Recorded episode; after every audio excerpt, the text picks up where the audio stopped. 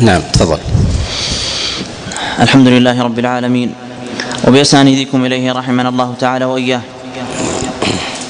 باب التحصيب. قال حدثنا أحمد بن حنبل قال حدثنا يحيى بن سعيد عن هشام عن أبيه عن عائشة إنما عن عائشة إنما نزل رسول الله صلى الله عليه وسلم المحصب ليكون أسمح لخروجه وليس بسنة فمن شاء نزله ومن شاء لم ينزله. حدثنا أحمد بن حنبل وعثمان بن أبي شيبة المعنى حاء وحدثنا مسدد قال وحدثنا سفيان قال حدثنا صالح بن كيسان عن سليمان بن يسار قال قال أبو رافع لم يأمرني أن أنزله ولكن ضربت قبته فنزله.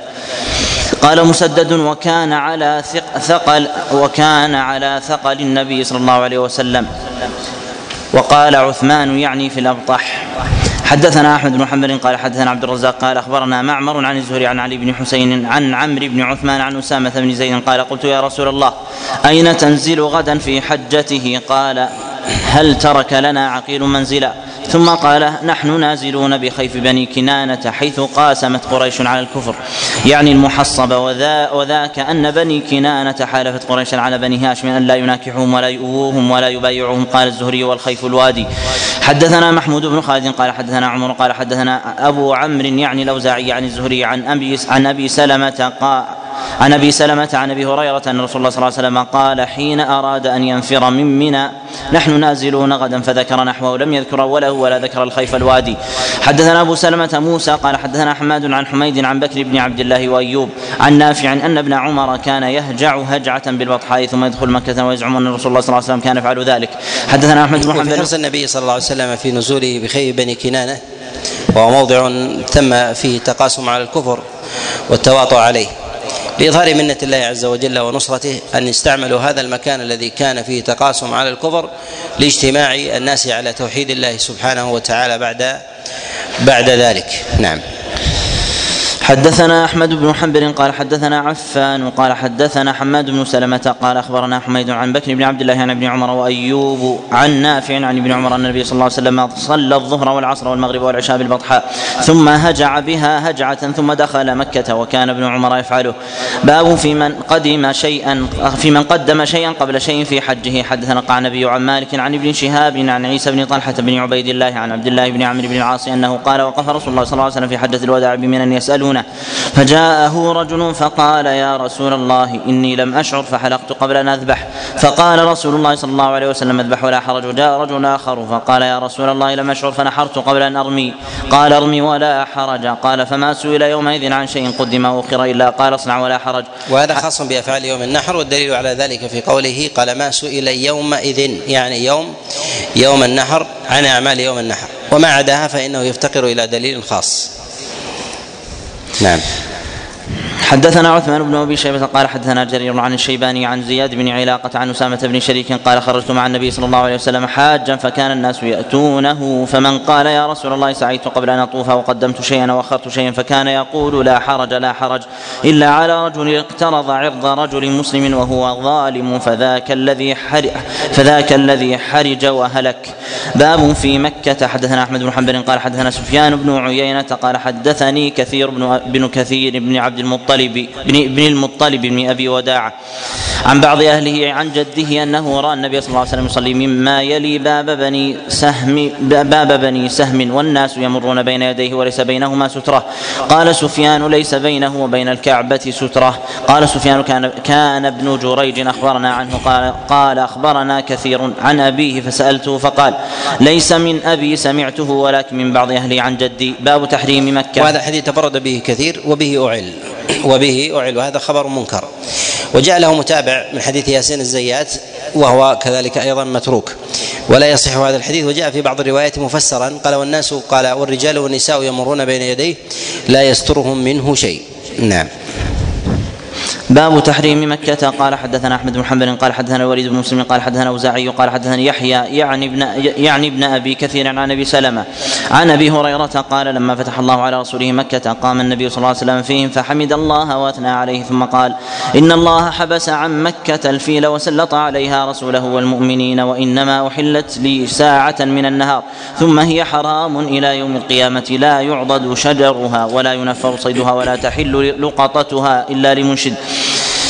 فقام عباس أو قال قال العباس يا رسول الله إلا الإذخر فإنه لقبورنا وبيوتنا فقال رسول الله صلى الله عليه وسلم إلا الإذخر وزاد فيه ابن المصفى عن الوليد فقام أبو شاه رجل من أهل اليمن فقال يا رسول الله اكتبوا لي فقال رسول الله صلى الله عليه وسلم اكتبوا لأبي شاه قلت للأوزاعي ما قول اكتبوا لأبي شاه قال هذه الخطبة التي سمع من رسول الله صلى الله عليه وسلم حدثنا عثمان بن أبي شيبة قال حدثنا جرير عن منصور عن مجاهد عن طاووس عن ابن عباس في هذه القصة ولا يختلى خلاها حدثنا هذا في طلب الصحابة عليهم رضوان الله الاستثناء من حكم الوحي مع ثبوت الوحي في ذلك وقراره إلا أنهم راجعوا وبيان حاجتهم يلتمسون من ذلك من ذلك تخفيفا وتيسيرا واستثناء الإذخر مما مما حرمه الله سبحانه وتعالى فأعطاهم الله عز وجل سؤلهم وخفف عنهم. فإذا كان كذلك فإنه فيما دونه من باب أولى من النظم والقوانين وولاة الأمر إذا سئلوا حاجة من المشاق التي تكون على الناس فإنهم يخففون وييسرون وليسوا هم بأولى بأولى ولا نصوصهم بأحتم من كلام الله سبحانه وتعالى. صلى الله عليه حدثنا أحمد بن حنبل قال حدثنا عبد الرحمن بن مهدي قال حدثنا إسرائيل عن إبراهيم بن هاجر عن يوسف بن ماهك عن أمه عن عائشة قالت قلت يا رسول الله ألا نبني لك بمنا بيتا أو بناء يظلك من الشمس؟ فقال لا إنما هو مناخ من سبق إليه. حدثنا الحسن بن علي قال حدثنا أبو عاصم عن جعفر بن يحيى بن ثوبان أخبر قال أخبرني عمارة بن ثوبان قال حدثني موسى بن باذان قال أتيت يعلى بن أمية فقال إن رسول الله صلى الله عليه وسلم قال احتكار الطعام في الحرم الحاد فيه باب في نبيذ السقاية. حدثنا عمرو بن عون قال أخبرنا خالد عن حميد عن بكر بن عبد الله. قال قال رجل لابن عباس ما بال أهل ما بال أهل هذا البيت أهل ما بال أهل هذا البيت يسقون النبيذ وبنو عمهم يسقون اللبن والعسل والسويق. أبخل بهم أم حاجة؟ قال ابن عباس ما بنا من بخل ولا بنا من حاجة ولكن دخل رسول الله صلى الله عليه وسلم على راحلته وخلفه أسامة بن زيد. فدعا رسول الله صلى الله عليه وسلم بشراب فأتي بنبيذ فشرب منه ودفع فضله, فضله إلى أسامة فشرب. ثم قال رسول الله صلى الله عليه وسلم أحسنتم وأجملتم كذلك فافعلوا فنحن هكذا لا نريد أن نغير ما قال رسول الله صلى الله عليه وسلم. باب الإقامة بمكة. حدثنا قال النبي قال حدثنا عبد العزيز يعني الدراوردي عن عبد الرحمن بن حميد أنه سمع عمر بن عبد العزيز يسأل السائب بن يزيد هل سمعت في الإقامة بمكة شيئا؟ قال أخبرني قال أخبرني ابن الحضرمي أنه سمع رسول الله صلى الله عليه وسلم يقول للمهاجرين إقامة بعد الصدر ثلاثة.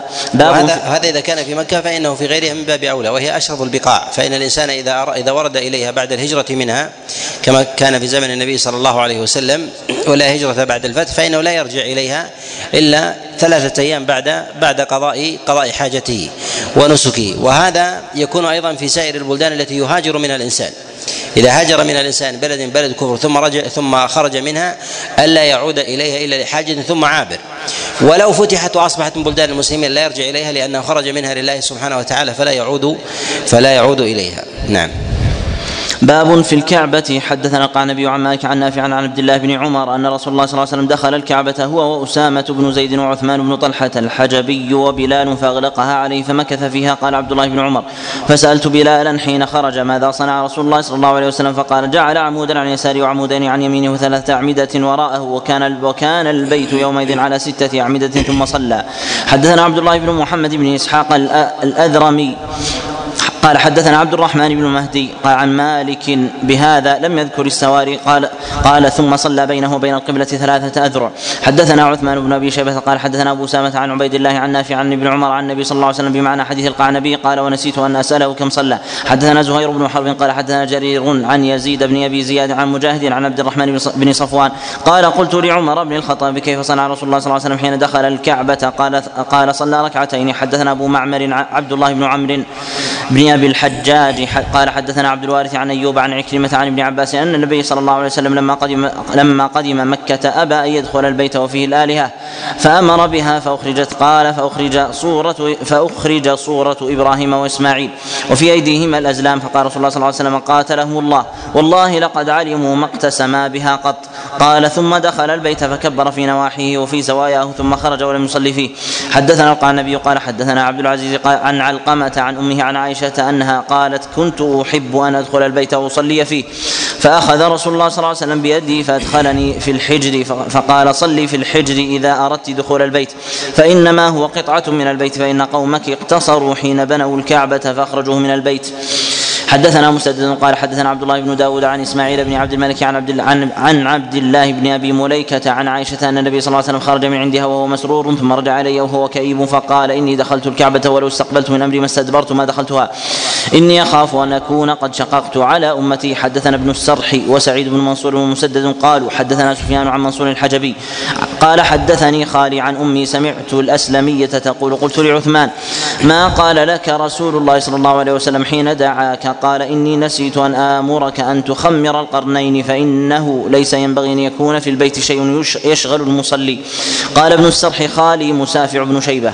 وفي حديث عائشة من احتياط القدوة أن لا يتأسى به بشيء ربما يشق على الناس. فربما يترك الإنسان من الأمور الحسنة خشية أن تكون التبعه على الناس شديدة من جهة الاقتداء والتأسي فربما يطيق شيئا لا يطيقه لا يطيقه الناس. وهذا ما جعل النبي عليه الصلاة والسلام يقول لو استقبلت من أمري ما استدبرت ما دخلتها يعني يعني الكعبة. نعم. باب في مال الكعبة. حدثنا أحمد بن حنبل قال حدثنا عبد الرحمن بن محمد المحاربي عن الشيباني عن واصل الأحدبي عن شقيق عن شيبة يعني بن عثمان. قال قعد عمر بن الخطاب في مقعدك الذي أنت فيه. فقال لا أخرج حتى أقسم مال الكعبة. قال قلت ما أنت بفاعل؟ قال بلى لا أفعلن قال قلت ما أنت بفاعل؟ قال لما؟ قلت لأن رسول الله صلى الله عليه وسلم رأى مكانه أبو بكر وهما أحوج منك إلى المال فلم يحركاه فقام فخرج. حدثنا حامد بن يحيى قال حدثنا عبد الله بن الحارث عن محمد بن عبد الله بن إنسان الطائفي عن أبيه عن عروة بن الزبير عن الزبير قال أقبلنا مع رسول الله صلى الله عليه وسلم في أقبلنا مع رسول الله صلى الله عليه وسلم. وليس ثمة فضل خاص للصلاة في جوف الكعبة. وفعل النبي عليه الصلاة والسلام كفعله في سائر في سائر البقاع. فالصلاة إلى الكعبة قريبا منها كالصلاة في في جوفها. ومن صلى كذلك أيضا في الحجر كأنما أيضا كأنما أيضا دخلها. نعم. قال أقبلنا مع رسول الله صلى الله عليه وسلم من لية حتى إذا كنا عند السدرة وقف رسول الله صلى الله عليه وسلم في طرف القرن الأسود حذوها فاستقبل نخبا ببصره وقال مرة وادية ووقف حتى ووقف حتى اتقف الناس كلهم. ثم قال إن صيد إن صيد وج وعظاهه حرم وعظاهه حرم حرم محرم أو حرم محرم. وذلك قبل نزول الطائف وحصاره لثقيف. باب في إتيان المدينة. حدثنا مسدد قال حدثنا سفيان عن الزهري عن سعيد بن المسيب عن أبي هريرة عن النبي صلى الله عليه وسلم لا تشد أنه قال لا تشد الرحال إلا إلى ثلاثة مساجد مسجد الحرام ومسجدي هذا والمسجد الأقصى. باب في تحريم المدينة. حدثنا محمد بن كثير قال أخبرنا سفيان عن الأعمش عن إبراهيم التيمي عن أبيه عن علي قال ما كتبنا عن رسول الله صلى الله عليه وسلم إلا القرآن. ولا يثبت أن ثمة حرم غير مكة والمدينة والمسجد الأقصى ليس بحرم وإنما تفضل الصلاة فيه. وأما الحرم من جهة صيده ويعضد شجره فإن هذا حكمه كسائر البقاع. أما بركة البلد فخصها الله عز وجل بشيء من البركة لا لا بالتحريم. الخلاف وقع في المدينة والاتفاق كان في مكة. الخلاف وقع في المدينة من جهة صيدها وشجرها. أما الاتفاق فإنه كان كان في مكة. أما أما ما يتعلق بالمسجد الأقصى فلا خلاف عند السلف أنه ليس ليس بحرم. أما وادي وجه فوقع فيه خلاف يسير ولا حديث الواردة فيه لا يثبت فيها شيء. نعم. أحسن الله عليكم. عن علي قال ما كتبنا عن رسول الله صلى الله عليه وسلم إلا القرآن وما في هذه الصحيفة. قال قال رسول الله صلى الله عليه وسلم المدينة حرام ما بين عائد إلى ثور. فمن أحدث حدثا أو آوى محدثا فعليه لعنة الله والملائكة والناس أجمعين لا يقبل منه عدل ولا صرف. ذمة المسلمين واحدة يسعى بها أدناهم فمن أخفر مسلما فعليه لعنة الله والملائكة والناس أجمعين لا يقبل منه عدل ولا صرف. ومن والى قوما بغير إذن مواليه فعليه لعنة الله والملائكة الملائكة والناس أجمعين لا يقبل منه عدل ولا صرف. حدثنا ابن المثنى قال حدثنا عبد الصمد قال حدثنا همام قال حدثنا قتادة عن أبي حسان عن علي رضي الله عنه في هذه القصة عن النبي صلى الله عليه وسلم أنه قال لا يختلى خلاها ولا ينفر صيدها ولا يلتقط لقطتها إلا لمن أشاد بها. ولا ولا يصلح لرجل أن يحمل فيها السلاح لقتال ولا يصلح أن يقطع منها شجرة إلا أن إلا أن يعلف رجل بعيرة. حدثنا محمد والمنهي عنه هو الشجر البري وليس الشجر المستنبت الشجر مستنبت الحدائق وغير ذلك والبساتين التي يستنبتها الناس فلهم يقطعونها ولهم أن يزرعوا أيضا ما يشاءون. كذلك الصيد الصيد البري. أما الذي يريده الإنسان من خارجه فهو في حكمه وإرادته كالطيور وغيرها فلا حرج على الإنسان أن يفعل فيها ما شاء. نعم. حدثنا محمد بن العلاء أن زيد بن الحباب حدثهم قال حدثنا سليمان بن كنانة مولى عثمان بن عفان قال أخبرنا عبد الله بن أبي سفيان عن عدي بن زيد قال حمى رسول الله صلى الله عليه وسلم كل ناحية من المدينة بريدا بريدا لا يخبط شجره ولا يعضد إلا ما يساق به الجمل. حدثنا أبو سلمة قال حدثنا جرير يعني ابن حازم قال حدثني على بن حكيم عن سليمان بن عن سليمان بن أبي عبد الله قال رأيت سعد بن أبي وقاص أخذ رجلا يصيد في حرم المدينة الذي حرم رسول الله صلى الله عليه وسلم فسلبه ثيابه. فجاء مواليه فكلموه فيه فقال إن رسول الله صلى الله عليه وسلم حرم هذا الحرم وقال من أخذ أحدا من أخذ أحدا يصيد فيه فليسلبه فلا أرد عليكم طعمة اطعمنيها رسول الله صلى الله عليه وسلم ولكن إن شئتم دفعت إليكم ثمنه. حدثنا عثمان بن أبي شيبة قال حدثنا يزيد بن هارون قال أخبرنا ابن أبي ذئب عن صالح مولى التوأمة عن مولى لسعد أن سعدا وجد عبيدا من عبيد المدينة يقطعون من شجر المدينة فأخذ متاعهم وقال يعني لمواليهم سمعت رسول الله صلى الله عليه وسلم ينهى أن يقطع من شجر المدينة شيء وقال من قطع منه شيئا فلمن أخذه سلبه حدثنا محمد بن حفص أبو عبد الرحمن القطان قال حدثنا محمد بن خالد قال أخبرني خارجة بن الحارث الجهني قال أخبرني أبي عن جابر بن عبد الله أن رسول الله صلى الله عليه وسلم قال لا يخبط ولا يعضد حمى رسول الله صلى الله عليه وسلم ولكن يهش هشا رفيقا حدثنا مسدد قال حدثنا يحيى حاء وحدثنا عثمان بن أبي شيبة عن ابن نمير عن عبيد عن عن عبيد الله عن نافع عن ابن عمر أن رسول الله صلى الله عليه وسلم كان يأتي قباء ماشيا وراكبا. زاد ابن نمير ويصلي ركعتين. باب في الصلاة على النبي صلى الله عليه وسلم وزيارة قبره. حدثنا محمد بن عوف قال حدثنا مقرئ قال حدثنا حيوة عن أبي صخر حميد بن زيد عن يزيد بن عبد الله بن قصيط حميد بن زياد. حميد بن زياد. أحسن الله عليكم.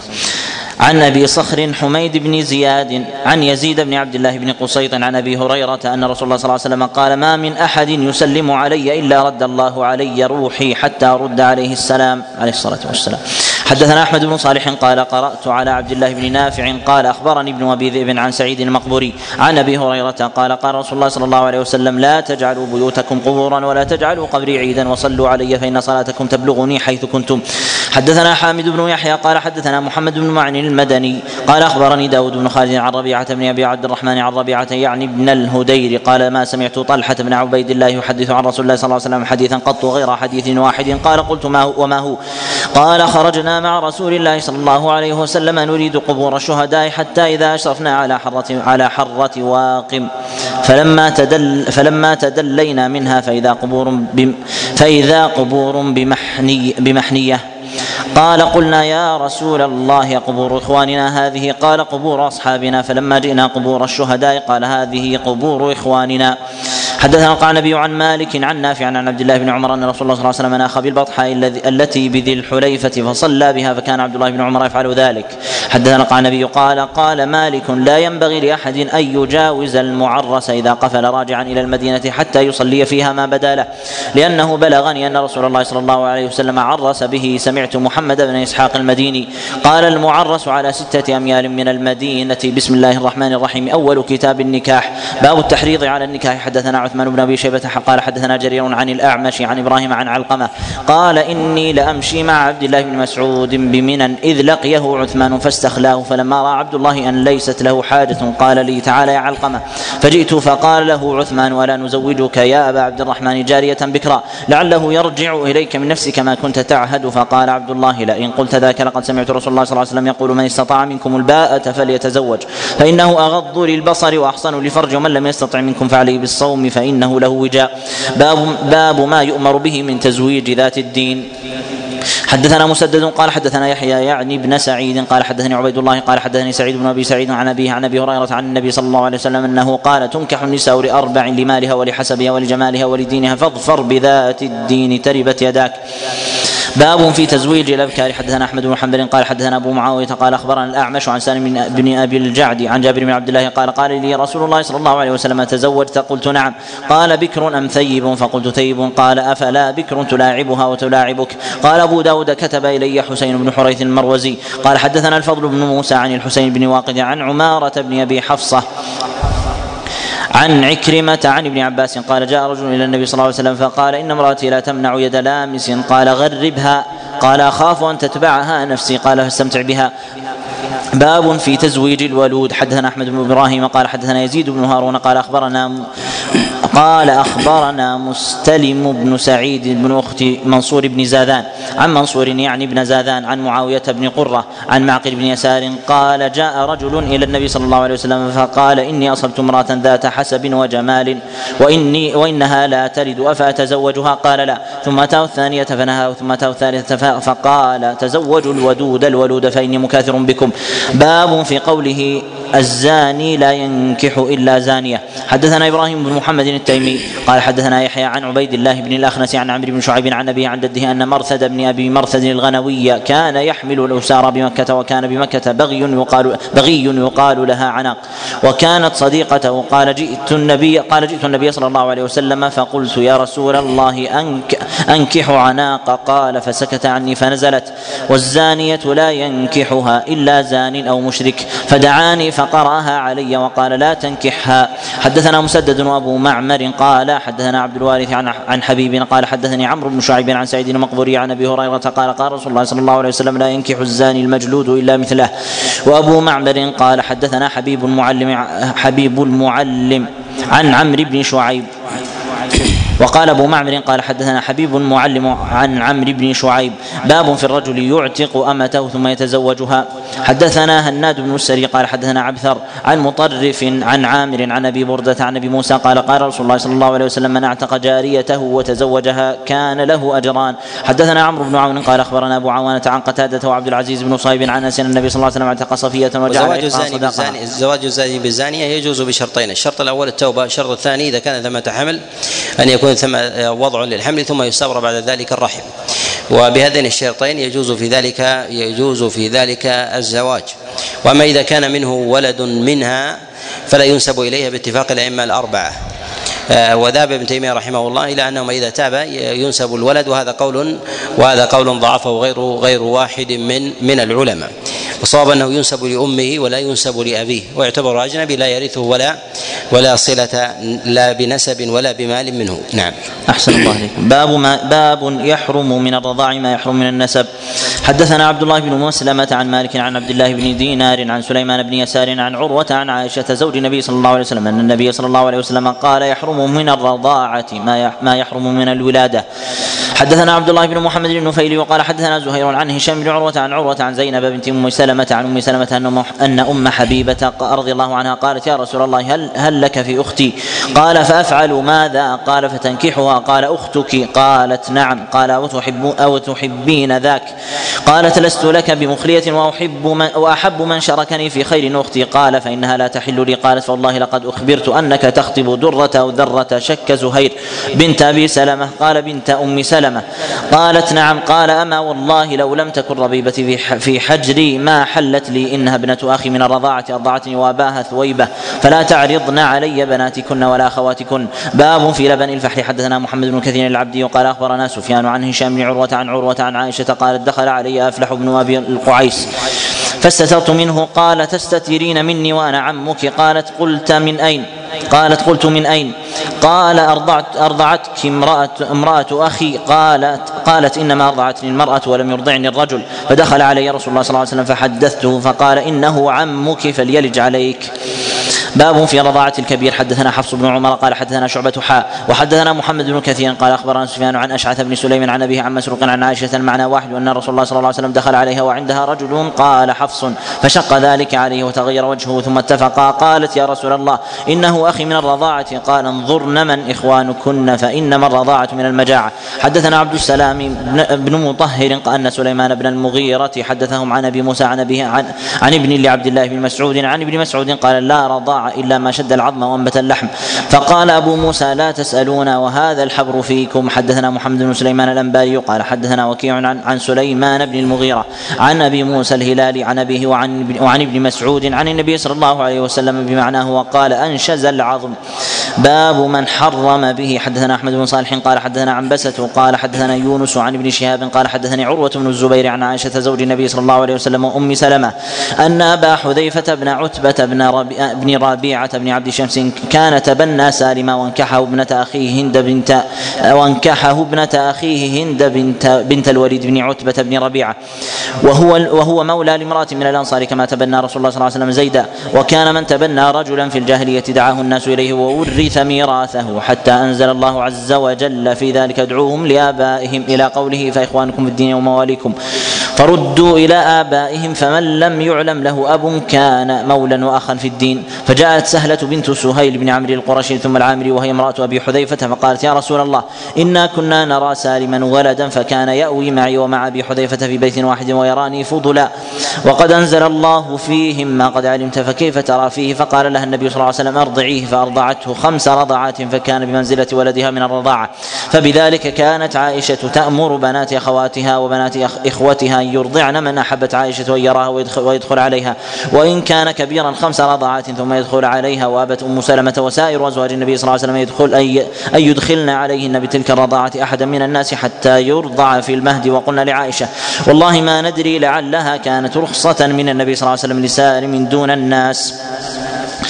باب هل يحرم ما دون خمس خمس رضاعات؟ حدثنا عبد الله بن مسلمة القعنبي عن مالك القعنبي عن مالك عن عبد الله بن أبي بكر بن محمد بن عمرو بن حزم عن عمرة بنت عبد الرحمن عن عائشة أنها قالت كان فيما أنزل من القرآن عشر رضاعات يحرم. ثم نسخن بخمس خمس معلومات يحرم. فتوفي النبي صلى الله عليه وسلم وهن مما يقرأ من القرآن.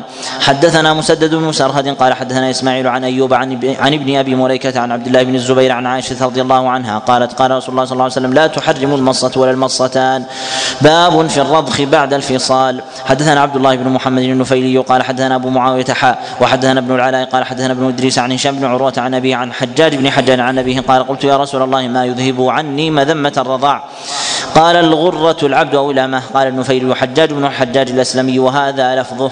باب ما يكره أن يجمع بينهن من النساء. حدثنا عبد الله بن محمد النفيلي قال حدثنا زهير قال حدثنا داود بن أبي هند عن عامر عن أبي هريرة قال قال رسول الله صلى الله عليه وسلم لا تنكح المرأة على عمتها ولا العمة على بنت أخيها ولا المرأة على خالتها ولا الخالة على بنت أختها ولا تنكح الكبرى على الصغرى ولا الصغرى على الكبرى. حدثنا أحمد بن صالح قال حدثنا عنبسة قال أخبرني يونس عن ابن شهاب قال أخبرني قبيصة بن ذؤيب أنه سمع أبا هريرة يقول نهى رسول الله صلى الله عليه وسلم يجمع بين المرأة وخالتها وبين المرأة وعمتها. حدثنا عبد الله بن محمد النفيلي قال حدثنا خطاب بن القاسم عن خصيف عن عكرمة عن ابن عباس عن النبي صلى الله عليه وسلم أنه كره أن يجمع بين العمة والخالة وبين الخالتين والعمتين. حدثنا أحمد بن عمرو بن السرح المصري قال حدثنا ابن وهب قال أخبرني يونس عن ابن شهاب قال أخبرني عروة بن الزبير أنه سأل أنه سأل عائشة زوج النبي صلى الله عليه وسلم عن قوله وإن خفتم ألا تقسطوا في اليتامى فانكحوا ما طاب لكم من النساء. قالت يا ابن أختي هي اليتيمة تكون في حجر وليها تشاركه في ماله فيعجبه مالها وجمالها فيريد وليها ان يتزوجها بغير أن يقسط في صداقها فيعطيها مثل ما يعطيها غير مثل مثل ما يعطيها غيره فنهوا أن ينكحوهن إلا أن يقسطوا لهن ويبلغوا بهن على سنتهن من الصداق وأمروا أن ينكحوا ما طاب لهم من النساء سواهن. قال عروة قالت عائشة ثم إن الناس استفتوا رسول الله صلى الله عليه وسلم بعد هذه الآية فيهن فأنزل الله عز وجل ويستفتونك في النساء قل الله يفتيكم فيهن وما يتلى عليكم في الكتاب في يتامى النساء اللاتي لا تؤتونهن ما كتب لهن وترغبون أن تنكحوهن. قالت والذي ذكر الله أنه يتلى عليهم في الكتاب الآية الأولى التي قال الله تعالى فيها وإن خفتم ألا تقسطوا في اليتامى فانكحوا ما طاب لكم من النساء. قالت عائشة وقول الله عز وجل في الآية الآخرة وترغبون أن تنكحوهن هي رغبة أحدكم عن يتيمته التي تكون في حجره حين تكون قليله المال والجمال. فنهوا أن ينكحوا ما رغبوا في مالها وجمالها من يتامى النساء إلا بالقسط من أجل رغبتهم عنهن. قال يونس وقال ربيعة في قول الله عز وجل وإن خفتم ألا تقسطوا في اليتامى. قال يقول اتركوهن. إن خفتم فقد أحللت لكم أربعة. حدثنا أحمد بن محمد بن حنبل قال بن حنبل بن حنبل قال حدثنا يعقوب بن إبراهيم بن سعد قال حدثني أبي عن الوليد بن كثير قال حدثني محمد بن عمرو بن حلحلة الدؤلي الدؤلي أن ابن شهاب حدثه أن علي بن بن حسين حدثه أنهم حين قدموا المدينة من عند يزيد بن بن من عند يزيد بن معاوية مقتل الحسين بن علي رضي الله عنه لقي رضي الله عنهما. لقيه المسور بن مخرمة فقال له هل لك إلي من حاجة تأمرني بها؟ قال فقلت له لا. قال هل أنت معطي مع هل أنت معطي سيف رسول الله صلى الله عليه وسلم؟ فإني أخاف أن يغلبك القوم عليه. ويم الله لئن أعطيتنيه لا يخلص إليه أب لا يخلص إليه أبدا حتى يبلغ إلى نفسي. إن علي بن أبي طالب رضي الله عنه خطب بنت أبي جهل فاطمة فسمعت رسول الله صلى الله عليه وسلم وهو يخطب الناس في ذلك على منبره هذا وأنا يومئذ محتلم فقال إن فاطمة مني وأنا أتخوف وأنا أتخوف أن تفتن في دينها. قال ثم ذكر صهرا له من بني عبد شمس فأثنى عليه في مصاهرته إياه فأحسن فقال حدثني فصدقني ووعدني فوفى لي وإني لست أحرم حلالا ولا أحل حراما ولكن والله لا تجتمع بنت رسول الله وبنت عدو الله مكانا واحدا أبدا. حدثنا محمد بن يحيى بن فارس قال حدثنا عبد الرزاق قال أخبرنا معمر عن الزهري عن عروة وعن أيوب عن أبي عن ابن أبي مليكة بهذا الخبر قال فسكت علي عن ذلك النكاح. حدثنا أحمد بن يونس وقتيبة بن سعيد المعنى قال أحمد حدثنا الليث قال حدثني عبد الله بن عبيد الله بن أبي مليكة القرشي التيمي أن المسور بن مخرمة حدثه انه سمع رسول الله صلى الله عليه وسلم على المنبر يقول إن ابني هشام بن المغيرة استاذن أن ينكح ابنته من علي بن أبي طالب فلا آذن ثم لا آذن ثم لا آذن إلا أن يريد ابن أبي طالب أن يطلق ابنتي وينكح ابنتهم فإنما ابنتي بضعة مني يريبني ما أرابها ويؤذيني ما أذاها والإخبار في حديث أحمد باب في نكاح المتعة. حدثنا مسدد بن بن مسرهد قال حدثنا عبد الوارث عن إسماعيل بن أمية عن عن الزهري قال كنا عند عمر بن عبد العزيز فتذاكرنا متعة النساء فقال رجل يقال له ربيع بن سبرة أشهد على أبي أنه حدث أن رسول الله صلى الله عليه وسلم نهى عنها في حجة الوداع حدثنا محمد بن يحيى بن فارس قال حدثنا عبد الرزاق قال أخبرنا معمر عن الزهري عن ربيعة بن سبرة. عن أبيه أن رسول الله صلى الله عليه وسلم حرم متعة النساء. باب في الشغار حدثنا قال النبي عن مالك حاء وحدثنا مسدد بن مسرهد قال حدثنا يحيى. عن عبيد الله كلاهما عن نافع عن ابن عمر أن رسول الله صلى الله عليه وسلم نهى عن الشغار زاد مسدد في حديثه قلت لنافع ما الشغار قال ينكح ابنة الرجل وينكح ابنته بغير صداق وينكح أخت الرجل فينكح فينكح أخته بغير صداق.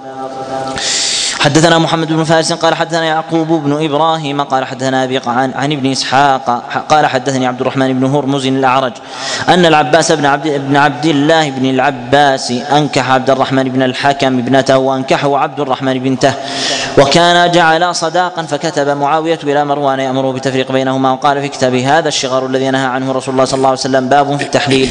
حدثنا أحمد بن يوسف قال قال حدثنا زهير قال حدثنا قال حدثني إسماعيل عن عامر عن الحارث عن علي قال إسماعيل واراه قد رفعه إلى النبي صلى الله عليه وسلم أن النبي صلى الله عليه وسلم قال لعن الم لعن المحل والمحلل له. حدثنا وهب بن حدثنا وهب بن بقية عن خالد عن حسين عن عامر عن الحارث الأعور عن رجل من أصحاب النبي صلى الله عليه وسلم قال فرؤينا أنه علي فرؤينا أنه علي عن النبي صلى الله عليه وسلم بمعناه باب في نكاح العبد بغير إذن مواليه قال حدثنا أحمد بن حنبل وعثمان بن أبي شيبة وهذا لفظ إسناده وكلاهما عن وكيع قال حدثنا الحسن بن صالح عن عبد الله بن محمد بن عقيل عن جابر قال قال رسول الله صلى الله عليه وسلم أيما عبد تزوج بغير إذن مواليه فهو عاهر. حدثنا عقبة بن مكرم قال حدثنا أبو قتيبة عن عبد الله بن عمر عن نافع عن ابن عمر عن النبي صلى الله عليه وسلم قال إذا نكح العبد بغير إذن مولاه فنكاحه باطل. قال أبو داود هذا الحديث ضعيف وهو موقوف وهو قول ابن وهو قول ابن عمر رضي الله عنهما. باب في كراهية في كراهية أن يخطب الرجل على خطبة أخيه. حدثنا أحمد بن حدثنا أحمد بن عمرو بن السرح قال حدثنا سفيان عن الزهري عن سعيد بن المسيب عن أبي هريرة قال قال رسول الله صلى الله عليه وسلم لا لا يخطب الرجل على خطبة أخيه. حدثنا الحسن بن علي قال حدثنا عبد الله بن نمير عن عن عن عبيد الله عن نافع عن ابن عمر قال قال رسول الله صلى الله عليه وسلم لا يخطب أحدكم على خطبة أخيه ولا يبيع على بيع أخيه إلا بإذنه. باب الرجل باب الرجل ينظر إلى المرأة وهو يريد تزويجها. حدثنا مسدد قال حدثنا عبد الواحد بن زياد قال حدثنا محمد بن إسحاق عن داود بن حسين عن واقد بن عبد الرحمن يعني ابن سعد بن معاذ عن جابر بن عبد الله قال قال رسول الله صلى الله عليه وسلم إذا خطب أحدكم المرأة فإن استطاع أن ينظر إلى ما يدعوه إلى نكاحه فليفعل. فخطب فخطبت جارية فكنت أتخبأ لها حتى رأيت منها ما دعاني إلى نكاحها فتزوجتها وهذا دليل على أنه يجوز أن يرى من يريد أن يتزوج دون علمها. لكن إذا عزم ألا يكون ذلك معاكسات؟ نعم. باب في الولي. حدثنا محمد بن كثير قال أخبرنا سفيان قال حدثنا ابن جريج عن سليمان بن موسى عن الزهري عن عروة عن عائشة قالت قال رسول الله صلى الله عليه وسلم أيما امرأة نكحت بغير إذن مواليها فنكاحها باطل فنكاحها باطل فنكاحها باطل ثلاث مرات. فإن دخل بها فالمهر لها بما أصاب منها فإن تشاجروا فالسلطان ولي من لا ولي له. حدثنا قال النبي قال حدثنا ابن لهيعة عن جعفر بن يعني عن جعفر يعني ابن ربيعة عن ابن شهاب عن عروة عن عائشة عن النبي صلى الله عليه وسلم بمعنى قال أبو داود جعفر لم يسمع من, من الزهري كتب إليه. حدثنا محمد بن قدامة بن أعين قال حدثنا أبو عبيدة الحداد عن يونس وإسرائيل عن أبي إسحاق عن أبي بردة عن أبي موسى أن النبي صلى الله عليه وسلم قال لا نكاح إلا بولي. قال أبو داود هو يونس عن أبي بردة وإسرائيل عن أبي إسحاق عن أبي بردة. حدثنا محمد بن يحيى بن فارس قال حدثنا عبد الرزاق عن معمر عن الزهري عن عروة بن الزبير عن أم حبيب عن أم حبيبة أنها كانت عند ابن عند ابن جحش فهلك عنها.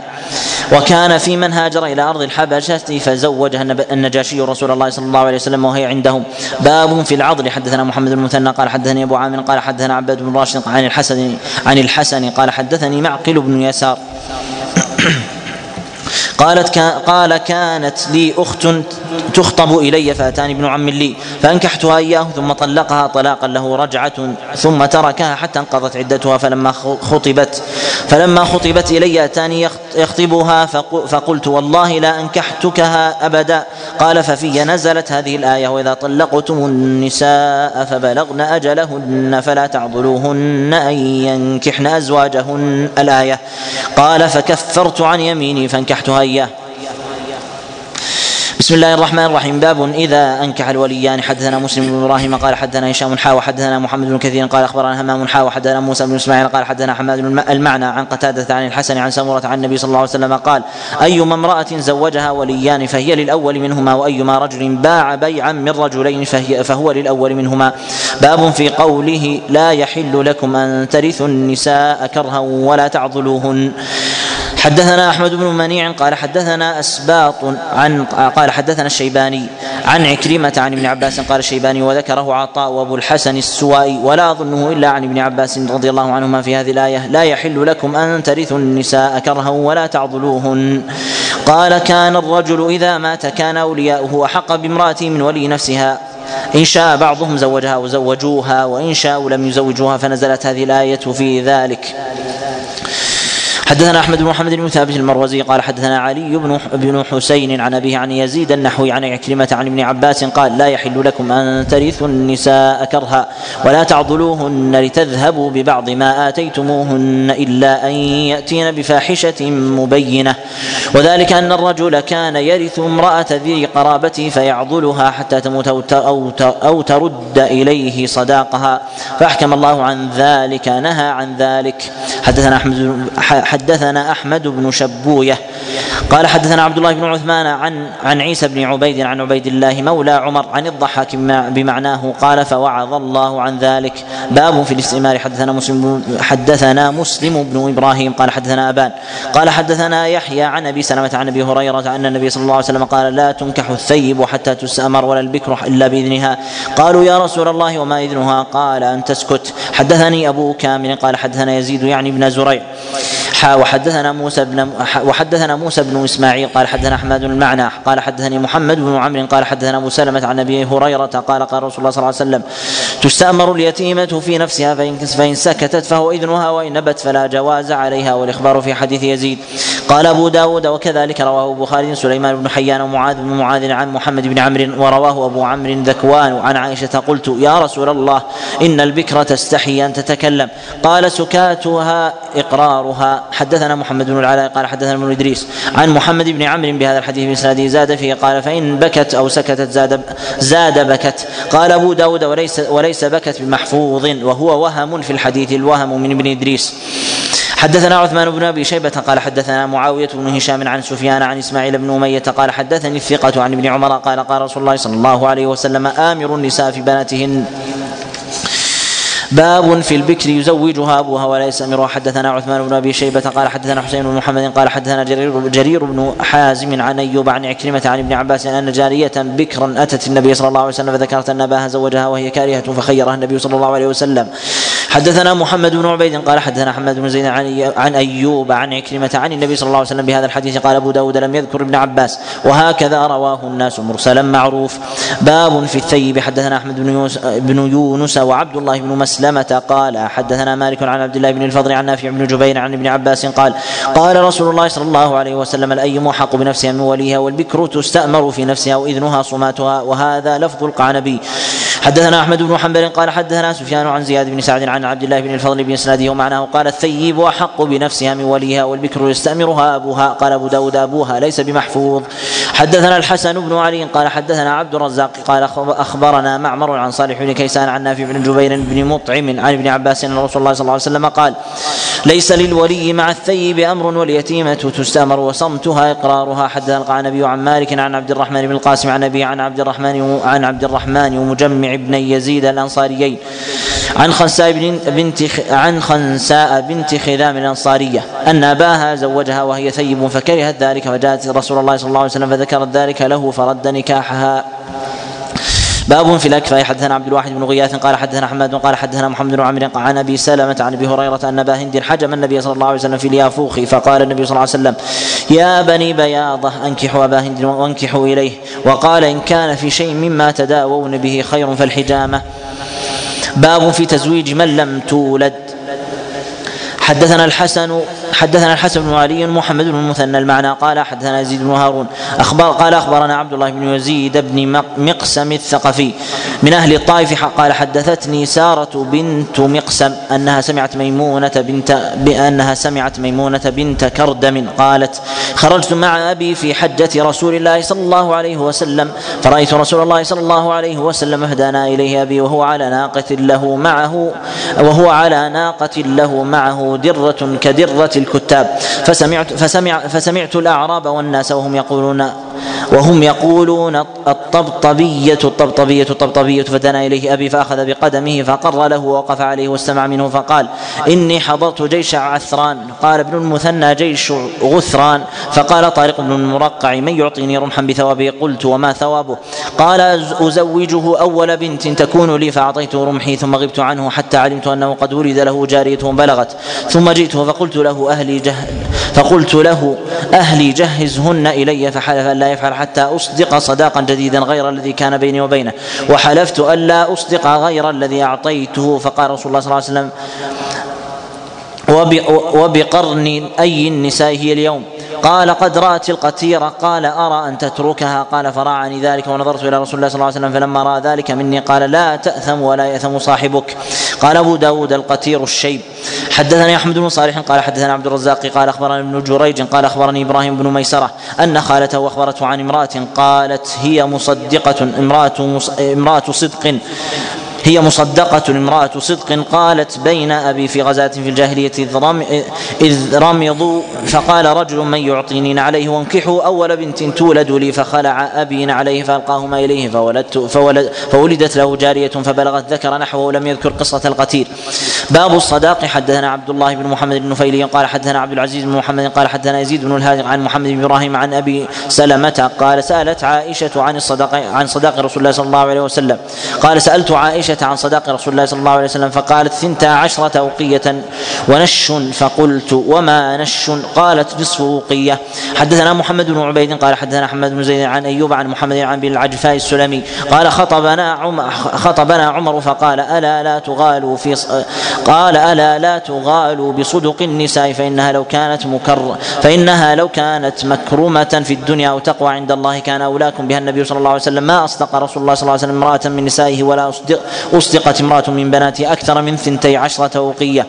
حدثنا حجاج بن أبي يعقوب الثقفي قال حدثنا معل بن منصور قال حدثنا حدثنا ابن المبارك قال حدثنا معمر عن الزهري عن عروة عن أم حبيبة أنها كانت تحت عبيد الله بن جحش.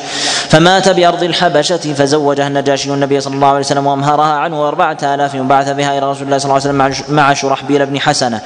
قال أبو داود حسنة هي أمه. حدثنا محمد بن حاتم بن بزيع قال حدثني علي بن الحسن بن شقيق عن ابن المبارك عن يونس عن الزهري أن النجاشي زوج أم حبيبة بنت أبي سفيان من رسول الله صلى الله عليه وسلم على صداق أربعة آلاف درهم وكتب بذلك إلى رسول الله صلى الله عليه وسلم فقبل. باب قلة المال. لا يختلف العلماء في مسألة وجوب وجوب المهر وأن وأن النكاح لا بد لا بد منه. و, و لكنهم يرجعون مسألة تعيين المهر أنه لا حرج في ذلك. أن لا يسمى مهر وإنما يبقى يبقى في ذمة الإنسان. وهذا مما رخص فيه وأذن به جماعة من العلماء. ويشرع أن يكون المهر مبادرة من الزوج وألا يكون شرط لا من الزوجة ولا من وليها. وذلك من باب من باب التيسير. وهذا ظاهر القرآن وذلك في قول الله عز وجل تمسوهن أو تفرضوا لهن فريضة. فجعل الأمر مبادرة من الزوج. يعني هو الذي هو الذي يفرض ثم بعد ذلك يكون الإجابة والقبول على ما بدر على ما بدر به حتى لا يكون في ذلك في ذلك مشقة. نعم. أحسن الله إليكم. باب باب قلة المهر. حدثنا موسى بن إسماعيل قال حدثنا حماد عن ثابت البناني وحميد عن وحميد عن أنس أن رسول الله صلى الله عليه وسلم رأى عبد الرحمن بن عوف وعليه وعليه ردع زعفران. فقال النبي صلى الله عليه وسلم مهيم فقال يا قال يا رسول الله تزوجت امرأة فقال ما أصدقتها؟ قال وزن وزن نواة من ذهب. قال ولم أولم ولو بشاة. حدثنا إسحاق بن جبريل البغدادي قال أخبرنا يزيد قال أخبرنا موسى بن مسلم أخبرنا موسى بن مسلم بن رومان عن أبي الزبير عن جابر بن عبد الله أن النبي صلى الله عليه وسلم قال من أعطى في صداق امرأة ملء كفيه سويقا أو تمرا فقد استحل. قال أبو داود رواه عبد الرحمن بن مهدي عن صالح بن رومان عن أبي الزبير عن جابر موقوفا ورواه أبو عاصم عن صالح بن رومان عن, عن أبي الزبير عن جابر قال كنا على عهد رسول الله صلى الله عليه وسلم نستمتع بالقبضة من الطعام على معنى المتعة. قال أبو داود رواه ابن جريج عن أبي الزبير عن جابر على معنى أبي عاصم. باب في تز في تز في التزويج على العمل. يعمل حدثنا عن أبي عن مالك عن أبي حازم عن أبي حازم بن دينار عن سالم بن سعد الساعدي أن رسول الله صلى الله عليه وسلم جاءته امرأة فقالت يا رسول الله إني قد وهبت نفسي لك فقامت قياما طويلا فقام رجل فقال يا رسول الله زوجنيها إن لم تكن لك بها حاجة. فقال رسول الله صلى الله عليه وسلم هل عندك من شيء تصدقها إياه؟ قال ما عندي إلا إزاري هذا. فقال رسول الله صلى الله عليه وسلم إنك إن اعطيتها إزارك جلست لا إزار لك فالتمس شيئا. قال لا أجد شيئا. قال فالتمس ولو خاتما من حديد فالتمس فلم يجد شيئا فقال له رسول الله صلى الله عليه وسلم هل معك من القرآن شيء؟ قال نعم سورة كذا وسورة كذا لسور سماها فقال له رسول الله صلى الله عليه وسلم قد زوجتكها بما معك من القرآن. وهذا يدل على وجوب المهر لكن مادي أو معنوي. الماديات من النقديات والأثمان والمعنوية من التعليم وما في أحكامه. نعم. حدثنا أحمد بن حفص بن عبد الله قال حدثني أبي حفص بن عبد الله قال حدثني إبراهيم بن طهمان عن الحجاج بن الحجاج الباهلي عن عسل عن عطاء بن أبي رواح عن أبي هريرة نحو هذه القصة. لم يذكر الإزار والخاتم فقال ما تحفظ من القرآن؟ قال سورة البقرة أو التي تليها. قال قم فعلمها عشرين آية وهي امرأتك.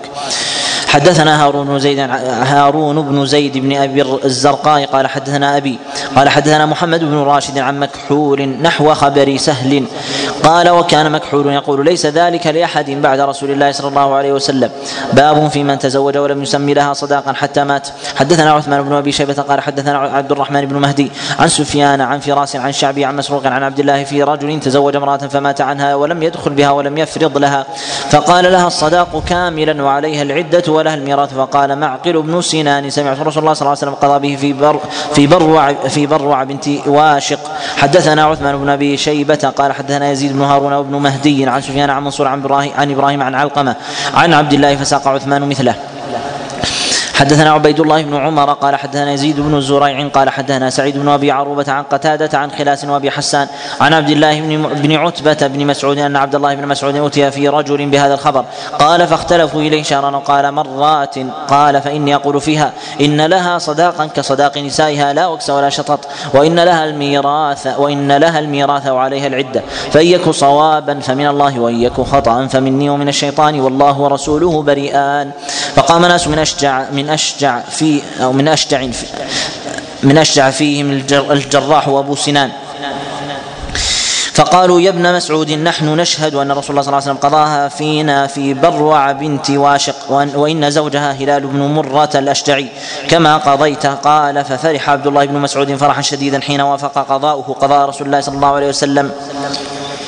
حدثنا محمد بن يحيى بن فارس الذهلي وعمر بن الخطاب وعمر بن الخطاب قال محمد حدثني أبو الأصبغ الجزري. حديث ابن مسعود في في قضائه هذا وابن مسعود عليه رضوان الله تعالى قضى في امرأة لم يدخل بها وفوض مهرها ثم طلقها.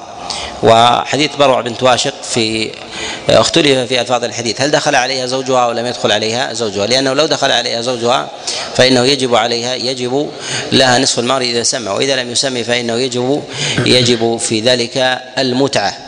وهل دخل عليها أو لم يدخل في هذا؟ هذا من الأمور التي آه، التي تختلف فيها تختلف فيها الرواية. والمرأة إذا لم يضرب لها زوجها صداقا ثم طلقها قبل أن يدخل بها فالواجب في ذلك في حقها أو لها في حق زوجها المتعة. وإذا ضرب لها شيئا معلوما ثم طلقها قبل أن يدخل بها فلها نصف نصف المهر.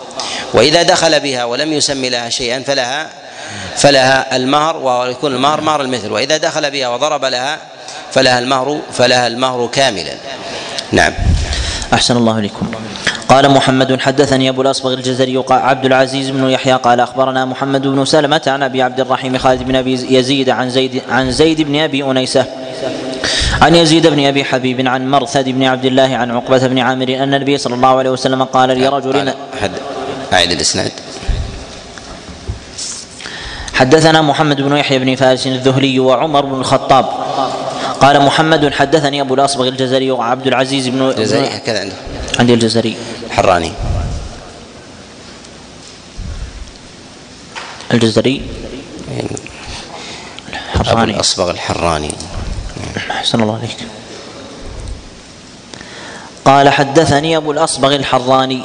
عبد العزيز بن يحيى قال أخبرنا محمد بن بن سلمة عن أبي عبد الرحيم خالد بن أبي يزيد عن زيد بن أبي أنيسة عن يزيد بن أبي حبيب عن مرثد بن عبد الله عن عقبة بن عامر أن النبي صلى الله عليه وسلم قال لرجل أترضى أن أزوجك فلانة؟ قال نعم. وقال المرأة ترضين أن أزوجك فلانا؟ قالت نعم. فزوج أحدهما صاحبه فدخل بها الرجل ولم يفرض لها صداقا ولم يعطها شيئا وكان ممن شهد الحديبية وكان من شهد الحديبية له سهم له سهم بخيبر.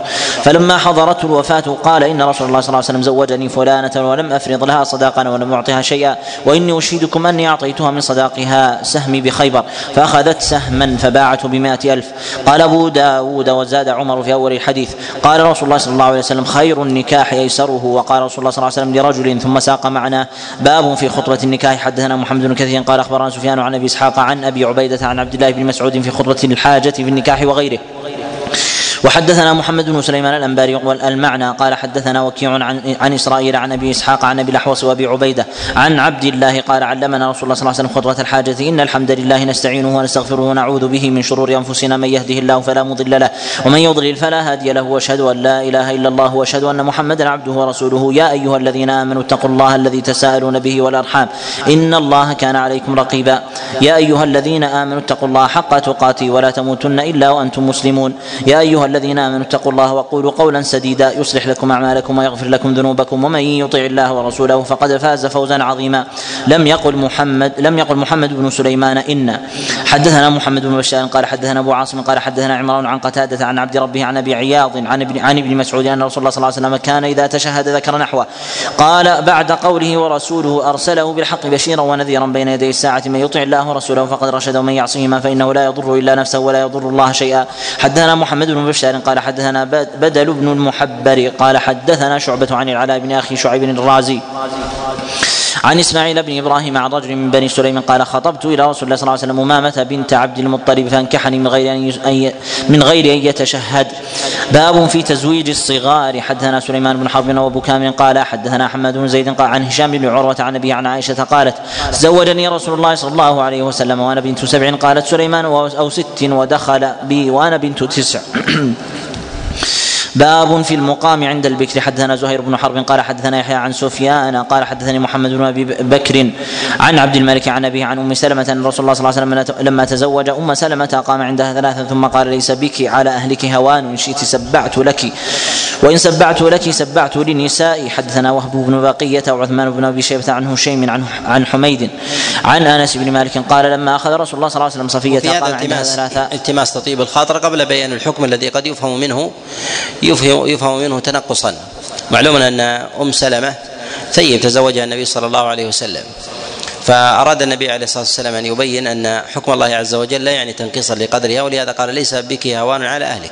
يعني هذا ليس نقصانا لمقدارك وإنما هو وإنما هو حكم الله عز وجل وقضاؤه. ولهذا ينبغي الإنسان أن يقدم إذا أراد أن أن أن ينزل أو يبين حكما قد يفهم منه أن هذا إنقاص في مقدار الفرد أن يبين العذر ومنزلة الإنسان في ذاته عنده. نعم. زاد عثمان وكانت ثيبا وقال حدثني هشيم قال أخبرني حميد قال حدثنا أنس.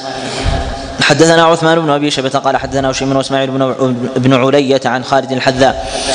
عن أبي قلابة عن أنس بن مالك قال إذا تزوج البكر على الثيب قام عندها سبعا وإذا تزوج الثيب قام عندها ثلاثا ولو قلت إنه رفع وصدقت ولكنه قال السنة كذلك. باب في الرجل يدخل بامراته قبل أن ينقدها. حدثنا إسحاق بن إسماعيل الطالقاني. حدثنا عبدة قال حدثنا سعيد عن أيوب عن عكرمة عن ابن عباس قال تز... لما تزوج علي فاطمة قال له رسول الله صلى الله عليه وسلم أعطها شيئا قال له قال ما عندي شيء قال أين درعك الحطمية؟ حدثنا كثير بن عبيد الحمصي قال حدثنا أبو حيوة عن شعيب يعني يعني ابن أبي حمزة قال حدثني غيلان بن أنس قال حدثني محمد بن عبد الرحمن بن ثوبان عن رجل من أصحاب النبي صلى الله عليه وسلم أن عليا لما تزوج فاطمة بنت رسول الله صلى الله عليه وسلم أراد أن يدخل بها فمنعه رسول الله صلى الله عليه وسلم حتى يعطيها شيئا فقال رسول الله صلى الله عليه وسلم ليس ليس لي شيء. فقال له النبي صلى الله عليه وسلم أعطها درعك فأعطاها درعه ثم دخل بها. حدثنا كثير يعني ابن عبيد قال حدثنا أبو حيوة عن شعيب عن غيلان عن عكرمة عن ابن عباس مثله. حدثنا محمد بن الصباح البزاز قال حدثنا شريك عن منصور عن طلحه عن طلحة عن خيثمة عن عائشة قالت أمرني رسول الله صلى الله عليه وسلم أن أن أدخل المرأة على زوجها قبل أن يعطيها شيئا. حدثنا محمد بن معمر قال حدثنا محمد بن بكر البرساني قال أخبرنا ابن جريج عن عمرو بن شعيب عن أبيه عن جده قال قال رسول الله صلى الله عليه وسلم أيما امرأة نكحت على صداق أو حباء أو عدة قبل عصمة النكاح فهو, فهو لها وما كان بعد عصمة النكاح فهو لمن أعطيه وأحق ما أكرم عليه الرجل ابنته أو أخته. باب ما يقال للمتزوج. حدثنا قتيبة بن سعيد قال حدثنا عبد العزيز يعني ابن محمد عن سهيل عن ابي عن أبي هريرة النبي صلى الله عليه وسلم كان إذا رفأ الإنسان إذا تزوج قال بارك الله لك وبارك عليك وجمع بينكما في خير. باب في الرجل يتزوج المرأة فيجدها حبلى. حدثنا مخلد بن خالد والحسن بن علي وابن أبي السري. المعنى. قالوا حدثنا عبد الرزاق قال أخبرنا ابن جريج عن صفوان بن سليمان عن سعيد بن المسيب عن رجل من الأنصار قال ابن أبي السري. من أصحاب النبي صلى الله عليه وسلم ولم يقل من الأنصار ثم اتفقوا. يقال له بصرة قال تزوجت امرأة بكرا في سترها فدخلت عليها فإذا هي حبلى فقال النبي صلى الله عليه وسلم لها الصداق بما استحللت من فرجها والولد عبد لك فإذا ولدت. قال الحسن فاجلدها وقال ابن أبي السري فاجلدوها وقال فحدوها. وقال أبو داود روى هذا الحديث قتادة عن سعيد بن يزيد عن ابن المسيب ورواه يحيى بن أبي كثير. عن يزيد بن نعيم عن سعيد بن المسيب وعطاء الخراساني. عن عن سعيد بن المسيب أرسلوه. وفي حديث يحيى بن أبي كثير أن بصرة بن أكثم أن بصرة بن أكثم نكح امرأة وكلهم قال في حديثه جعل الولد عبدا له حدثنا محمد بن المثنى قال حدثنا عثمان بن عمر قال حدثنا علي يعني يعني ابن المبارك عن يحيى عن يزيد بن نعيم عن سعيد بن المسيب أن رجلا يقال له بصرة بن أكثم. نكح امرأة فذكر معناه زاد وفرق بينهما وحديث ابن جريج أتم. باب في القسم بين النساء. حدثنا ابو أبو الوليد الطيالسي قال حدثنا همام قال حدثنا قتادة عن عن النضر بن أنس عن بشير بن نهيك عن ابي عن أبي هريرة عن النبي صلى الله عليه وسلم قال من كانت له امرأتان فمال إلى إحداهما جاء يوم القيامة وشقه مائل حدثنا موسى بن إسماعيل قال حدثنا حماد عن أيوب عن أبي قلابة عن عبد الله بن يزيد الخطمي عن عائشة قالت كان رسول الله صلى الله عليه وسلم يقسم فيعدل ويقول اللهم هذا قسمي فيما أملك فلا تلمني فيما تملك ولا أملك يعني القلب. حدثنا أحمد, أحمد بن يونس قال حدثنا عبد الرحمن يعني ابن أبي الزناد عن هشام بن عروة عن أبيه قال قالت عائشة يا ابن أختي كان رسول الله صلى الله عليه وسلم لا للقلب, يفضل للقلب ميل كما للبدن ميل. ومرتبة الأولياء الذين الذين يتابعون ميول القلوب حتى يقوموا بتعديلها وتوجيهها إلى مراد الله إلى مراد الله سبحانه وتعالى. لأن ميل القلب إذا ترك فإنه يظهر على الجوارح. فيتداركه الولي والصالح قبل قبل ظهوره. وما لا يطيقه فإنه يلتجئ إلى الله عز وجل منه ويستعيذ بالله عز وجل من شر نفسه. نعم. كان رسول الله صلى الله عليه وسلم لا يفضل بعضنا على بعض في القسم من, مكثه عندنا وكان وكان قل يوم إلا وهو يطوف علينا جميعا فيدنو من كل امراه من غير مسيس حتى يبلغ إلى التي هو يومها فيبيت عندها. ولقد قالت سودة بنت زمعة حين بنت زمعة حين أسنت وفرقت أن يفارقها رسول الله صلى الله عليه وسلم يا رسول الله يومي لعائشة فقبل ذلك رسول فقبل ذاك رسول الله صلى الله عليه وسلم منها. قالت نقول في ذلك أنزل الله عز وجل وفي أشباه أوراه قال وإن امرأة خافت من بعدها نشوزا. حدثنا يحيى بن معين ومحمد بن عيسى المعنى قال حدثنا عباد بن عباد عن عاصم عن معاذة عن عائشة قالت كان رسول الله صلى الله عليه وسلم يس كان رسول الله صلى الله عليه وسلم يستأذن إذا كان في يوم المرأة منا بعدما نزلت. ترجي من تشاء منهن وتؤوي إليك من تشاء.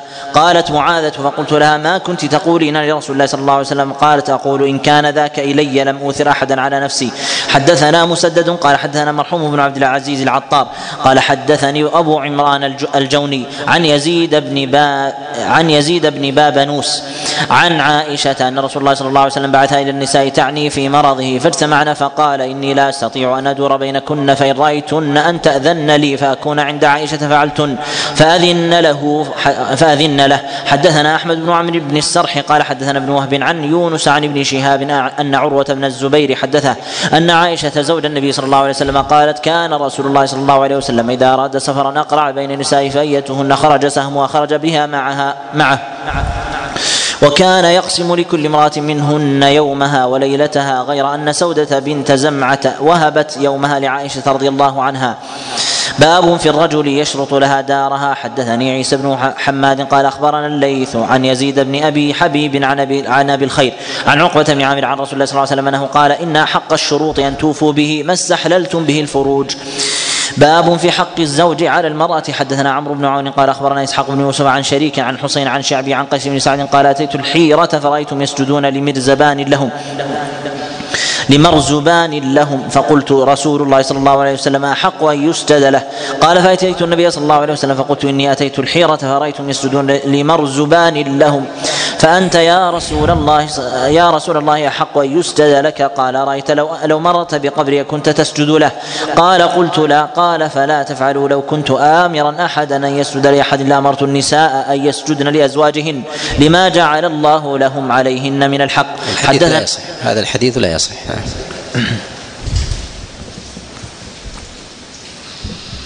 حدثنا محمد بن عمرو الرازي قال حدثنا جرير عن الأعمش عن أبي حازم عن أبي هريرة عن النبي صلى الله عليه وسلم قال إذا دعا الرجل امرأته إلى فراشه فلم تأتي فبات غضبان عليها لعنتها الملائكة حتى تصبح.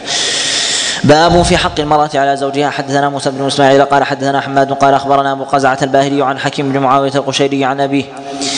قال قلت يا رسول الله ما حق زوجة أحدنا عليه؟ قال أن تطعمها إذا طعمت وتكسوها إذا اكتسيت أو اكتسبت.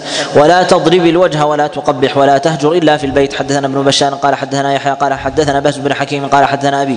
عن جدي. وهذا قوله ولا تقبح ولا تهجر إلا في البيت إشارة إلى أن ما يكون بين الزوجين من خصومات وخلاف أن يكون بينهما وألا يخرج إلى غيرهما. فإن فإن الناس تفسد ذلك بفهم غير مستقيم. نعم. قال حدثنا بهز بن حكيم قال حدثنا أبي عن جدي قال قلت يا رسول الله نساؤنا ما نأتي منها وما نذر.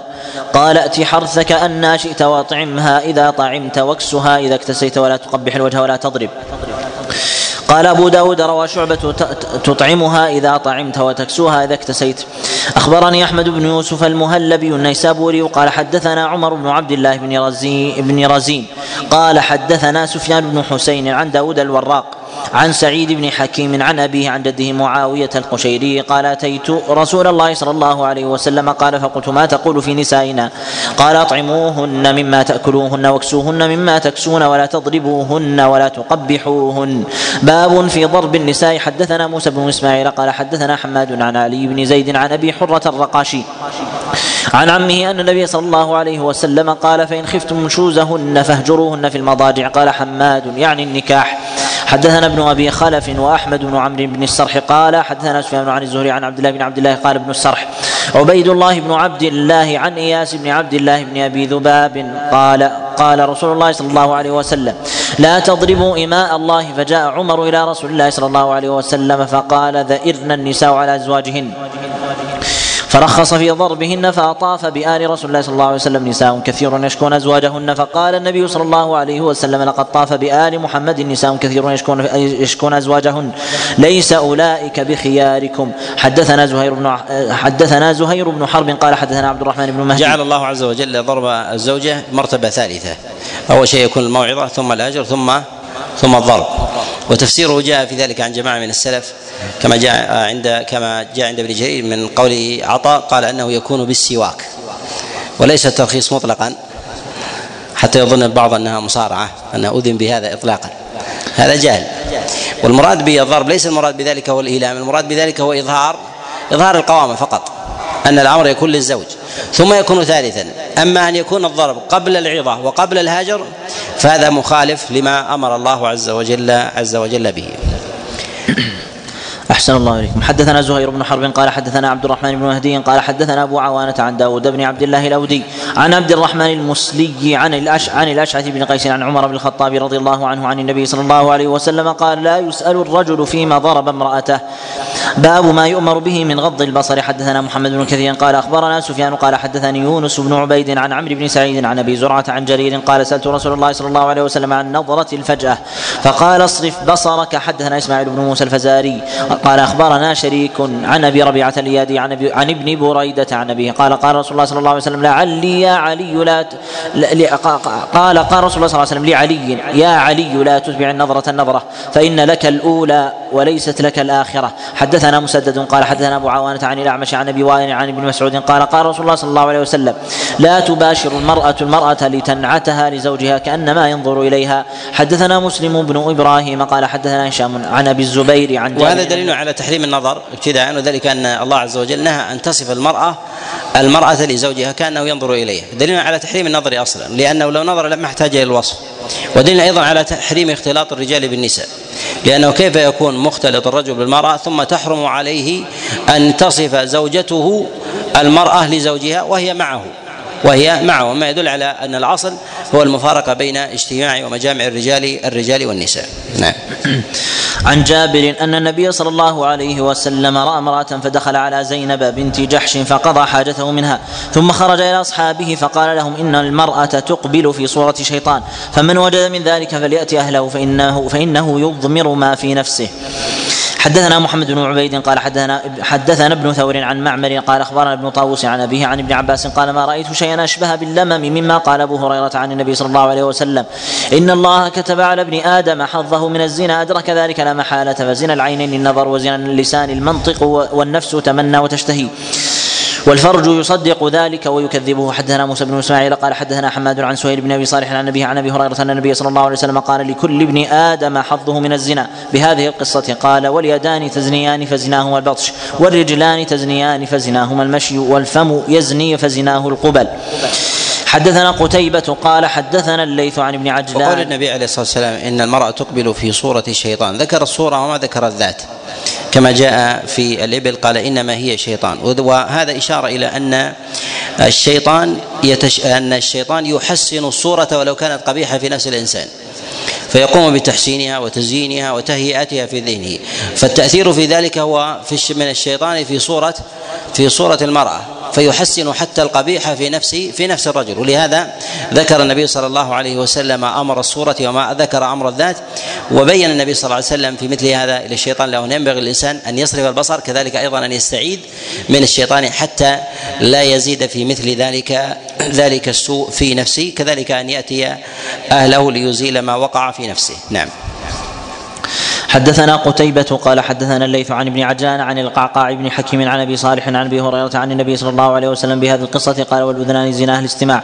باب في وطئ السبايا. قال حدثنا عبيد الله بن عمر بن ميسرة. قال حدثنا يزيد بن زريع. قال حدثنا سعيد عن قتادة عن صالح عن صالح نبي الخليل عن أبي علقمة الهاشمي عن أبي سعيد الخدري رضي الله عنه أن رسول الله صلى الله عليه وسلم بعث يوم حنين بعثا إلى أوطاس فلقوا عدوهم فقاتلوهم فظهروا عليهم وأصابوا لهم سبايا فكأن ناسا من أصحاب رسول الله صلى الله عليه وسلم تحرجوا من غشيانهن من أجل أزواجهن من المشركين فأنزل الله في ذلك والمحصنات من النساء إلا ما ملكت أيمانكم. أي فهن لهم حلال إذا انقضت عدتهن. حدثنا النفيلي قال حدثنا مسكين قال حدثنا شعبة عن يزيد بن خمير عن عبد الرحمن بن جبير بن نفير عن أبيه عن أبي الدرداء أن رسول الله صلى الله عليه وسلم كان في غزوة فرأى امرأة فرأى امرأة مجحا. فقال لعل صاحبها لم بها قالوا نعم قال لقد هممت أن ألعنه أن ألعنه لعنة تدخل معه في قبره كيف يورثه وهو لا يحل وهو لا يحل له وكيف يستخدمه وهو لا يحل له. حدثنا عمرو بن عون قال أخبرنا شريك عن قيس بن وهب قال عن أبي الوداك عن أبي سعيد الخدري ورفعه أنه قال في سبايا أوطاس لا توطى حامل حتى تضع ولا غير ذات حمل حتى تحيض حيضه. حدثنا النفيل قال النفيلي قال حدثنا محمد بن سلمة عن محمد بن إسحاق عن قال حدثني يزيد بن أبي حبيب عن أبي مرزوق عن حنش الصنعاني عن رويفع بن ثابت الأنصاري قال قام فينا خطيبا قال قام فينا خطيبا قال أما إني لا أقول لكم إلا ما سمعت رسول الله صلى الله عليه وسلم يقول يوم حنين. قال لا يحل لامرئ يوم يؤمن بالله واليوم الآخر يسقي ماء زر ماءه زرع غيره يعني إتيان الحبالة الحبالة ولا يحل لامرئ يؤمن بالله واليوم الآخر أن يقع على امرأة من السبي حتى يستبرئها ولا يحل لامرئ يؤمن بالله واليوم الآخر أن يبيع مغنما حتى يقسم. حدثنا سعيد بن منصور قال حدثنا أبو معاوية عن ابن إسحاق بهذا الحديث قال حتى يستبرئها بحيضة زاد ومن كان يؤمن بالله واليوم الآخر فلا يركب دابة من في المسلمين حتى إذا أعجفها ردها فيه. ومن كان يؤمن بالله واليوم الآخر فلا يلبس ثوبا من في المسلمين حتى إذا أخلقه رده فيه. قال أبو داود الحيضة ليست محفوظة. الشيخ عبد الله إقرأ. الحمد لله بأسانيدكم إليه رحمنا الله تعالى وإياه قال باب في جامع النكاح. حدثنا عثمان بن أبي شيبة وعبد الله بن سعيد قال حدثنا أبو خالد يعني سليمان بن حيان عن ابن عجلان عن عمرو بن شعيب عن أبيه عن جده عن النبي صلى الله عليه وسلم قال إذا تزوج أحدكم امرأة أو اشترى خادما فليقل اللهم إني أسألك خيرها وخير ما جبلتها عليه وأعوذ بك من شرها وشر ما جبلتها عليه وإذا اشترى بعيرا فليأخذ بذروة سنامه وليقل مثل ذلك. قال أبو داود زاد أبو سعيد ثم ليأخذ بناصيتها وليدعو يدعو بالبركة في المرأة والخادم. حدثنا محمد بن عيسى قال حدثنا جرير عن منصور عن سالم بن أبي الجعد عن كريب بن أبي عباس قال قال النبي صلى الله عليه وسلم لو أن أحدكم إذا أراد أن يأتي أهله وقال بسم الله اللهم جنبنا الشيطان وجنب الشيطان ما رزقتنا. ثم قدر أن يكون بينهما ولد في ذلك لم لم يضره شيطان أبدا. حدثنا هناد عن وكيع عن سفيان عن سهيل بن أبي صالح عن الحارث بن مخلد عن أبي هريرة قال قال رسول الله صلى الله عليه وسلم ملعون من أتى امرأته في دبرها حدثنا ابن بشار قال حدثنا عبد الرحمن قال حدثنا سفيان عن محمد بن المنكدر قال سمعت جابرا يقول إن اليهود يقولون إذا جامع الرجل أهله في فرجها من ورائها كان ولده أحول. فأنزل الله سبحانه وتعالى نساؤكم حرث لكم فأتوا حرثكم أن شئتم. حدثنا عبد العزيز بن يحيى أبو الاصبغ قال حدثني محمد يعني ابن سلامة عن محمد بن إسحاق عن أبان بن صالح عن مجاهد عن ابن عباس قال إن ابن عمر والله يغفر له أوهم إنما كان هذا الحي من الأنصار وهم أهل أوثان وهم أهل وثن مع هذا الحي من اليهود وهم أهل كتاب وكانوا يرون وكانوا يرون لهم فضلا عليهم في العلم فكانوا يقتدون بكثير من فعلهم وكان من أمر أهل الكتاب أن لا يأتوا النساء إلا على حرف وذلك أستر ما تكون المرأة فكان هذا الحي من الأنصار قد أخذوا بذلك من فعلهم وكان هذا الحي من قريش يشرحون النساء شرحا منكرا ويتلذذون ويتلذذون منهن مقبلات ومدبرات ومستلقيات. فلما قدم المهاجرون المدينة تزوج رجل منهم امرأة من الأنصار فذهب يصنع بها ذلك فأنكرته عليه وقالت إنما كنا نؤتى على حرف فاصنع ذلك وإلا فاجتنبني حتى أش حتى شري أمرهما. فبلغ ذلك رسول الله صلى الله عليه وسلم فأنزل الله عز وجل نساؤكم حرث لكم فأتوا حرثكم أن شئتم أي مقبلات ومدبرات ومستلقيات يعني بذلك موضع الولد. باب في إتيان الحائض ومباشرته. حدثنا موسى بن إسماعيل قال حدثنا حماد قال أخبرنا ثابت البناني عن أنس بن مالك أن اليهود كانت إذا حاضت منهن امرأة أخرجوها من البيت ولم يؤكلوها ولم يشاربوها ولم يجامعوها في البيت فسئل رسول الله صلى الله عليه وسلم عن ذلك فأنزل الله عز وجل ويسألونك عن المحي عن المحيض قل هو أذى فاعتزلوا النساء في المحيض. إلى آخر الآية فقال رسول الله صلى الله عليه وسلم جامعوهن في البيوت واصنعوا كل شيء غير النكاح فقالت اليهود ما يريد هذا الرجل أن يدع شيئا من أمرنا إلا خالفنا فيه. فجاء أسيد بن حضير وعباد بن بشر إلى رسول الله صلى الله عليه وسلم فقال يا رسول الله إن اليهود تقول كذا وكذا فلا ننكحهن في المحيض فتمعر وجه رسول الله صلى الله عليه وسلم حتى ظننا أن قد وجد عليهما. فخرجا فاستقبلتهما هدية من لبن إلى رسول الله صلى الله عليه وسلم فبعث في آثارهما فظننا أنه لم يجد عليهما.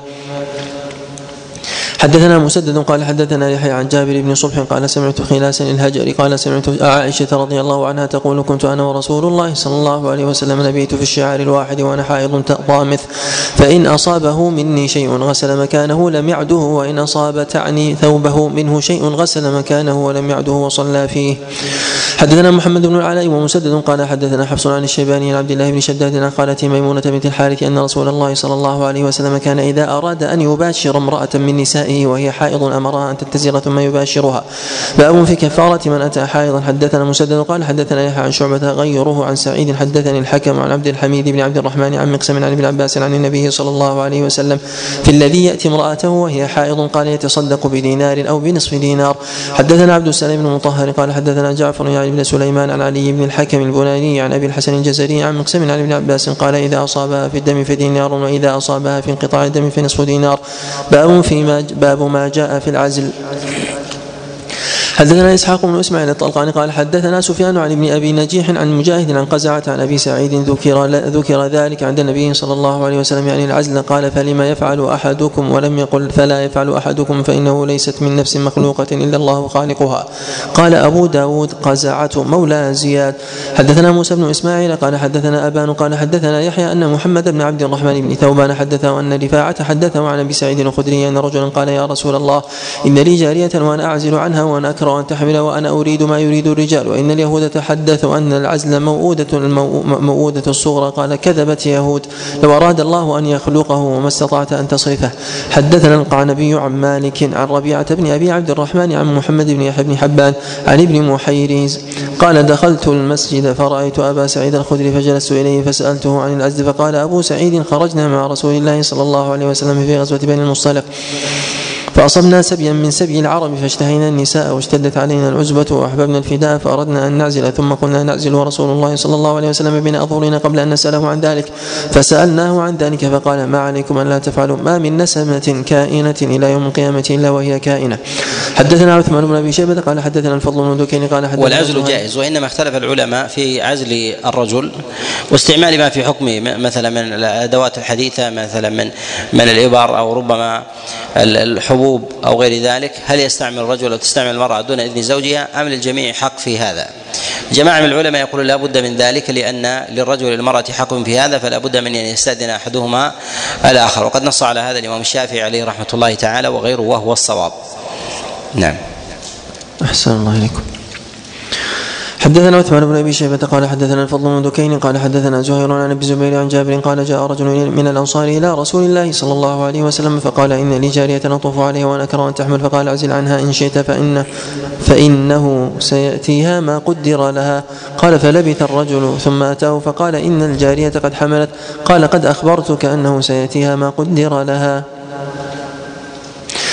باب ما يكره من ذكر الرجل ما يكون من إصابته. اهله وحدثنا مسدد قال حدثنا بشر قال حدثنا الجريري يحا وحدثنا مؤمن قال حدثنا إسماعيل يحا وحدثنا موسى قال حدثنا حماد كلهم عن الجريري. عن أبي نضرة قال حدثني شيخ من طفاوة قال فثويت أبا هريرة بالمدينة فلم أرى رجلا من أصحاب النبي صلى الله عليه وسلم أشد تشميرا ولا أقوم على ضيف منه.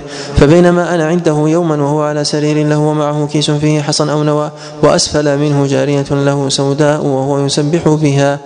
حتى إذا أنفد ما في الكيس ألقاه إليها فجمعته فأعادته في الكيس فدفعته إليه فقال ما ألا أحدثك عني وعن رسول الله صلى الله عليه وسلم؟ قال قلت بلى. قال بين أنا أوعك في المسجد إذ جاء رسول الله صلى الله عليه وسلم حتى دخل المسجد فقال من أحس الفتى الدوسي ثلاث مرات؟ فقال رجل يا رسول الله وذاك يوعك في جانب المسجد. فأقبل يمشي حتى انتهى إلي فوضع يده علي. فقال لي معروفا فنهضت فانطلق يمشي حتى أتى مقامه الذي يصلي فيه فأقبل عليهم ومعه صفان من رجال وصف من, من نساء أو صفان من نساء وصف من رجال فقال إن الساني الشيطان شيئا من صلاتي فليسبح القوم وليصفق الرجال. قال فصلى رسول الله صلى الله عليه وسلم فليسبح القوم وليصفق النساء. قال فصلى رسول الله صلى الله عليه وسلم ولم ينس من صلاته شيئا. فقال مجالسكم مجالسكم زاد موسى ها هنا ثم حمد الله تعالى وأثنى عليه ثم قال أما بعد ثم اتفقوا ثم أقبل على الرجال فقال هل منكم رجل؟ هل منكم الرجل إذا أتى أهله؟ فأغلق عليه بابه وألقى عليه ستره واستتر بستر الله. قالوا نعم. قال ثم يجلس بعد ذلك فيقول فعلت كذا فعلت كذا. قال فسكتوا. قال فأقبل على النساء فقال هل منكن من تحدث؟ فسكتن فجثت فتاة قال مؤمن في حديثه فتاة كعاب. على إحدى ركبتيها وتطاولت لرسول الله صلى الله عليه وسلم ليراها ويسمع كلامها فقالت يا رسول الله إنهم لا يتحدثون وإنهن لا يتحدثن. فقال هل تدرون ما مثل ذلك؟ فقال إنما مثل ذلك مثل شيطانة لقيت شيطانا في السكة فقضى منها حاجته والناس ينظرون إليه ألا وإن ألا وإن طيب الرجال ما ظهر ريحه ولم يظهر لونه ألا وإن طيب النساء ما ظهر لونه ولم يظهر ريحه. قال أبو داود ومنها هنا حفظته عن مؤمل وموسى ألا لا يفضين رجل إلى رجل ولا امرأة إلى امرأة ولا إلى ولد أو والد وذكر ثالثة فنسيتها وهو في حديث مسدد ولكني لم أتقنه كما أحب. قال موسى حدثنا حماد عن الجريري عن أبي نضرة عن الطفاوي. وهذا الحديث ضعيف للجهالة في إسناده.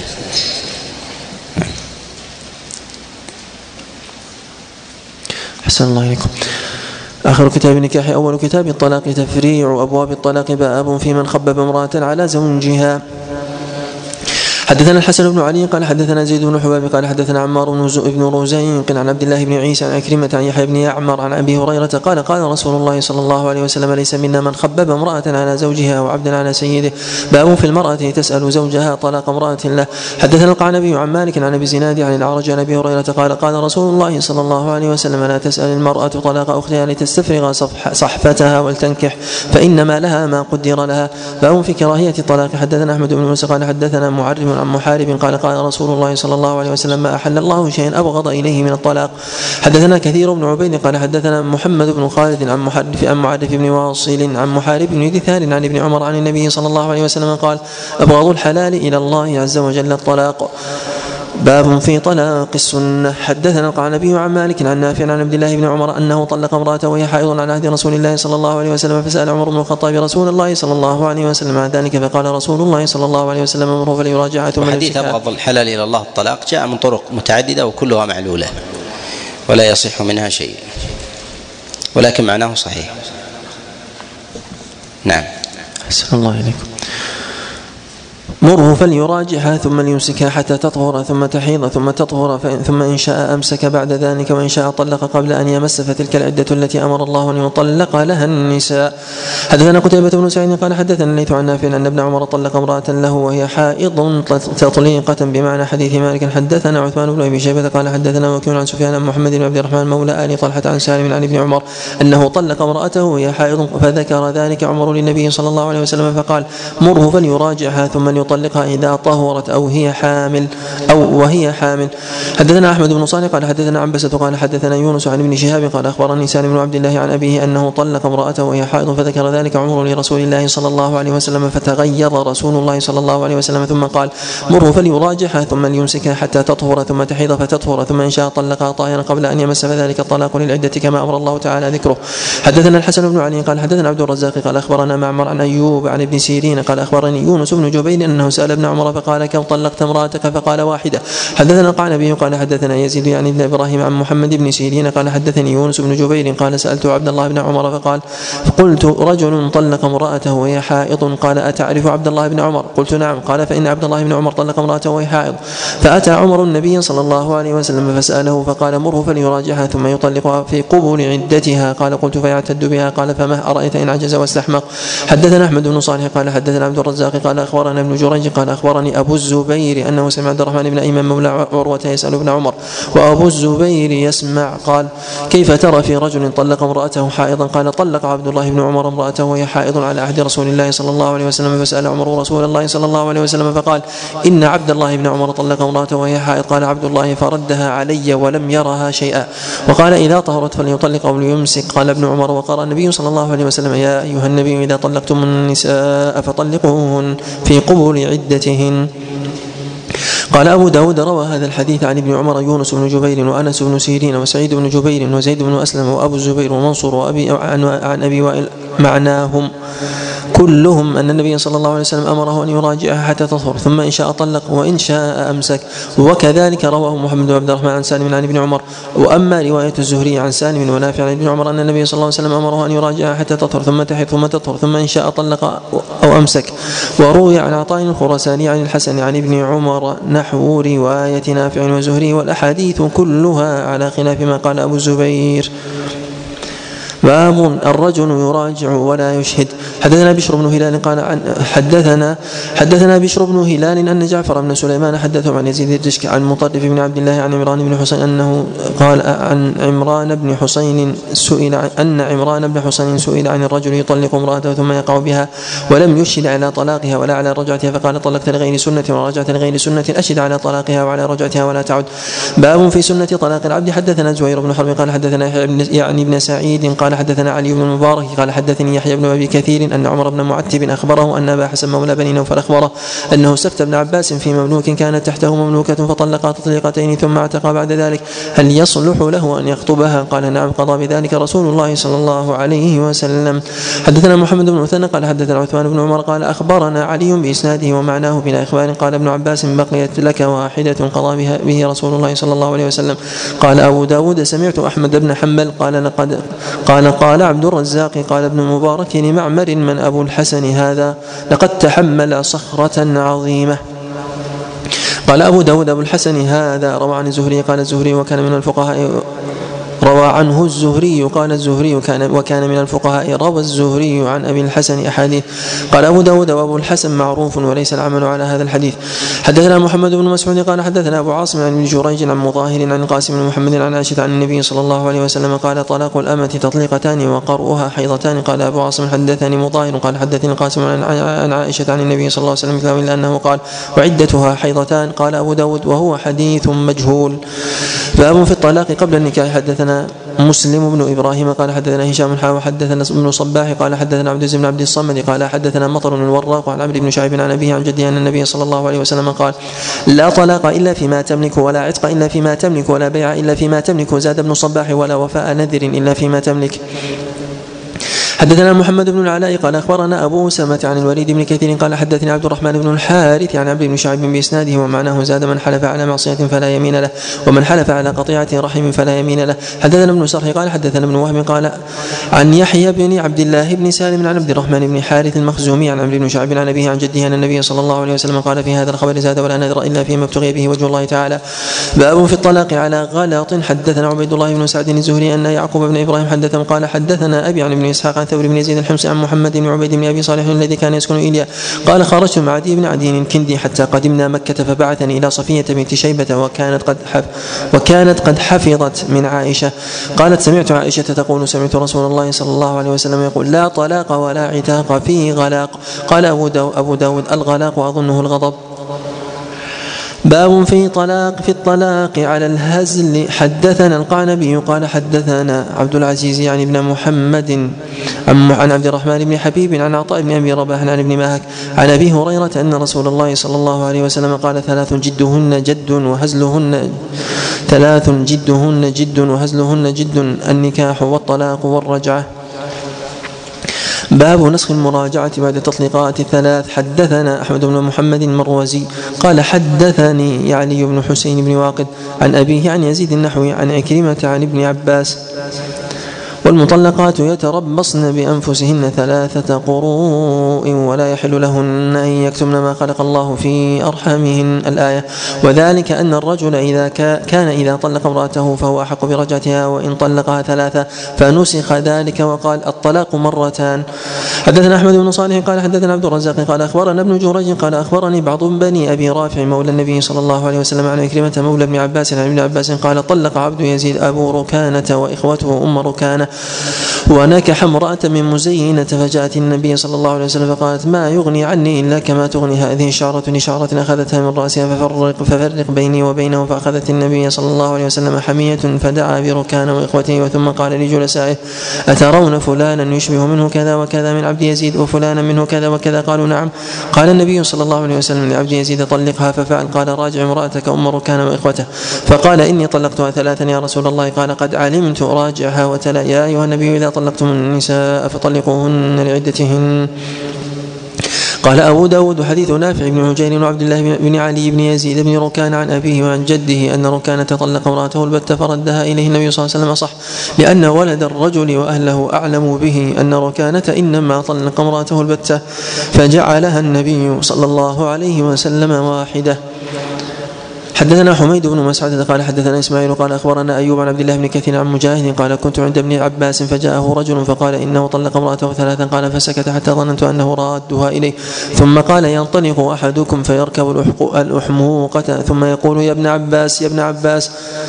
وإن الله قال ومن يتق الله يجعل له مخرجا وإنك لم تتق الله فلا أجد لك مخرجا عصيت ربك وبانت منك امرأتك وإن الله قال يا أيها النبي إذا طلقتم النساء فطلقوهن في قبول عدتهن قال أبو داود روى هذا الحديث حميد الأعرج وغيره عن مجاهد بن عباس وروى شعبة عن عمرو بن مرة عن سعيد بن جبير عن ابن عباس وأيوب بن جريج جميعا عن كلمة بن خالد عن سعيد بن جبير عن ابن عباس وابن جريج عن عبد الحميد بن رافع عن عطاء عن ابن عباس ورواه الأعمش عن مالك بن الحارث عن ابن عباس وابن جريج عن عمرو بن دينار عن ابن عباس كلهم قالوا في الطلاق الثلاث إنه أجازها.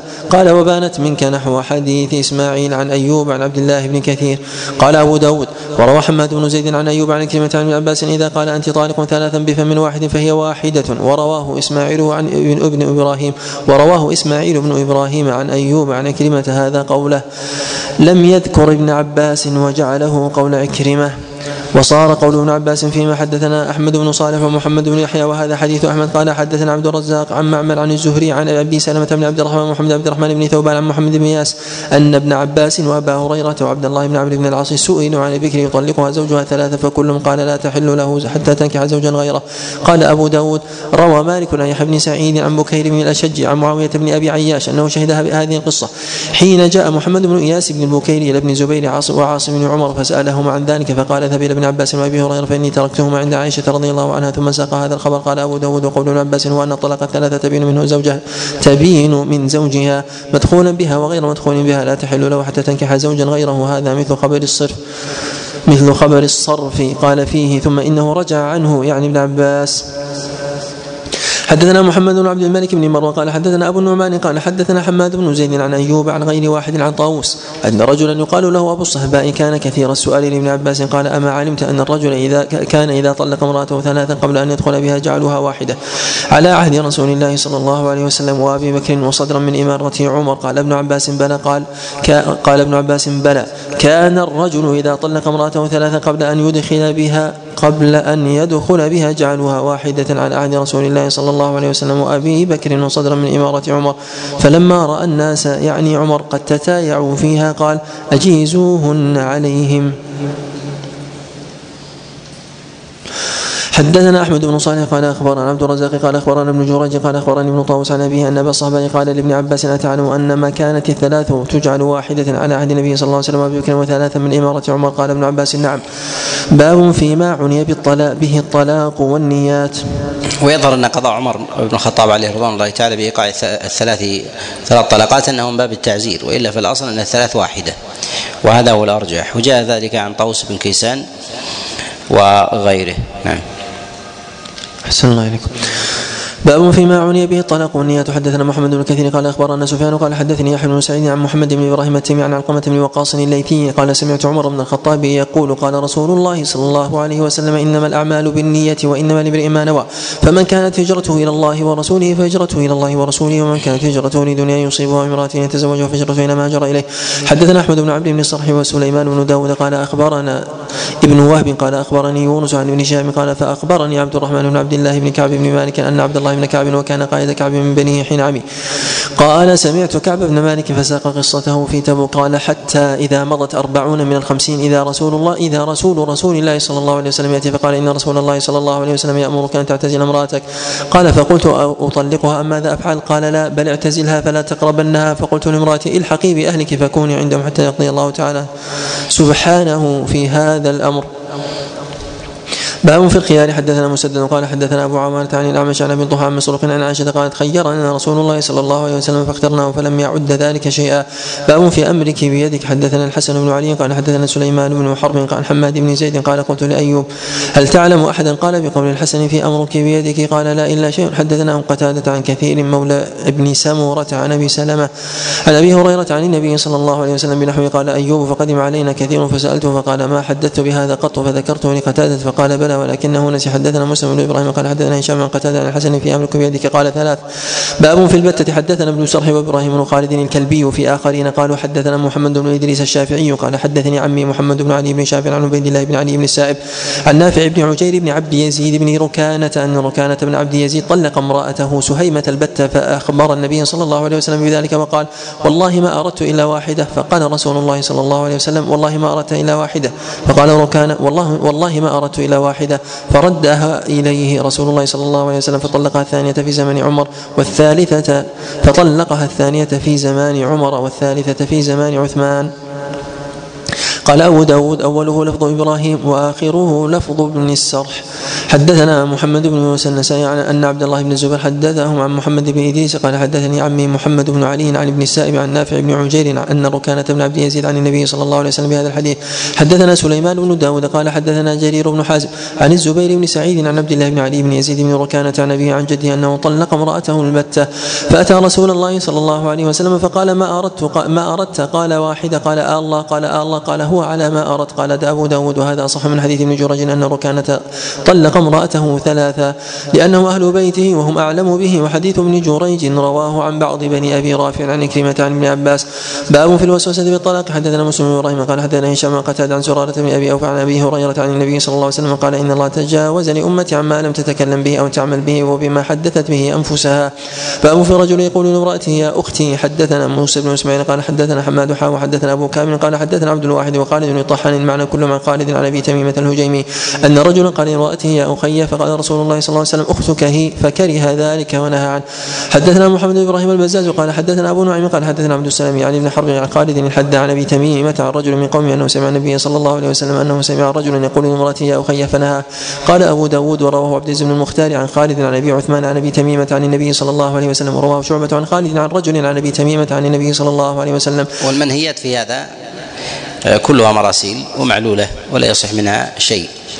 ولكن تدخل في دائرة الكذب إذا كان يخاطب أحدا أو يبين أمرا على خلاف خلاف واقعه. ولا تكون ظهارا. لو أطلقها لا تكون لا تكون ظهارا. الأمر في هذا ساعة نعم أحسن الله إليكم. نعم.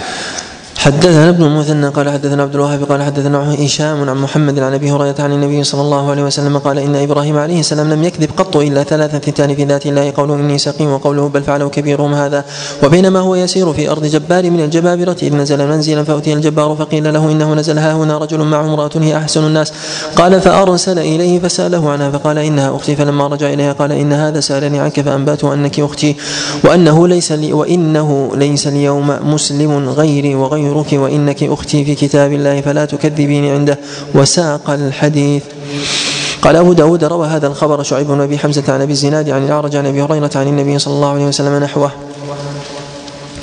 باب في الظهار. حدثنا عثمان بن أبي شيبة ومحمد بن علي المعنى. قال حدثنا ابن إدريس عن محمد بن إسحاق عن محمد بن عمرو بن عطاء عن ابن العلاء عن ابن علقمة بن عياش عن سليمان بن يسار عن سلمة بن صخر. قال ابن العلاء البياضي قال كنت امرا أصيب من النساء ما لا يصيب غيري فلما دخل شهر رمضان خفت أن أصيب من امرأتي شيئا يتايع به حتى أصبح فظهرت منها حتى ينسلخ شهر رمضان فبينها هي تخنمني. ذات ليلة اذ تكشف لي منها شيء فلم ألبث أن نزوت عليها فلما أصبحت خرجت إلى قوم فأخبرتهم الخبر وقلت امشوا معي إلى رسول الله صلى الله عليه وسلم قالوا لا والله فانطلقت إلى النبي صلى الله عليه وسلم فأخبرته فقال أنت بذاك يا سلمة؟ قلت أنا بذاك يا رسول الله مرتين وأنا صابر لأمر الله عز وجل فاحكم في ما أراك الله؟ قال حر الرقبة. قلت والذي بعثك بالحق. ما أملك رقبة غيرها؟ وضربت صفحة رقبتي. قال فصم شهرين متتابعين. قال وهل أصبت الذي أصبت إلا من الصيام؟ قال فأطعم واسقا من من تمر بين ستين مسكينا. قلت والذي بعثك بالحق لقد بتنا وحشين ما لنا طعام قال فانطلق إلى صاحب صدقة بني زريق فليدفعها إليك فأطعم ستين مسكينا واسقا من تمر وكل انت وعيالك بقيتها. فرجعت إلى قومي فقلت وجدت عندكم الضيق وسوء الرأي ووجدت عند النبي صلى الله عليه وسلم السعة وحسن الرأي وقد أمرني أو أمرني بصدقتكم. زاد ابن العلاء قال ابن إدريس وبياضة بطن من بني زريق. حدثنا الحسن بن علي قال حدثنا يحيى بن آدم قال حدثنا ابن إدريس عن محمد بن إسحاق عن معمر بن عبد الله بن حنظلة عن يوسف بن عبد الله بن سلام عن خويلة بنت مالك عن خويلة بنت مالك بن ثعلبة قالت ظهر مني زوجي أوس بن الصامت فجئت برسول الله صلى الله عليه وسلم أشكو إليه ورسول الله صلى الله عليه وسلم يجادلني فيه ويقول اتق الله فإنه ابن عمك فما برحت حتى نزل القرآن قد سمع الله قول التي تجادلك في زوجها إلى الفرض فقال يعتق رقبة قالت لا يجد قال فيصوم شهرين متتابعين قالت يا رسول الله إنه شيخ كبير ما به من صيام. قال فليطعم ستين مسكينا. قالت ما عنده شيء من شيء يتصدق به. قالت فأتي ساعة إذن بعرق من تمر. قلت يا رسول الله فإني أعينه بعرق آخر. قال قد أحسنت اذهبي فأطعمي بها عنه ستين مسكينا. وارجعي إلى ابن عمك. قال والعرق ستون صاعا. قال أبو داود في هذا إنما كفرت عنه من غير أن تستأمره. حدثنا الحسن بن علي قال حدثنا عبد العزيز بن يحيى قال حدثنا محمد بن سلمة عن ابن إسحاق بهذا الإسناد نحوه إلا أنه قال والعرق مكتل يسع ثلاثين صاعا. قال أبو داود هذا أصح من حديث يحيى بن آدم. حدثنا موسى بن إسماعيل قال حدثنا أبان قال حدثنا يحيى عن أبي سلمة بن عبد الرحمن قال يعني بالعرق زبيلا. زبيلا يأخذ خمسة عشر صاعا. حدثنا ابن السرح قال حدثنا ابن وهب قال أخبرني ابن لهيعة وعمرو بن الحارث وعن ابن عن بكير بن الأشج عن سليمان بن يسار بهذا الخبر قال فأتي رسول الله صلى الله عليه وسلم بتمر فأعطاه إياه وهو قريب من خمسة عشر صاع من خمسة عشر صاع قال تصدق بهذا. قال فقال فقال يا رسول الله على أفقر مني ومن أهلي؟ فقال رسول الله صلى الله عليه وسلم كله أنت وأهلك. قرأت على محمد بن وزير المصري حدثكم بشر بن بكر. قرأت على محمد بن وزير المصري. قلت حدثكم بشر بن بكر. قال حدثنا الأوزاعي قال حدثنا عطاء. عن أوس أخي عبادة بن صامت أن النبي صلى الله عليه وسلم أعطاه خمسة عشر صاعا من شعير طعام ستين مسكينا. قال أبو داود وعطاء لم يدرك أوسا وهو من أهل بدر قديم الموت وحديث مرسل وإنما رووه عن الأوزاعي عن عطاء أن أوسى حدثنا موسى بن إسماعيل. قال حدثنا حماد عن هشام بن عروة أن جميلة كانت تحت أوس بن الصامت الصامت وكان رجل به لمم فكان. إذا اشتد لممه مظاهرا من امرأته فأنزل الله عز وجل فيه كفارة الظهار. حدثنا هارون بن عبد الله قال حدثنا محمد بن الفضل قال حدثنا حماد بن سلمة عن هشام بن عروة عن عروة عن عائشة رضي الله عنها مثله. حدثنا إسحاق بن إسماعيل الطالقاني قال حدثنا سفيان قال حدثنا الحكم بن أبان عن عكرمة أن رجلا ظاهر من امرأته ثم وقعها قبل أن يكفر فأتى النبي صلى الله عليه وسلم فأخبره فقال ما حملك على ما صنعت؟ قال رأيت بيض ساقها في القمر. قال فاعتزلها حتى تكفر عنك. حدثنا الزعفراني قال حدثنا سفيان بن عيينة عن الحكم بن أبان عن كريمة أن رجلا ظاهر من امرأته فرأى بريق ساقها في القمر فوقع عليها فأتى النبي صلى الله عليه وسلم فأمره أن يكفر. حدثنا زياد بن أيوب قال حدثنا إسماعيل قال حدثنا الحكم بن أبان عن كريمة عن ابن عباس عن النبي صلى الله عليه وسلم نحوه لم يذكر الساق. حدثنا أبو كامل عن عبد أن عبد العزيز بن المختار حدثه قال حدثنا خالد قال حدثني محدث عن كلمه عن النبي صلى الله عليه وسلم بنحو حديث سفيان. قال أبو داود وسمعت محمد بن عيسى يحدث به. قال حدثنا المعتمر قال سمعت الحكم بن أبان بهذا الحديث ولم يذكر ابن عباس. كتب إلي الحسين بن حريث قال أخبرنا الفضل بن موسى عن معمر عن الحكم بن أبان عن كلمة عن ابن عباس بمعناه عن النبي صلى الله عليه وسلم. باب في الخلع. حدثنا سليمان بن حرب قال حدثنا حماد عن أيوب عن أبي قلابة عن أبي أسماء عن ثوبان قال قال رسول الله صلى الله عليه وسلم أيما امرأة سألت زوجها طلاقا في غير ما بأس فحرام عليها رائحة الجنة. حدثنا القعنبي عن مالك عن يحيى بن سعيد عن عمرة بنت عبد الرحمن بن سعد بن زراره أنها أخبرت عن حبيبة بنت سهل الأنصارية أنها كانت تحت ثابت بن قيس بن الشماس وأن رسول الله صلى الله عليه وسلم خرج إلى الصبح فوجد حبيبة بنت سهل عند بابه في الغلس فقال رسول الله صلى الله عليه وسلم من هذه فقالت أنا حبيبة بنت سهل. قال ما شانك قالت لا أنا ولا ثابت بن قيس لزوجها. فلما جاء ثابت بن قيس قال له رسول الله صلى الله عليه وسلم هذه حبيبة بنت سهل وذكرت ما شاء الله أن تذكر. وقالت حبيبة يا رسول الله كل ما أعطاني عندي. فقال رسول الله صلى الله عليه وسلم لثابت بن قيس خذ منها فأخذ منها وجلست في أهلها. حدثنا محمد بن معمر قال حدثنا أبو عامر مع عبد الملك بن عمرو قال حدثنا أبو عمرو السدوسي المديني عن عبد الله بن أبي بكر محمد بن محمد بن عمرو بن حزم عن عمرة عن عائشة أن حبيبة بنت سهل كانت عند ثابت بن قيس بن شماس فضربها فكسر بعضها فأتت رسول الله صلى الله عليه وسلم بعد الصبح فاشتكته إليه فدعا النبي صلى الله عليه وسلم ثابتا فقال خذ بعض مالها وفارقها فقال ويصلح ذلك يا رسول الله قال نعم قال فإني اصدقتها حديقتين وهما بيدها فقال النبي صلى الله عليه وسلم خذهما وفارقها ففعل. حدثنا محمد بن عبد الرحيم بن البزاز وقال حدثنا علي بن بحر القطان قال حدثنا هشام بن يوسف عن معمر عن عمرو بن مسلم عن كلمة عن ابن عباس أن امرأة ثابت بن قيس اختلعت منه فجعل النبي صلى الله عليه وسلم عدتها حيضة. قال أبو داود وهذا الحديث رواه عبد الرزاق عن معمر عن عمرو بن مسلم عن كريمة عن النبي صلى الله عليه وسلم مرسلا حدثنا قال أبي عن مالك عن نافع عن ابن عمر قال عدة المختنعة حيضة. باب في المملوكة تعتق وهي تحت حر. أو عبد حدثنا موسى بن إسماعيل قال حدثنا حماد عن خالد الحد عن كلمة عن ابن عباس أن كان عبدا فقال يا رسول الله اشفع إليها. فقال رسول الله صلى الله عليه وسلم يا بريرة اتق الله فإنه زوجك وأبو ولدك. فقالت يا رسول الله تأمرني بذلك؟ قال لا إنما أنا شافع فكان دموعه تسيل على خده. فقال رسول الله صلى الله عليه وسلم للعباس ألا تعجب من حب مغيث بريرة وبغضها إياه؟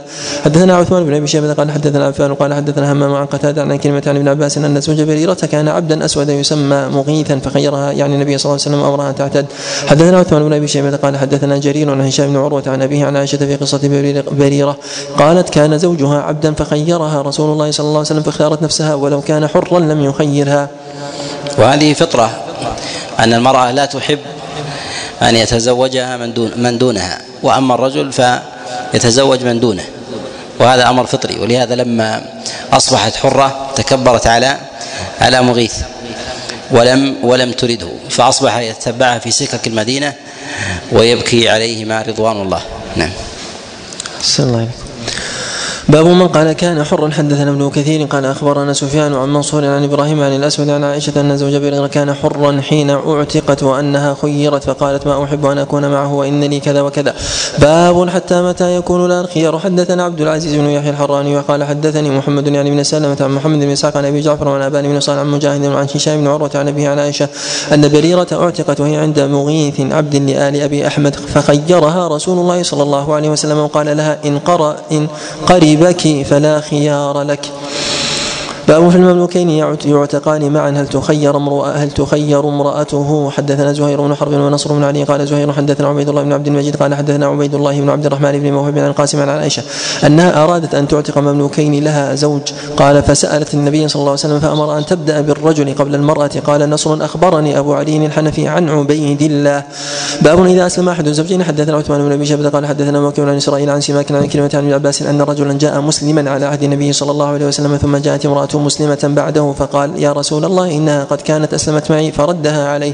حدثنا نصر بن علي قال أخبرني أبو أحمد عن إسرائيل عن سماك عن كلمة عن ابن عباس قال أسلمت امرأة على عهد رسول الله صلى الله عليه وسلم فتزوجت فجاء زوجها إلى النبي صلى الله عليه وسلم فقال يا رسول الله إني قد كنت أسلمت وعلمت بإسلامي فانتزعها رسول الله صلى الله عليه وسلم من زوجها الآخر وردها إلى زوجها الأول. باب إلى متى ترد عليه امرأته إذا أسلم بعدها؟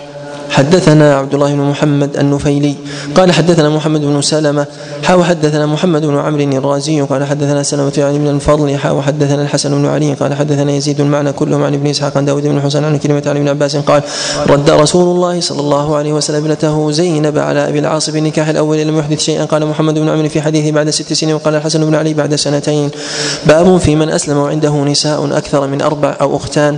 حدثنا مسدد قال حدثنا هشيم حاو حدثنا وهب بن بقية قال أخبرنا هشيم عن ابن أبي ليلى عن حميضة بنت الشمردل عن الحارث بن قيس قال مسدد بن عميرة وقال ابن وهب الأسد قال أسلمت وعندي ثمن نسوة. فذكرت ذلك للنبي صلى الله عليه وسلم فقال النبي صلى الله عليه وسلم اختر منهن أربعة. وحدثنا به أحمد بن إبراهيم قال حدثنا هشام بهذا الحديث فقال قيس بن الحارث مكان الحارث بن القيس ابن قيس. قال أحمد بن إبراهيم هذا الصواب؟ يعني قيس بن الحارث. حدثنا أحمد بن إبراهيم قال حدثنا بكر بن عبد الرحمن قاضي الكوفة عن عيسى بن المختار عن ابن أبي ليلى عن حميضة بن ابن الشمردن عن قيس بن الحارث بمعنى حدثنا يحيى بن معي قال حدثنا وهب بن جرير عن أبيه قال سمعت ابن أيوب يحدث عن يزيد بن أبي حبيب عن أبي وهب الجيشاني عن الضحاك بن فيروز عن أبيه قال قلت يا رسول الله إني أسلمت وتحتي أختان. قال طلق ايتهما شئت باب إذا اسلم أحد الأبوين مع من يكون الولد. حدثنا إبراهيم بن موسى الرازي قال أخبرنا عيسى قال حدثنا عبد العبد المجيد بن جعفر قال أخبرني أبي عن جدي رافع بن سنان أنه أسلم وأبت امرأته أن تسلم. فأتت النبي صلى الله عليه وسلم فقالت ابنتي وهي فاطم أو شبهه؟ وقال رافع ابنتي. فقال له النبي صلى الله عليه وسلم اقعد ناحية. وقال لا اقعدي ناحية. قال وأقعد الصبية بينهما. ثم قال ادعواها فمالت الصبية إلى أمها. فقال النبي صلى الله عليه وسلم اللهم اهدها. فمالت إلى أبيها فأخذها. باب في اللعان. حدثنا عبد الله بن مسلمة قال النبي عن مالك عن ابن شهاب عن سهل بن سعد الساعدي أخبره أن عويمر بن الأشقر العجلاني جاء إلى عاصم بن عدي فقال له يا عاصم أرأيت رجلا وجد مع امراته رجلا أن يقتله فتقتلونه كيف يفعل؟ سلي يا عاصم رسول الله صلى الله عليه وسلم عن ذلك. فسأل عاصم رسول الله صلى الله عليه وسلم فكره رسول الله صلى الله عليه وسلم المسائل وعابها حتى كبر على عاصم ما سمع من رسول الله صلى الله عليه وسلم. فلما رجع عاصم إلى أهله جاءه عويمر فقال له يا عاصم ماذا؟ قال لك رسول الله صلى الله عليه وسلم. فقال عاصم ألم لم تأتني بخير؟ قد كره رسول الله صلى الله عليه وسلم المسألة التي سألته عنها. فقال عويمر والله لا أنتهي حتى أسأله عنها. فأقبل عويمر حتى أتى رسول الله صلى الله عليه وسلم وهو وسط الناس وهو وسط الناس. فقال يا رسول الله أرأيت رجلا وجد مع امراته رجلا أيقتله فتقتلونه أم كيف يفعل؟ فقال رسول الله صلى الله عليه وسلم قد أنزل فيك وفي صاحبتك قرآن فاذهب فأتي بها. قال سهل فتلاعنا وأنا مع, مع الناس عند رسول الله صلى الله عليه وسلم فلما فرغ قال عويمر كذبت عليها يا رسول الله إن أمسكتها فطلقها عويمر ثلاثا قبل أن يأمره رسول الله صلى الله عليه وسلم. قال ابن شهاب فكانت تلك سنة المتلاعنين. حدثنا عبد العزيز بن يحيى قال حدثني محمد يعني بن سلمة عن محمد بن إسحاق قال حدثني عباس بن سهل عن أبيه عن أن النبي صلى الله عليه وسلم قال لعاصم بن عدي أمسك المرأة عندك حتى تلد. حدثنا أحمد بن صالح قال حدثنا ابن وهب قال أخبرني يونس عن ابن شهاب عن سالم بن سعد الساعدي قال حضرت لعانهما عند رسول الله صلى الله عليه وسلم وابن خمس عشرة سنة.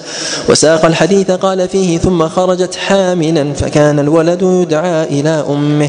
حدثنا محمد بن جعفر الوركاني قال أخبرنا إبراهيم يعني بن سعد عن الزهري عن سالم بن سعد في خبر المتلاعنين قال قال رسول الله صلى الله عليه وسلم أبصروها فإن جاءت به أدعج العينين عظيم الأليتين فلا أراه إلا قد صدق. وإن جاءت به أحيمر كأنه وحارة فلا أراه إلا كاذبا. قال فجاءت به على النعت المكروه. حدثنا محمود بن خالد قال حدثنا الفريابي عن الأوزاعي عن الزهري عن سهل بن سعد الساعدي بهذا الخبر قال فكان يدعى يعني الولد لأمه. حدثنا أحمد بن عمرو بن سرح قال حدثنا ابن وهب عن عياض بن عبد الله الفهري وغيره عن ابن شهاب عن سهل بن سعد في هذا الخبر قال فطلقها ثلاث تطليقات عند رسول الله صلى الله عليه وسلم.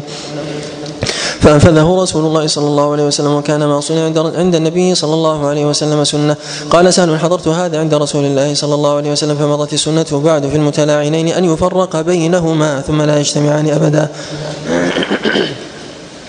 حدثنا مسدد ووهب بن بيان وأحمد بن عمرو بن سرح وعمرو بن عثمان قالوا حدثنا سفيان عن الزهري عن سهل بن سعد قال مسدد قال شهدت المتلاعنين على عهد النبي صلى الله عليه وسلم وأنا ابن خمس عشرة. ففرق بينهما رسول الله صلى الله عليه وسلم حين تلاعنا وتم حديث مسدد وقال الآخرون إنه شهد النبي صلى الله عليه وسلم. فرق بين المتلاعنين فقال الرجل كذبت عليها يا رسول الله إن أمسكتها بعضهم لم يقل عليها. قال أبو داود لم يتابع ابن لم يتابع ابن عيينة أحد على أنه فرق بين المتلاعنين. حدثنا سليمان بن داود العتكي قال حدثنا فليح عن الزهري عن سالم بن سعد في هذا الحديث وكانت حاملا فأنكرت حملها فكان ابنها يدعى إليها ثم جرت السنة في الميراث أن يرثها وترث منه ما فرض الله عز وجل لها.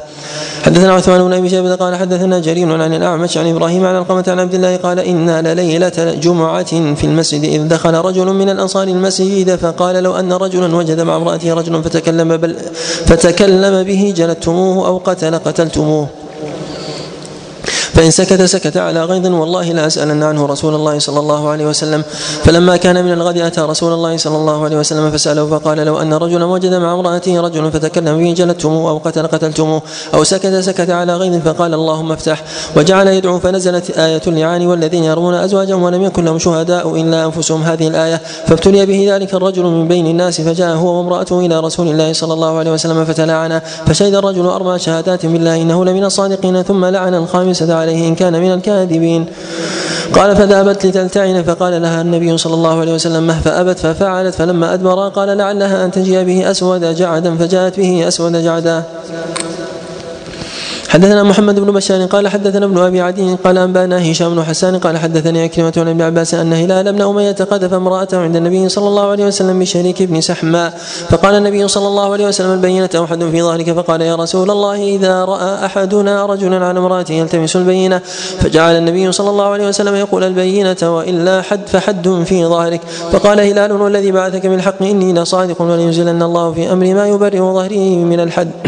فنزلت والذين يرمون أزواجهم ولم يكن لهم شهداء إلا أنفسهم قرأ حتى بلغ لمن الصادقين. فصلف النبي صلى الله عليه وسلم فأرسل إليهما فجاء فقام هلال بن أمية فشهد والنبي صلى الله عليه وسلم يقول الله يعلم أن أحدكما كاذب فهل منكما من تائب؟ ثم قامت فشهدت فلما كان عند الخامسة أن غضب الله عليها إن كان من الصادقين قالوا لها إنها موجبة.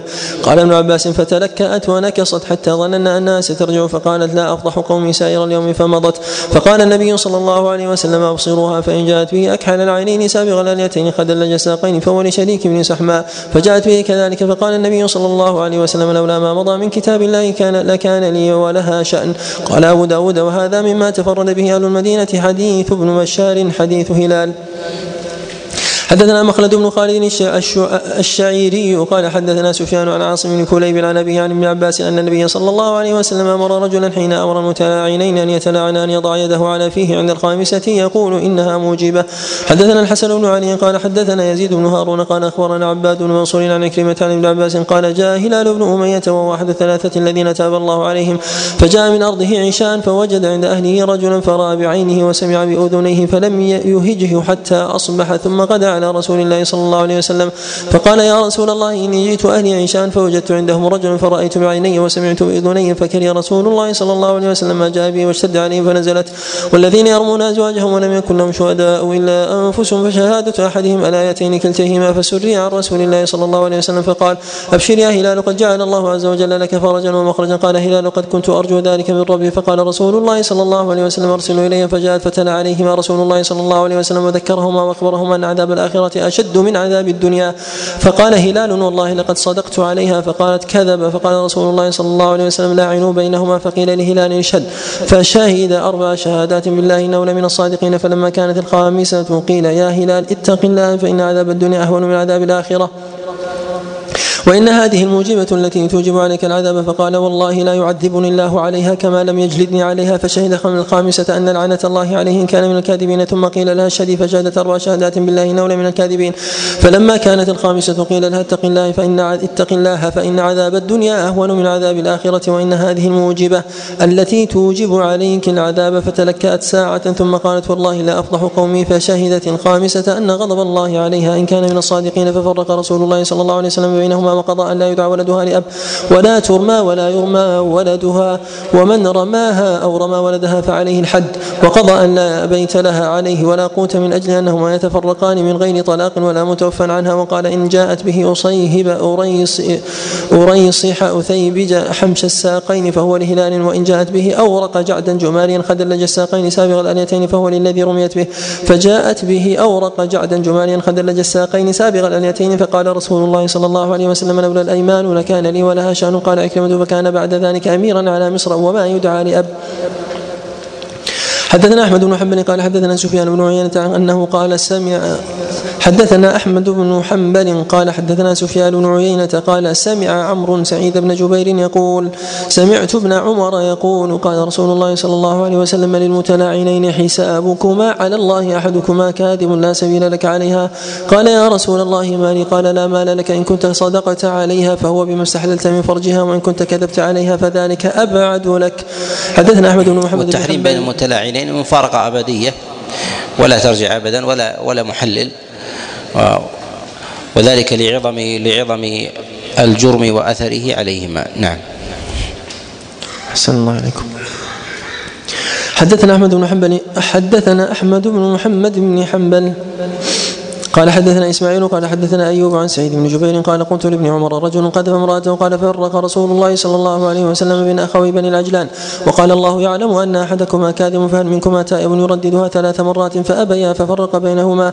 حدثنا قال النبي عن مالك عن نافع عن ابن عمر أن رجلا لعن امرأته في زمان رسول الله صلى الله عليه وسلم وانتفى من ولدها ففرق رسول الله صلى الله عليه وسلم بينهما وألحق الولد بالمرأة. قال أبو داود الذي تفرد به مالك قوله والحق الولد بالمرأة. باب إذا شك في الولد حدثنا ابن أبي خالد قال حدثنا سفيان عن الزهري عن سعيد عن أبي هريرة قال جاء رجل إلى النبي صلى الله عليه وسلم من بني فزارة فقال إن امرأتي جاءت بولد أسود فقال هل لك من إبل؟ قال نعم. قال ما ألوانها؟ قال حور. قال فهل فيها من أورق؟ قال ان فيها لورقة. قال فان تراه. قال عسى أن يكون نزاه عرق. قال وهذا عسى أن يكون نزاه عرق.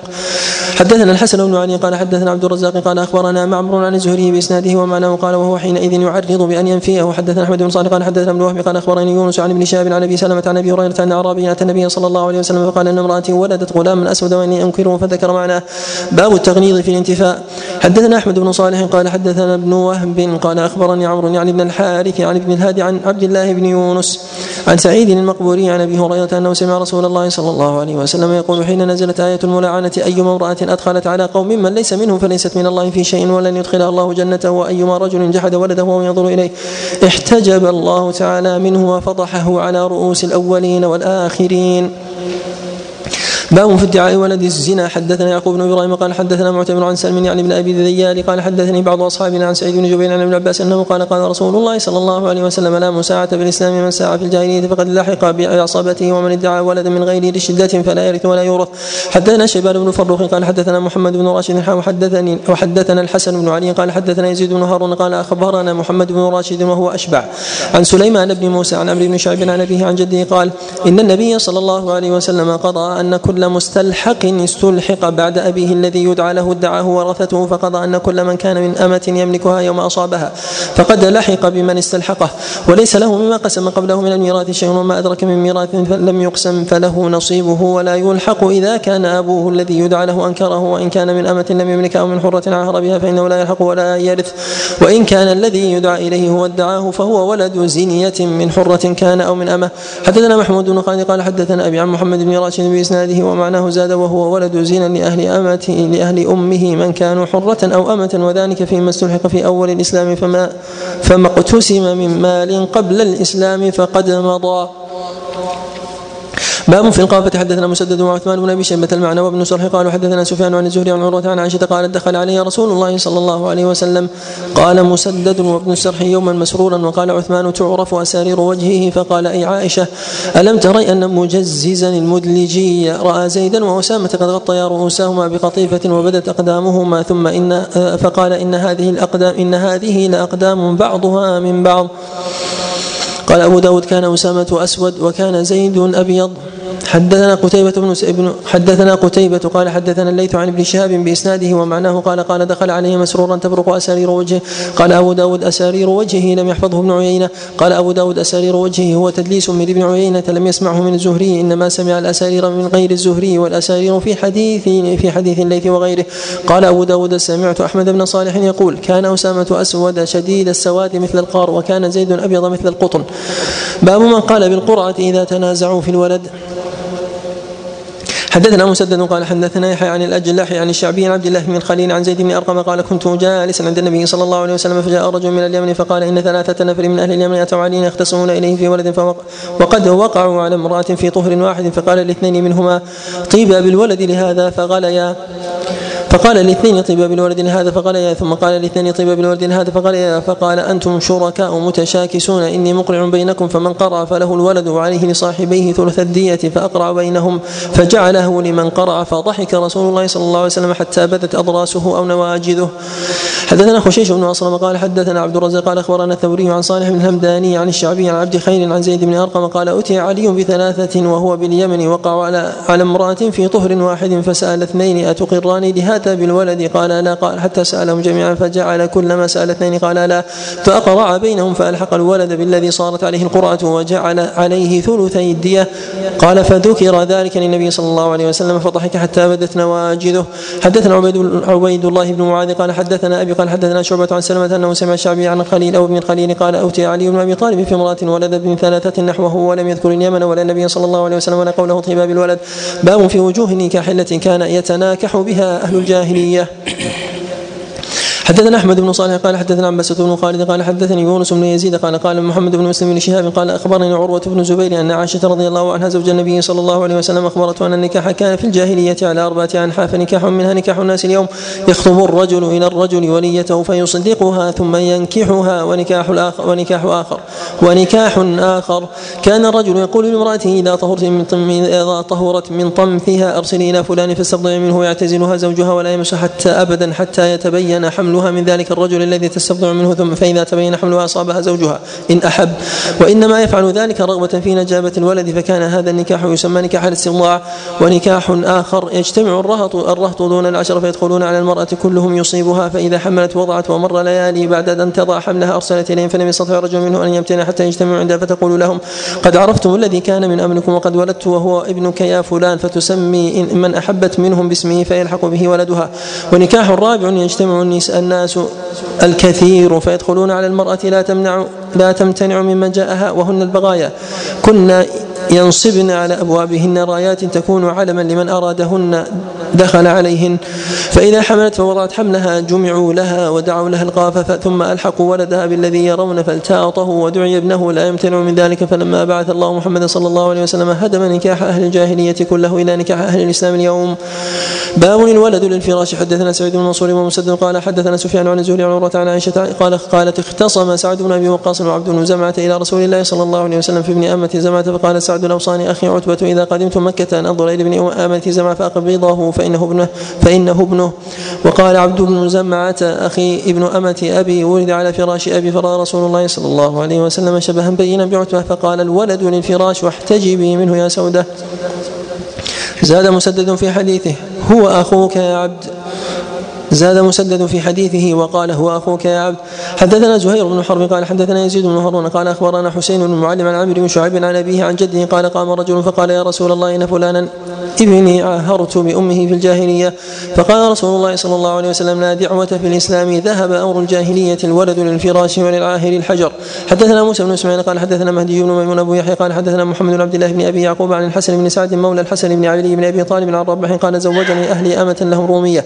فوقعت عليها فولدت غلاما أسود مثلي فسميت عبد الله ثم وقعت عليها فولدت غلاما أسود مثلي فسميت عبيد الله ثم طبنا لها غلام. ثم طبن لها غلام لأهل رومي يقال له يوحنة فراطنها بلسانه فولدت غلاما كأنه وزغة من الوزغات فقلت لها ما هذا؟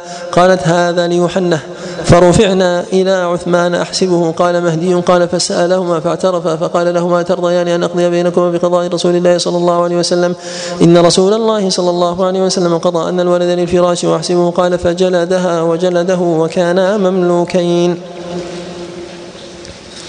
باب من أحق بالولد. حدثنا محمود بن خالد السلمي قال حدثنا الوليد عن أبي عمرو يعني الأوزاعي قال حدثني عمرو بن شعيب أبي عن جدي عبد الله بن عمرو أن امرأة قالت يا رسول الله إن ابني هذا كان بطني له وعاء وثدي له سقاء وحجري له حوان وإن أباه طلقني وأراد أن ينتزعه مني فقال يا رسول الله صلى الله عليه وسلم أنت حق أنت أحق به ما لم تنكحي. حدثنا الحسن بن علي قال حدثنا عبد الرزاق وأبو عاصم عن ابن جريج قال أخبرني زياد عن هلال بن أسامة أن أبا ميمونة السلمى مولى مولى من أهل المدينة رجل صدق قال بينما أنا جالس مع أبي هريرة إذ جاءت امرأة فارسية مع ابن لها فادعياه وقد طلقها زوجها فقالت يا أبا هريرة وارطنت له بالفارسية. زوجي يريد أن يذهب بابني فقال أبو هريرة استهم عليه ورطن لها بذلك فجاء زوجها فقال من يحقني في ولدي؟ فقال أبو هريرة اللهم إني لا أقول هذا إلا أني سمعت امرأة جاءت إلى رسول الله صلى الله عليه وسلم وأنا قاعد عنده فقالت يا رسول الله إن زوجي يريد أن يذهب بابني وقد سقاني من بئر بني من بئر أبي عنبة. وقد نفعني فقال رسول الله صلى الله عليه وسلم استهم علي فقال زوجها من يحقني في ولدي؟ فقال النبي صلى الله عليه وسلم هذا أبوك وهذه أمك فخذ بيد أيهما شئت. فأخذ بيد أمه فانطلقت به. حدثنا العباس بن عبد العظيم قال حدثنا عبد الملك بن عمرو قال حدثنا عبد العزيز بن محمد عن يزيد بن الهادي عن محمد بن إبراهيم عن نافع بن عجير عن نافع بن عجير عن ابيه عن علي قال خرج زيد بن حارثة إلى مكة فقدم بابنة حمزة. فقال جعفر أنا أخذها أنا أحق بها ابنة عمي وعندي خالتها وإنما الخالة أم. فقال علي أنا أحق بها ابنة عمي وعندي ابنة رسول الله صلى الله عليه وسلم وهي أحق بها.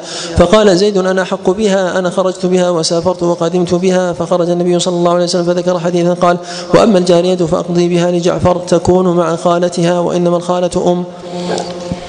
حدثنا محمد بن عيسى قال حدثنا سفيان عن أبي فروة عن عبد الرحمن بن أبي ليلى بهذا الخبر وليس بتمامه قال وقضى بها لجعفر لأن خالتها عنده. حدثنا عباد بن موسى أن إسماعيل بن جعفر حدثه عن إسرائيل عن أبي إسحاق عن هانئ وهبيرة عن علي قال لما خرجنا من مكة تبعتنا تبعتنا ابنة حمزة تنادي يا عم يا عم فتناولها علي فأخذ بيدها وقال دونك دونك ابنة عمك فحملتها. فقص الخبر قال وقال جعفر ابنة عمي وخالتها تحتي فقضى بها النبي صلى الله عليه وسلم لخالتها وقال الخالة بمنزلة الأم. باب في عدة المطلقة. حدثنا سليمان بن عبد الحميد البهراني وقال حدثنا يحيى بن صالح قال حدثنا إسماعيل بن بن عياش قال حدثني عمرو بن مهاجر عن أبيه عن أسماء بنت يزيد بن السكن الأنصارية أنها طلقت على عهد رسول الله صلى الله عليه وسلم ولم يكن للمطلقة عدة فأنزل الله عز وجل حين طلقت أسماء بالعدة للطلاق فكانت أول من أنزلت فيها العدة للمطلقات. باب في نص ما استثني به من عدة المطلقات. حدثنا أحمد بن محمد بن ثابت المروزي قال حدثني علي بن حسين عن أبيه عن يزيد النحوي عن عكرمة عن ابن عباس قال والمطلقات يتربصن بأنفسهن ثلاثة قروء. وقال واللائي يئسن من المحيض من نسائكم إن ارتبتم فعدتهن ثلاثة أشهر فنسخ من ذلك. وقال ثم طلقتموهن من قبل أن تمسوهن فما لكم عليهن من عدة تعتدونها. باب في المراجعة. حدثنا سهل بن محمد بن زبير العسكري قال حدثنا يحيى بن زكا بن زكريا بن أبي زائد عن صالح بن صالح عن سلمة بن كهين عن سعيد بن جبير عن أبي عباس عن عمر أن رسول الله صلى الله عليه وسلم طلق حفصة ثم راجعها. باب في نفقة المبتوتة حدثنا القعنبي عن مالك عن عبد الله بن يزيد مولى الأسود بن سفيان عن أبي سلمة بن عبد الرحمن عن فاطمة بنت قيس أن أبا عمرو بن حفص طلقها البتة وهو غائب فأرسل إليها وكيله بشعير فأرسل إليها وكيله بشعير أو وكيله بشعير فتسخطت. فقال والله ما لك عندنا ما لك علينا من شيء. فجاءت رسول الله صلى الله عليه وسلم فذكر ذلك له فقال لها ليس لك عليه نفقة أمر أن تعتد في بيت أم شريك. ثم قال إن تلك امرأة يخشاها أصحاب يعتدي في بيت ابن أم مكتوم فإنه رجل أعمى تضعين ثيابك وإذا حللت فأذنيني. قالت فلما حللت ذكرت له أن معاوية بن أبي سفيان وأبا جهم خطباني فقال رسول الله صلى الله عليه وسلم أما أبو جهم فلا يضع عصاه عن وأما معاوية فصعود كل مال له انكح أسامة بن زيد قال فكرهته ثم قال انكح أسامة بن زيد فنكحته فجعل الله تعالى فيه خيرا واغتبطت حدثنا موسى بن إسماعيل قال حدثنا أبان بن يزيد العطاء قال حدثنا يحيى بن كثير قال حدثني أبو سلمة بن عبد الرحمن أن فاطمة بنت قيس حدثته أن أبا حفص بن المغيرة طلقها ثلاثا وساق, وساق الحديث فيه وأن خالد بن الوليد ونفرا من بني مخزوم أتوا النبي صلى الله عليه وسلم فقالوا يا نبي الله إن أبا حفص بن المغيرة طلق امرأته ثلاثا وإنه ترك لها نفقة يسيرة فقال لا نفقة لها وساق الحديث وحديث مالك أتم. حدثنا محمود بن خالد قال حدثنا الوليد قال حدثنا أبو عمرو عن يحيى قال حدثني أبو سلمة قال حدثتني فاطمة بنت قيس بنت قيس أن أبا عمرو بن حفص المخزومي طلقها ثلاثا وساق الحديث وخبر خالد بن الوليد قال فقال النبي صلى الله عليه وسلم ليست لها نفقة ولا مسكن قال فيه وأرسل إليها صلى الله عليه وسلم أن لا تسبقيني بنفسك. حدثنا قتيبة بن سعيد عن محمد بن جعفر حدثنا قتيبة بن سعيد أن محمد بن جعفر حدثهم قال حدثنا محمد بن عمرو عن أبي سلمة عن فاطمة بنت قيس قالت كنت عند رجل من بني مخزوم فطلقني البتة ثم ساق نحو حديث مالك قال فيه ولا تفو ولا تفوتيني بنفسك أو تفوتيني بنفسك. قال أبو داود وكذلك رواه الشعبي والبهي وعطاء عن عبد الرحمن عن عبد الرحمن بن عاصم وأبو بكر بن أبي الجهم كلهم عن فاطمة بنت قيس أن زوجها طلقها ثلاثة. حدثنا محمد بن ونفقة المطلقة على نوعين المطلقة الرجعية فإن متعتها على زوجها وأما البائن فلا نفقة لها ولا ولا سكنى وبعض العلماء يجعل الطلاق إذا كان بطلب الزوجة فإنه أيضا لا يكون لها لها شيء. قد أشار إلى هذا بعض الفقهاء من الشافعية. نعم. أحسن الله إليكم. حدثنا محمد بن كثير قال أخبرنا سفيان قال حدثنا سلمة بن كهين عن الشعبي عن فاطمة بنت قيس أن زوجها طلقها ثلاثا فلم يجعل لها النبي صلى الله عليه وسلم نفقة ولا سكنا حدثنا يزيد بن خالد الرملي قال حدثنا الليث عن عقيل عن أبي شهاب وأبي سلمة عن فاطمة بنت قيس أنها أخبرت أنها كانت عند أبي حفص بن المغيرة وأن أبا حفص بن المغيرة طلقها آخر ثلاث تطليقات فزعمت أنها جاءت رسول الله صلى الله عليه وسلم فاستت في خروجها من بيتها فأمرها أن تنتقل إلى ابن أم مكتوم الأعمى. فأبى مروان أن يصدق حديث فاطمة في خروج المطلقة من بيتها قال عروة فأنكرت عائشة رضي الله عنها على فاطمة بنت قيس. قال أبو داود كذلك رواه صالح بن كيسان وابن جريج وشعيب بن أبي حمزة كلهم عن الزهري. قال أبو داود شعيب بن أبو, أبو داود شعيب بن أبي حمزة واسم أبي حمزة دينار وهو مولى زياد. حدثنا مخلد بن خالد قال حدثنا عبد الرزاق عن معمر عن الزهري عن عبيد الله قال أرسل مروان إلى فاطمة فسألها فأخبرته أنها كانت عند أبي حفص وكان النبي صلى الله عليه وسلم أمر علي بن أبي طالب يعني على بعض اليمن فخرج معه زوجها فبعث إليها بتطليقة كانت بقيت لها وأمر عياش بن أبي ربيعة والحارث والحارث بن هشام أن ينفق عليها فقال والله ما لها نفقة إلا تكون حاملة فأتت النبي صلى الله عليه وسلم فقال لا نفقة لك إلا تكوني حاملا واستأذنته في الانتقال فأذن لها فقالت أين أنتقل يا رسول الله؟ قال عند ابن أم مكتوم كان أعمى تضع ثيابها عنده ولا يبصرها فلم تزل هناك. حتى مضت عدتها فأنكح النبي صلى الله عليه وسلم اسامه فرجع قبيصة إلى مروان فأخبره بذلك فقال مروان لم نسمع هذا الحديث إلا من امرأة فسنأخذ بالعصمة التي وجدنا الناس عليها. فقالت فاطمة حين بلغها ذلك بيني وبينكم كتاب الله. قال الله تعالى فطلقوهن لعدتهن حتى لا تدري لعل الله يحدث بعد ذلك أمرا. قالت فأي أمر يحدث بعد الثلاث؟ قال أبو داود وكذلك رواه يونس عن الزهري وأما الزبيدي فروى الحديثين جميعا حديث عبيد الله بمعنى معمر وحديث أبي سلمة بمعنى عقيل ورواه محمد بن إسحاق عن الزهري أن قبيصة بن ذؤيب حدثه بمعنى بمعنى دل على خبر عبيد الله بن عبد الله حين قال فرجع قبيصة إلى مروان فأخبره بذلك. باب من أنكر ذلك على فاطمة حدثنا نصر بن علي قال أخبرني أبو أحمد قال حدثنا عامر عمار بن رزيق قال عن أبي, عن أبي إسحاق قال كنت في المسجد الجامع مع الأسود فقال أتت فاطمة بنت قيس عمر بن الخطاب رضي الله عنه فقال ما كنا لندع كتاب ربنا وسنة نبينا صلى الله عليه وسلم لقول امرأة ندري حفظت أم لا. حدثنا سليمان بن داود قال حدثنا ابن وهب قال أخبرني عبد الرحمن بن أبي الزناد عن هشام بن عروة عن أبيه قال لقد عابت ذلك عائشة رضي الله عنها أشد العيب يعني حديث فاطمة بنت قيس وقالت إن فاطمة كانت في مكان وحش فخيف على ناحيتها فلذلك أرخص لها رسول الله صلى الله عليه وسلم. حدثنا محمد بن كثير قال أخبرنا سفيان عن عبد الرحمن بن قاسم عن أبيه عن عروة بن الزبير أنه قيل لعائشة ألم تري إلى قول فاطمة قالت أما إنه لا خير لها في ذكر ذلك. حدثنا هارون بن زيد قال حدثنا أبي عن سفيان عن يحيى بن سعيد عن سليمان بن يسار في خروج فاطمة قال إنما كان ذلك من سوء الخلق. حدثنا لقى نبي عن مالك عن يحيى بن سعيد عن قاسم بن عبد عن قاسم بن محمد وسليمان بن يسار أنه سمعهما يذكران. أن يحيى بن سعيد بن العاص طلق بنت عبد الرحمن بن الحكم البتة من تقى لها عبد الرحمن فأرسلت عائشة رضي الله عنها إلى مروان بن الحكم وهو أمير المدينة فقالت له اتق الله وردوا المرأة إلى بيتها. فقال مروان في حديث سليمان ان عبد الرحمن قال بني وقال مروان في حديث القاسم. أو ما بلغك شأن فاطمة بنت قيس فقالت عائشة لا يضرك ألا تذكر حديث فاطمة فقال مروان إن كان بك الشر فحسبك ما كان بين هذين من الشر. حدثنا أحمد بن عبد الله بن يونس قال حدثنا زهير قال حدثنا جعفر بن برقان قال حدثنا ميمون بن مهران قال قدمت المدينة فدفعت إلى سعيد بن المسيب فقلت إن فاطمة من فقلت فاطمة بنت قيس طلقت فخرجت من بيتها. فقال سعيد تلك امرأة فتنت الناس إنها كانت لسنة فوضعت على يدي ابن أم مكتوم الأعمى. باب في المبتوتة تخرج بالنهار. حدثنا أحمد بن حنبل قال حدثنا قال حدثنا يحيى بن سعيد عن جوري قال أخبرني أبو زبير عن جابر قال طلقت خالتي ثلاثا فخرجت فخرجت تجد نخلا لها فلقيها رجل فنهاها فأتت النبي صلى الله عليه وسلم فذكرت ذلك له فقال لها اخرجي فجدي نخلك لعلك أن تصدقي منه أو تفعلي خيرا. باب نسخ متاع المتوفى عنها بما فرض لها من الميراث. حدثنا أحمد بن محمد المروزي قال حدثني علي بن الحسين بن واقد عن أبيه عن يزيد النحوي عن كلمه عن ابن عباس والذين يتوفى يتوفون منكم ويذرون أزواجا وصية لأزواجهم متاعا إلى الحول غير إخراج. فنسخ ذلك بآية الميراث بما فرض لهن من الربع والثمن ونسخ أجل الحول بأن جعل أجلها أربعة أشهر وعشرا باب إحداث المتوفى عنها زوجها حدثنا القعنبي عن مالك عبد الله بن أبي بكر عن حميد بن نافع عن زينب بنت, بنت أبي سلمة أنها أخبرته بهذه الأحاديث الثلاثة. وذلك أن المرأة في الجاهلية إذا توفي زوجها تعتد سنة كاملة. وتبقى في بيتها لا تخرج.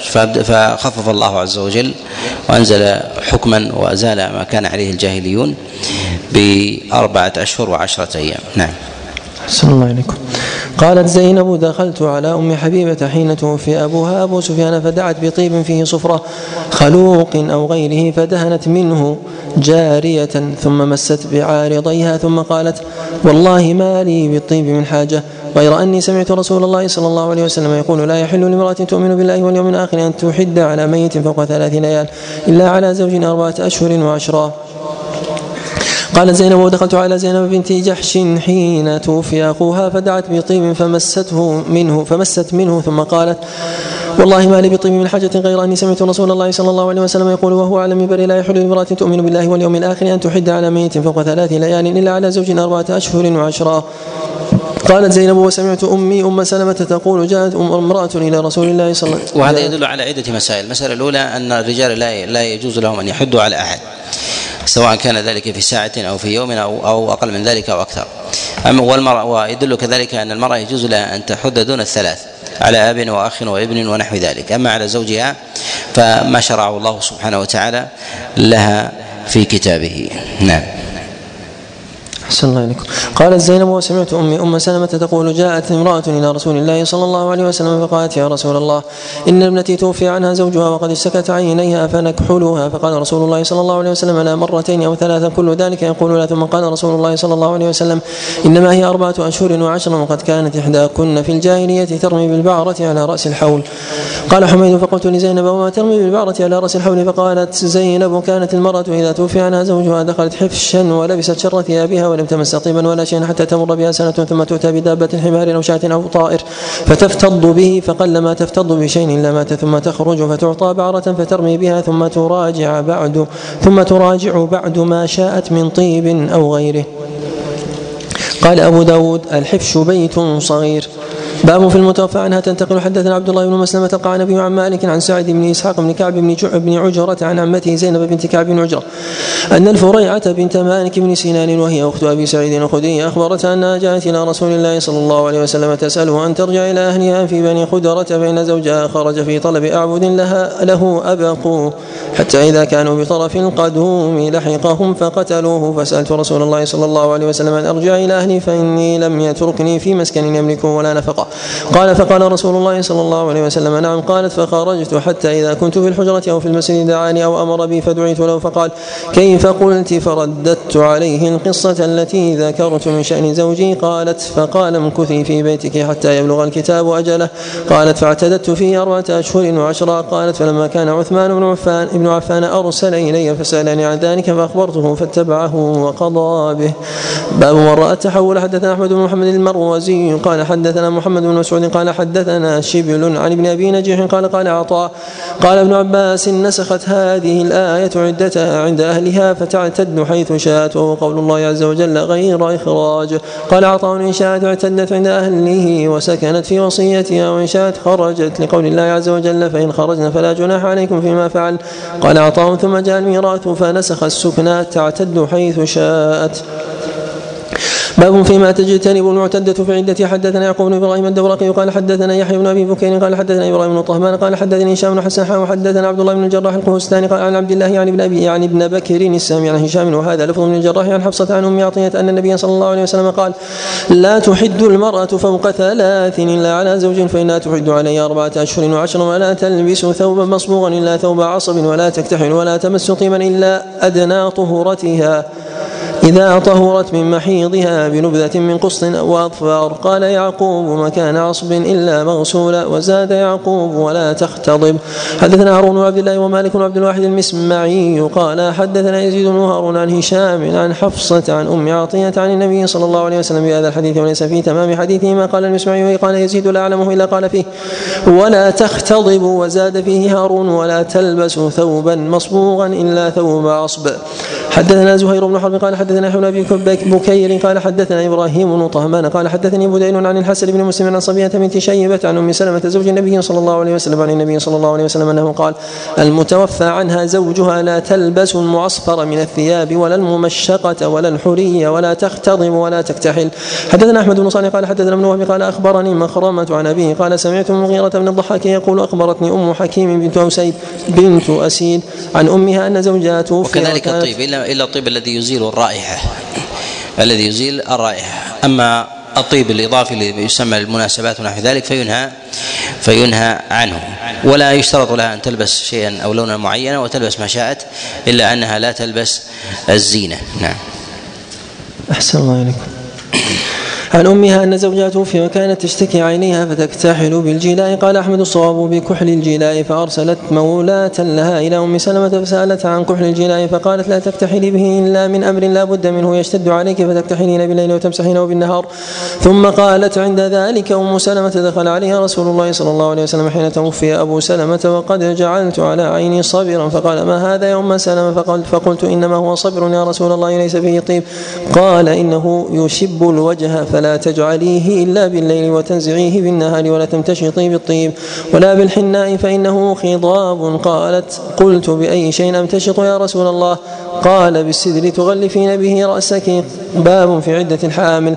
حدثنا سليمان بن داود المهري قال أخبرنا ابن وهب قال أخبرني يونس عن ابن شهاب قال حدثني عبيد الله بن عبد الله بن عتبة أن أباه كتب إلى عمر بن عبد الله بن أرقم الزهري يأمره أن يدخل على سبيعة بنت الحارث الأسلمية فيسألها عن حديثها وعما قال لها رسول الله صلى الله عليه وسلم حين استفتت فكتب عمر بن عبد الله إلى عبد الله بن عتبة يخبره أن سبيعة أخبرته أنها كانت تحت سعد بن خولة وهو من بني عامر بن لؤي وهو ممن شهد بدرا فتوفي عنها في حجة الوداع وهي حامل فلم تنشب أن وضعت حملها بعد وفاته. فلما تعلت من نفاسها تجملت الخطاب فدخل عليها أبو سنابل بن بعكك رجل من بني عبد الدار فقال لها ما لي أراك متجملة لعلك ترتجين النكاح إنك والله ما أنت بناك حتى تمر عليك أربعة أشهر وعشر. قالت سبيعة فلما قال لي ذلك جمعت علي ثيابي. حين أمسيت فأتيت رسول الله صلى الله عليه وسلم فسألته عن ذلك فأفتاني بأني قد حللت حين وضعت حملي وأمرني بالتزويج إن بدا لي قال ابن شهاب ولا أرى بأسا أن تتزوج حين وضعت وإن كانت في دمها غير أنه لا يقربها زوجها حتى تطهر. حدثنا عثمان بن أبي شيبة ومحمد بن العلاء قال حدثنا قال عثمان حدثنا وقال ابن العلاء أخبرنا أبو معاوية قال حدثنا الأعمش عن مسلم عن مسروق عن عبد الله قال من شاء لعنته لأنزلت سورة النساء القصرى بعد الأربعة اشهر والعشر وعشرا باب في عدة أم الولد. حدثنا قتيبة بن سعيد أن محمد بن جعفر حدثهم حا وحدثنا ابن المثنى قال حدثنا عبد الأعلى عن سعيد عن مطر عن رجاء بن حيوة عن قبيصة بن ذؤيب عن عمرو بن العاص قال لا تلبسوا علينا السنة. قال ابن المثنى سنة نبينا صلى الله عليه وسلم عدة المتوفى عنها أربعة أشهر وعشر يعني أم الولد. باب المبتوتة لا يرجع إليها زوجها حتى تنكح زوجا غيره. حدثنا مسدد قال حدثنا أبو معاوية عن الأعمش عن إبراهيم عن الأسود عن عائشة قالت سئل رسول الله صلى الله عليه وسلم عن رجل طلق امرأته يعني ثلاثة. فتزوجت زوجا غيره فدخل بها ثم طلقها قبل أن يواقعها. تحل لزوجها الأول. قالت قال النبي صلى الله عليه وسلم لا تحل للأول حتى تذوق عسيلة الآخر ويذوق عسيلتها. باب في تعظيم الزنا. حدثنا محمد بن كثير قال أخبرنا سفيان عن منصور عن أبي وعن عمرو بن شرحبيل عن عبد الله قال قلت يا رسول الله أي الذنب أعظم؟ قال أن تجعل لله ندا وهو خلقك. قال قلت ثم أي؟ قال أن تقتل ولدك خشية أن يأكل معك. قال قلت ثم أي؟ قال أن تزاني حليلة جارك قال وأنزل الله تعالى تصديق قول النبي صلى الله عليه وسلم والذين لا يدعون مع الله إلها آخر ولا يقتلون النفس التي حرم الله إلا بالحق ولا يزنون الآية. حدثنا أحمد بن إبراهيم عن حجاج عن ابن جريج قال وأخبرني أبو الزبير أنه سمع جابر بن عبد الله يقول جاءت مسيكه لبعض الأنصار فقالت إن سيدي يكره جاءت مسيكه لبعض الأنصار. نعم. فقالت إن سيدي يكرهني على البغاء فنزل في ذلك ولا تكرهوا فتياتكم على البغاء. حدثنا عبيد الله بن معاذ قال حدثنا معتمر عن أبيه ومن يكرهن فإن الله من بعد إكراههن غفور رحيم. قال قال سعيد بن أبي الحسن غفور لهن المكرهات. أول كتاب الصوم. مبدأ فرض الصيام. حدثنا أحمد بن محمد بن شبوه قال حدثني علي بن حسين بن واقد عن أبيه عن يزيد النحوي. عن عكرمة عن ابن عباس يا أيها الذين آمنوا كتب عليكم الصيام كما كتب على الذين من قبلكم. فكان الناس على عهد النبي صلى الله عليه وسلم إذا صلوا العتمة حرم عليهم الطعام والشراب والنساء وصاموا إلى القابلة فاختان رجل نفسه فجامع امرأته وقد صلى العشاء ولم يفطر. فأراد الله عز وجل أن يجعل ذلك يسرا لمن بقي ورخصة ومنفعة. فقال سبحانه وعلم الله أنكم كنتم تختانون أنفسكم وكان هذا مما نفع الله به الناس ورخص لهم ويسر. حدثنا نصر بن علي بن نصر بن علي قال أخبرنا أبو أحمد قال أخبرنا إسرائيل عن أبي إسحاق عن البراء قال كان الرجل إذا صام فنام لم يكن إلى مثلها وإن صلمة بن قيس الأنصاري آتى امرأته وهو صام وكان صائما فقال عندك شيء؟ قالت لا لعلي أذهب فاطلب لك فذهبت فغلبته عينه عينه. فجاءت فقالت خيبة لك فلم ينتصف النهار حتى غشي عليه وكان يعمل يومه في أرض. فذكر ذلك للنبي صلى الله عليه وسلم فنزلت. أحل لكم ليلة الصيام الرفث إلى نسائكم قرأ إلى قوله من الفجر باب نسخ قوله تعالى وعلى الذين يطيقونه فدية.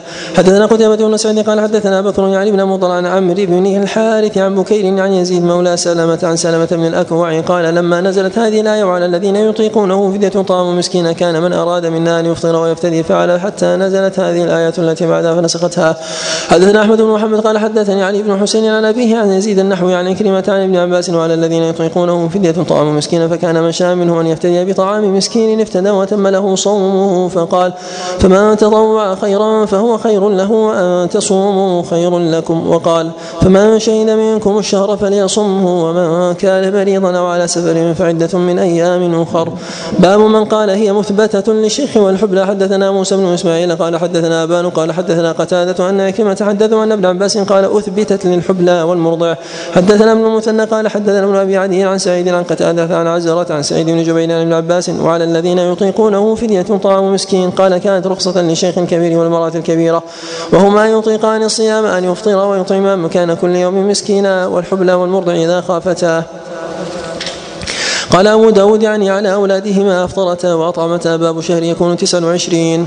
حدثنا سليمان بن حرب قال حدثنا شعبة عن الأسود بن قيس عن سعيد بن عمرو يعني بن سعيد بن العاص عن ابن عمر قال قال رسول الله صلى الله عليه وسلم إن أمة أمية لا نكتب ولا نحسب شهر هكذا وهكذا وهكذا. وخنس سليمان إصبعه في الثالثة يعني تسع وعشرين وثلاثين.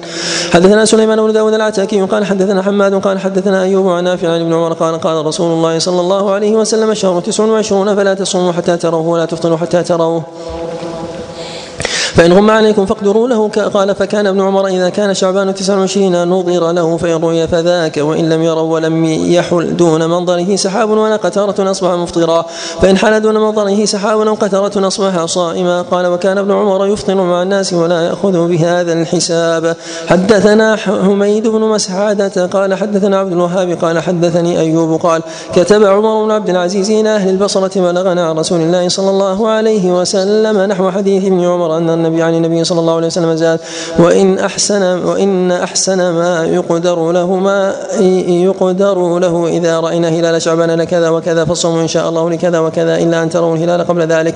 حدثنا أحمد بن مريم قال عن ابن عن ابن أبي الزائدة عن عيسى بن دينار عن أبيه عن عمرو بن الحارث بن أبي ضرار عن ابن مسعود قال لما صمنا مع النبي صلى الله لما صمنا مع النبي صلى الله عليه وسلم 29 أكثر مما صمنا معه 30 حدثنا مسدد عن يزيد بن زريع أنه حدثنا مسدد أن يزيد بن زريع حدثهم قال حدثنا خالد بن الحد عن عبد الرحمن بن أبي بكرة عن أبي عن النبي صلى الله عليه وسلم أنه قال شهر عيد لا ينقصان رمضان وذو الحجة.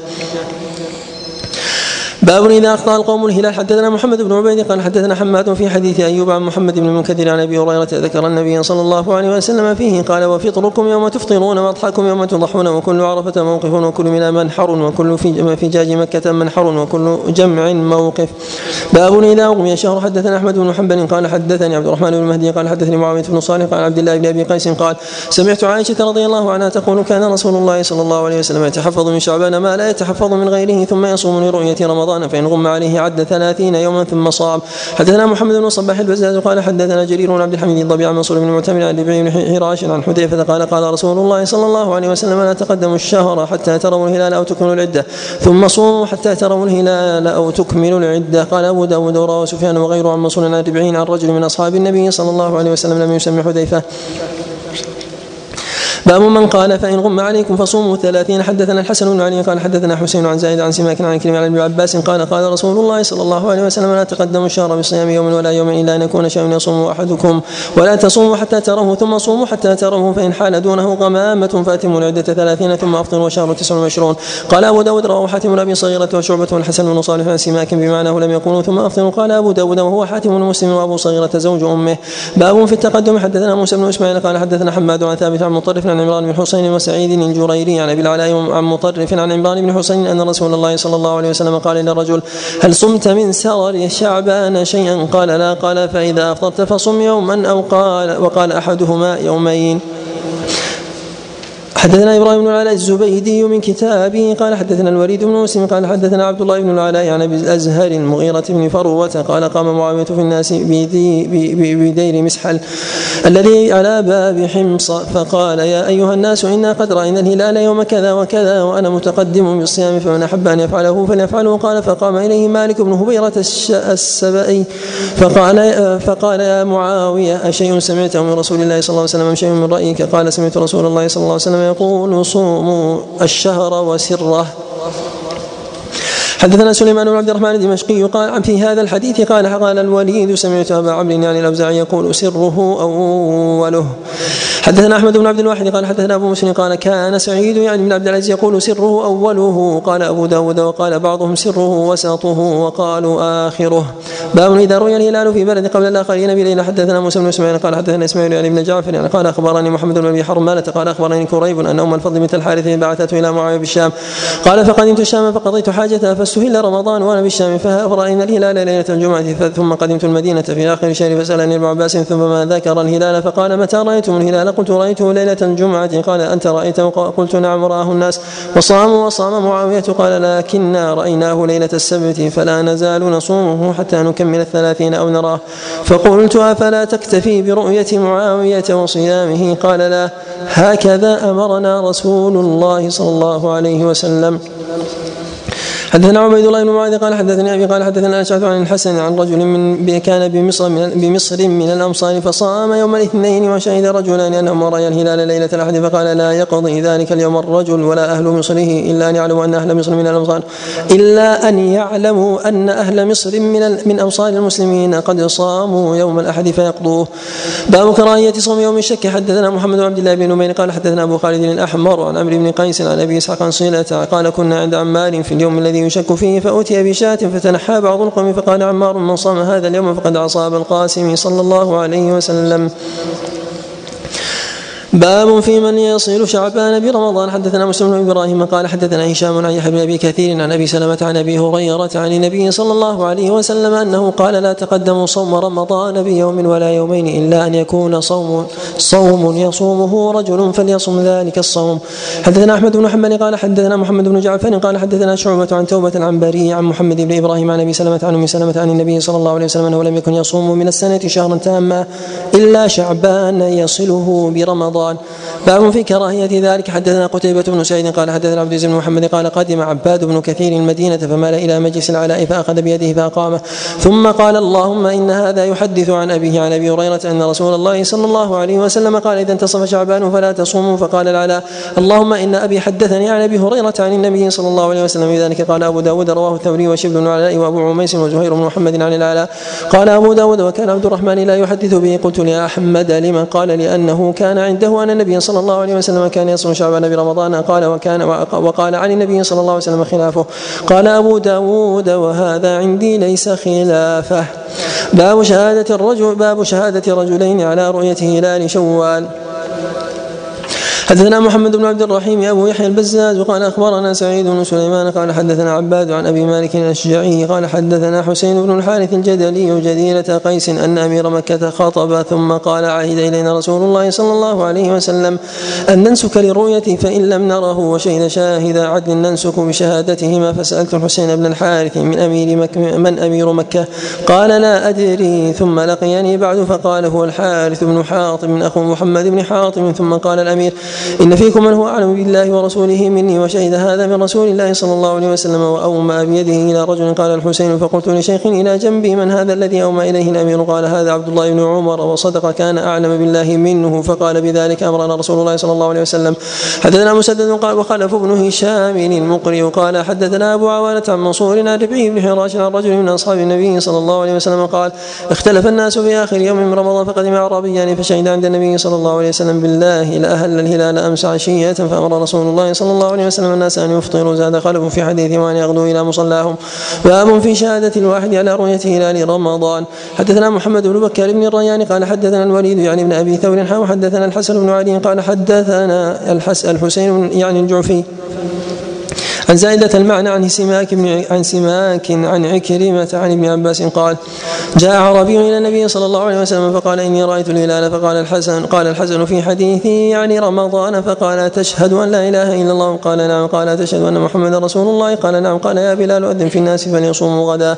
حدثني موسى بن إسماعيل قال حدثنا حماد عن سماك بن حرب عن عكرمة أنهم شكوا في هلال رمضان مرة فأرادوا أن لا يقوم فأرادوا أن لا يقوموا ولا يصوموا.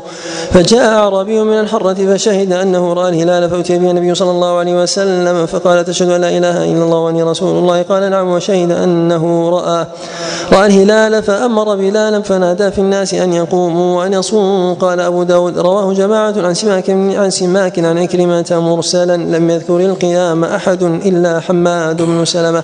وهذا الصواب وأكثر الحفاظ على تصحيح المرسل لا تصويب الموصول. حديث ابن عمر الذي يأتي صحيح. نعم. أحسن الله إليكم. حدثنا محمود بن خالد وعبد الله بن عبد الرحمن السمرقندي وأنا لحديثه أتقن قال حدثنا مروان. قال حدثنا مروان وهو هو ابن محمد عن عبد الله بن وهب عن يحيى بن عبد الله بن سالم عن أبي بكر بن نافع عن أبي عن أبي بكر بن نافع عن أبيه عن ابن عمر قال ترى الناس الهلال. فأخبرت رسول الله صلى الله عليه وسلم أني رأيته فصام وأمر الناس بصيامه. باب في توكيد السحور. حدثنا مسدد قال حدثنا عبد الله بن مبارك عن موسى بن علي بن رباح عن أبيه عن أبي قيس مولى عمرو بن العاص عن عمرو بن العاص قال قال رسول الله صلى الله عليه وسلم إن فصل ما بين صيامنا وصيام أهل الكتاب أكلة السحر. أكلة السحر. باب من سمى السحور الغداء حدثنا عمرو بن محمد الناقد قال حدثنا حماد بن خالد الخياط قال حدثنا معاوية بن صالح عن يونس بن سيف عن الحارث بن زياد عن أبي رهم عن الإرباض بن سارية. قال دعاني رسول الله صلى الله عليه وسلم إلى السحور في رمضان. فقال هلم إلى الغداء المبارك. حدثنا عمر بن الحسن بن إبراهيم قال حدثنا محمد بن أبي الوزير أبو المطرف قال حدثنا محمد بن موسى عن سعيد المقبول عن أبي هريرة عن النبي صلى الله عليه وسلم قال نعم سحور المؤمن التمر. باب وقت السحور. حدثنا والسحور أفضل من الفطور لأن الأدلة جاءت في فضل أكلة السحر وأما الفطر فجاء الفضل في زمنه التبكير به لا في فضل ذات الطعام. ثم إن السحور يستقبل الإنسان الصيام وبه ركن الصيام رمضان وأما بالنسبة للفطر فإنه يستقبل الليل ونهار رمضان أفضل من ليله. نعم. أحسن الله إليكم. باب وقت السحور. حدثنا مسدد قال حدثنا حماد بن زيد عن عبد الله بن سوادة القشيري عن أبيه قال سمعت سمرة بن جندب يخطب وهو يقول قال رسول الله صلى الله عليه وسلم لا يمنعن من سحوركم أذان بلال ولا بياض الأفق الذي هكذا حتى يستطير. حدثنا مسدد قال حدثنا يحيى عن التيمية وحدثنا أحمد بن يونس قال حدثنا زهير قال حدثنا سليمان التيمي عن أبي عثمان عن عبد الله بن مسعود قال قال رسول الله صلى الله عليه وسلم لا يمنعن أحدكم أذان بلال من سحوره فإنه يؤذن فإنه يؤذن أو قال ينادي ليرجع قائمكم. وينتبه نائمكم وليس الفجر أن يقول هكذا قال مسدد وجمع يحيى كفه حتى يقول هكذا ومد يحيى إصبعه سبابتين. حدثنا محمد بن عيسى قال حدثنا ملازم بن عمرو عن عبد الله بن النعمان قال حدثني قيس بن طرق عن أبيه قال قال رسول الله صلى الله عليه وسلم كلوا واشربوا ولا يهيدنكم الساطع المصدع. الساطع المصدع فكلوا واشربوا حتى يعترض لكم الأحمر. قال أبو داود هذا مما تفرد به أهل اليمامة. حدثنا مسدد قال حدثنا حسين بن نمير وحدثنا عثمان بن أبي شيبة قال حدثنا ابن ابن إدريس المعنى عن حسين عن الشعبي عن عدي بن حاتم قال لما نزلت هذه الآية حتى يتبين لكم الخيط الأبيض من الخيط الأسود. قال أخذت عقالا أبيض وعقالا أسود فوضعتهما تحت وسادتي فنظرت فلم أتبين فذكرت ذلك لرسول الله صلى الله عليه وسلم فضحك فقال إن وسادك إذا لعريض طويل إنما هو الليل والنهار. وقال عثمان إنما هو سواد الليل وبياض النهار. باب في الرجل يسمع النداء والإناء على يده. حدثنا عبد الأعلى بن محمد قال حدثنا حماد عن محمد بن عمرو عن أبي سلمة عن أبي هريرة قال قال رسول الله صلى الله عليه وسلم إذا سمع أحدكم النداء والإناء على يده فلا يضح حتى يقضي حاجته منه. باب وقت فطر الصائم. حدثنا أحمد بن حنبل قال حدثنا وكيع قال حدثنا هشام حا وحدثنا مسدد قال حدثنا عبد الله بن داود. عن هشام المعنى قال هشام بن عروة عن أبيه عن عاصم بن عمر. عن أبيه قال قال النبي صلى الله عليه وسلم إذا جاء الليل منها هنا وذهب النهار منها هنا زاد مسدد وغابت الشمس فقد أفطر الصائم. حدثنا مسدد قال حدثنا عبد الواحد قال حدثنا سليمان الشيباني قال سمعت عبد الله بن أبي أوفى يقول سرنا مع النبي مع رسول الله صلى الله عليه وسلم وهو وهو صائم. فلما غربت الشمس قال يا بلال انزل فاجدح لنا. قال يا رسول الله لو أمسيت قال انزل فاجدح لنا. قال يا رسول الله إن عليك نهارا. قال انزل فاجدح لنا. فقال فنزل فجدح فشرب رسول الله صلى الله عليه وسلم. ثم قال إذا رأيتم الليل قد أقبل منها هنا فقد أفطر الصائم وأشار بإصبعه قبل المشرق. باب ما يستحب من تعجيل الفطر. حدثنا واب بن بقية عن خالد عن محمد يعني بن عمرو عن أبي سلمة عن أبي هريرة عن النبي صلى الله عليه وسلم قال لا يزال الدين ظاهرا ما عجل الناس الفطر لأن اليهود والنصارى يؤخرون. حدثنا مسدد قال حدثنا أبو معاوية عن الأعمش عن عمارة بن عمير عن أبي عطية قال دخلت على عائشة رضي الله عنها أنا ومسروق فقلنا يا أم المؤمنين رجلان من أصحاب محمد صلى الله عليه وسلم أحدهما يعجل الإفطار ويعجل الصلاة والآخر يؤخر الإفطار ويؤخر الصلاة. قالت أيهما يعجل الإفطار ويعجل الصلاة؟ قال عبد هن عبد الله. قالت كذلك كان يصنع رسول الله صلى الله عليه وسلم. باب ما يفطر عليه. حدثنا مسدد قال حدثنا عبد الواحد بن زياد زياد عن عاصم الاحول عن حفصة بنت سيرين عن الرباب عن سلمان بن عامر عن بها قال قال رسول الله صلى الله عليه وسلم إذا كان أحدكم صائما فليفطر على تمر على التمر فإن لم يجد التمر فعلى الماء فإن الماء طهور. حدثنا أحمد بن حنبل قال حدثنا عبد الرزاق قال حدثنا جعفر بن سليمان قال أخبرنا ثابت البناني أنه سمع أنس بن مالك يقول كان رسول الله صلى الله عليه وسلم يفطر على رطبات قبل أن يصلي فإن لم فإن لم تكن رطبات فعلى تمرات فإن لم يكن تمرات حسا حسوات من ماء. باب القول عند حديث التمرات أصح من الرطبات. حديث الرطبات تفرد به جعفر بن سليمان. نعم. أحسن الله إليكم. باب القول عند الإفطار. حدثنا عبد الله بن محمد بن يحيى بن آه، حدثنا عبد الله بن محمد بن يحيى أبو محمد قال حدثنا علي بن الحسن قال أخبرني الحسين بن واقد قال حدثنا مروان يعني بن سالم المقفع قال رأيت ابن عمر يقبض على لحيته فيقطع ما زاد على الكف وقال كان رسول الله صلى الله عليه وسلم إذا أفطر قال ذهب الظمأ وابتلت العروق وثبت الأجر إن شاء الله. حدثنا مسدد قال حدثنا هشيم عن الحسين عن معاذ بن زهرة أنه بلغه أن النبي صلى الله عليه وسلم كان إذا أفطر قال اللهم إنك صمت وعلى رزقك أفطرت. باب الفطر قبل الغروب قبل غروب الشمس. حدثنا هارون بن عبد الله ومحمد بن العلاء المعنى قال حدثنا أبو اسامه قال حدثنا هشام بن عروة عن فاطمة بنت المنذر أصح حديث في ذكر عند الفطر هو حديث ابن عمر. ذهب الظمأ وابتلت العروق. نعم. عن أسماء بنت أبي بكر عن فاطمة بنت المنذر أسماء بنت أبي بكر قالت أفطرنا يوما في رمضان في غيم في عهد رسول الله صلى الله عليه وسلم ثم طلعت الشمس قال أبو أسامة قلت لهشام أمير بالقضاء. قال وبد من ذلك.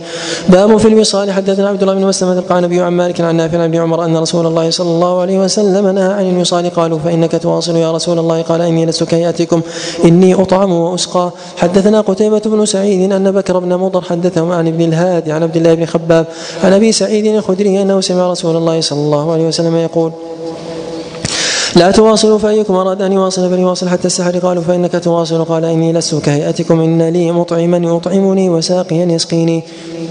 باب الغيبة للصائم. حدثنا أحمد بن يونس قال حدثنا ابن أبي ذئب عن المقبوري عن أبيه عن أبي هريرة قال قال رسول الله صلى الله عليه وسلم من لم يدع قبل الزور والعمل به فليس فليس لله حاجة أن يدع طعامه وشرابه. قال أحمد فهمت إسناده من ابن أبي ذئب وأفهم للحديث رجل إلى جنبه يرى ابن أخيه. حدثنا عبد الله بن مسلمة قال نبي عن مالك عن أبي الزناد عن الأعرج عن أبي هريرة أن النبي صلى الله عليه وسلم قال الصيام جنة إذا كان أحدكم صائما فلا يرفث ولا يجهل. فإن امرؤ قاتله أو شاتمه فليقل إني صائم إني صائم. باب السواك للصائم. حدثنا محمد بن صباح قال حدثنا شريك حا وحدثنا مسدد قال حدثنا يحيى عن سفيان عن عاصم بن عبيد الله عن عبد الله بن عامر بن ربيعة عن أبيه قال رأيت رسول الله صلى الله عليه وسلم يستاك وهو صائم. زاد مسدد في حديثه ما لا أعد ولا أحصي. باب الصائم يصب عليه الماء من العطش ويبالغ في الاستنشاق.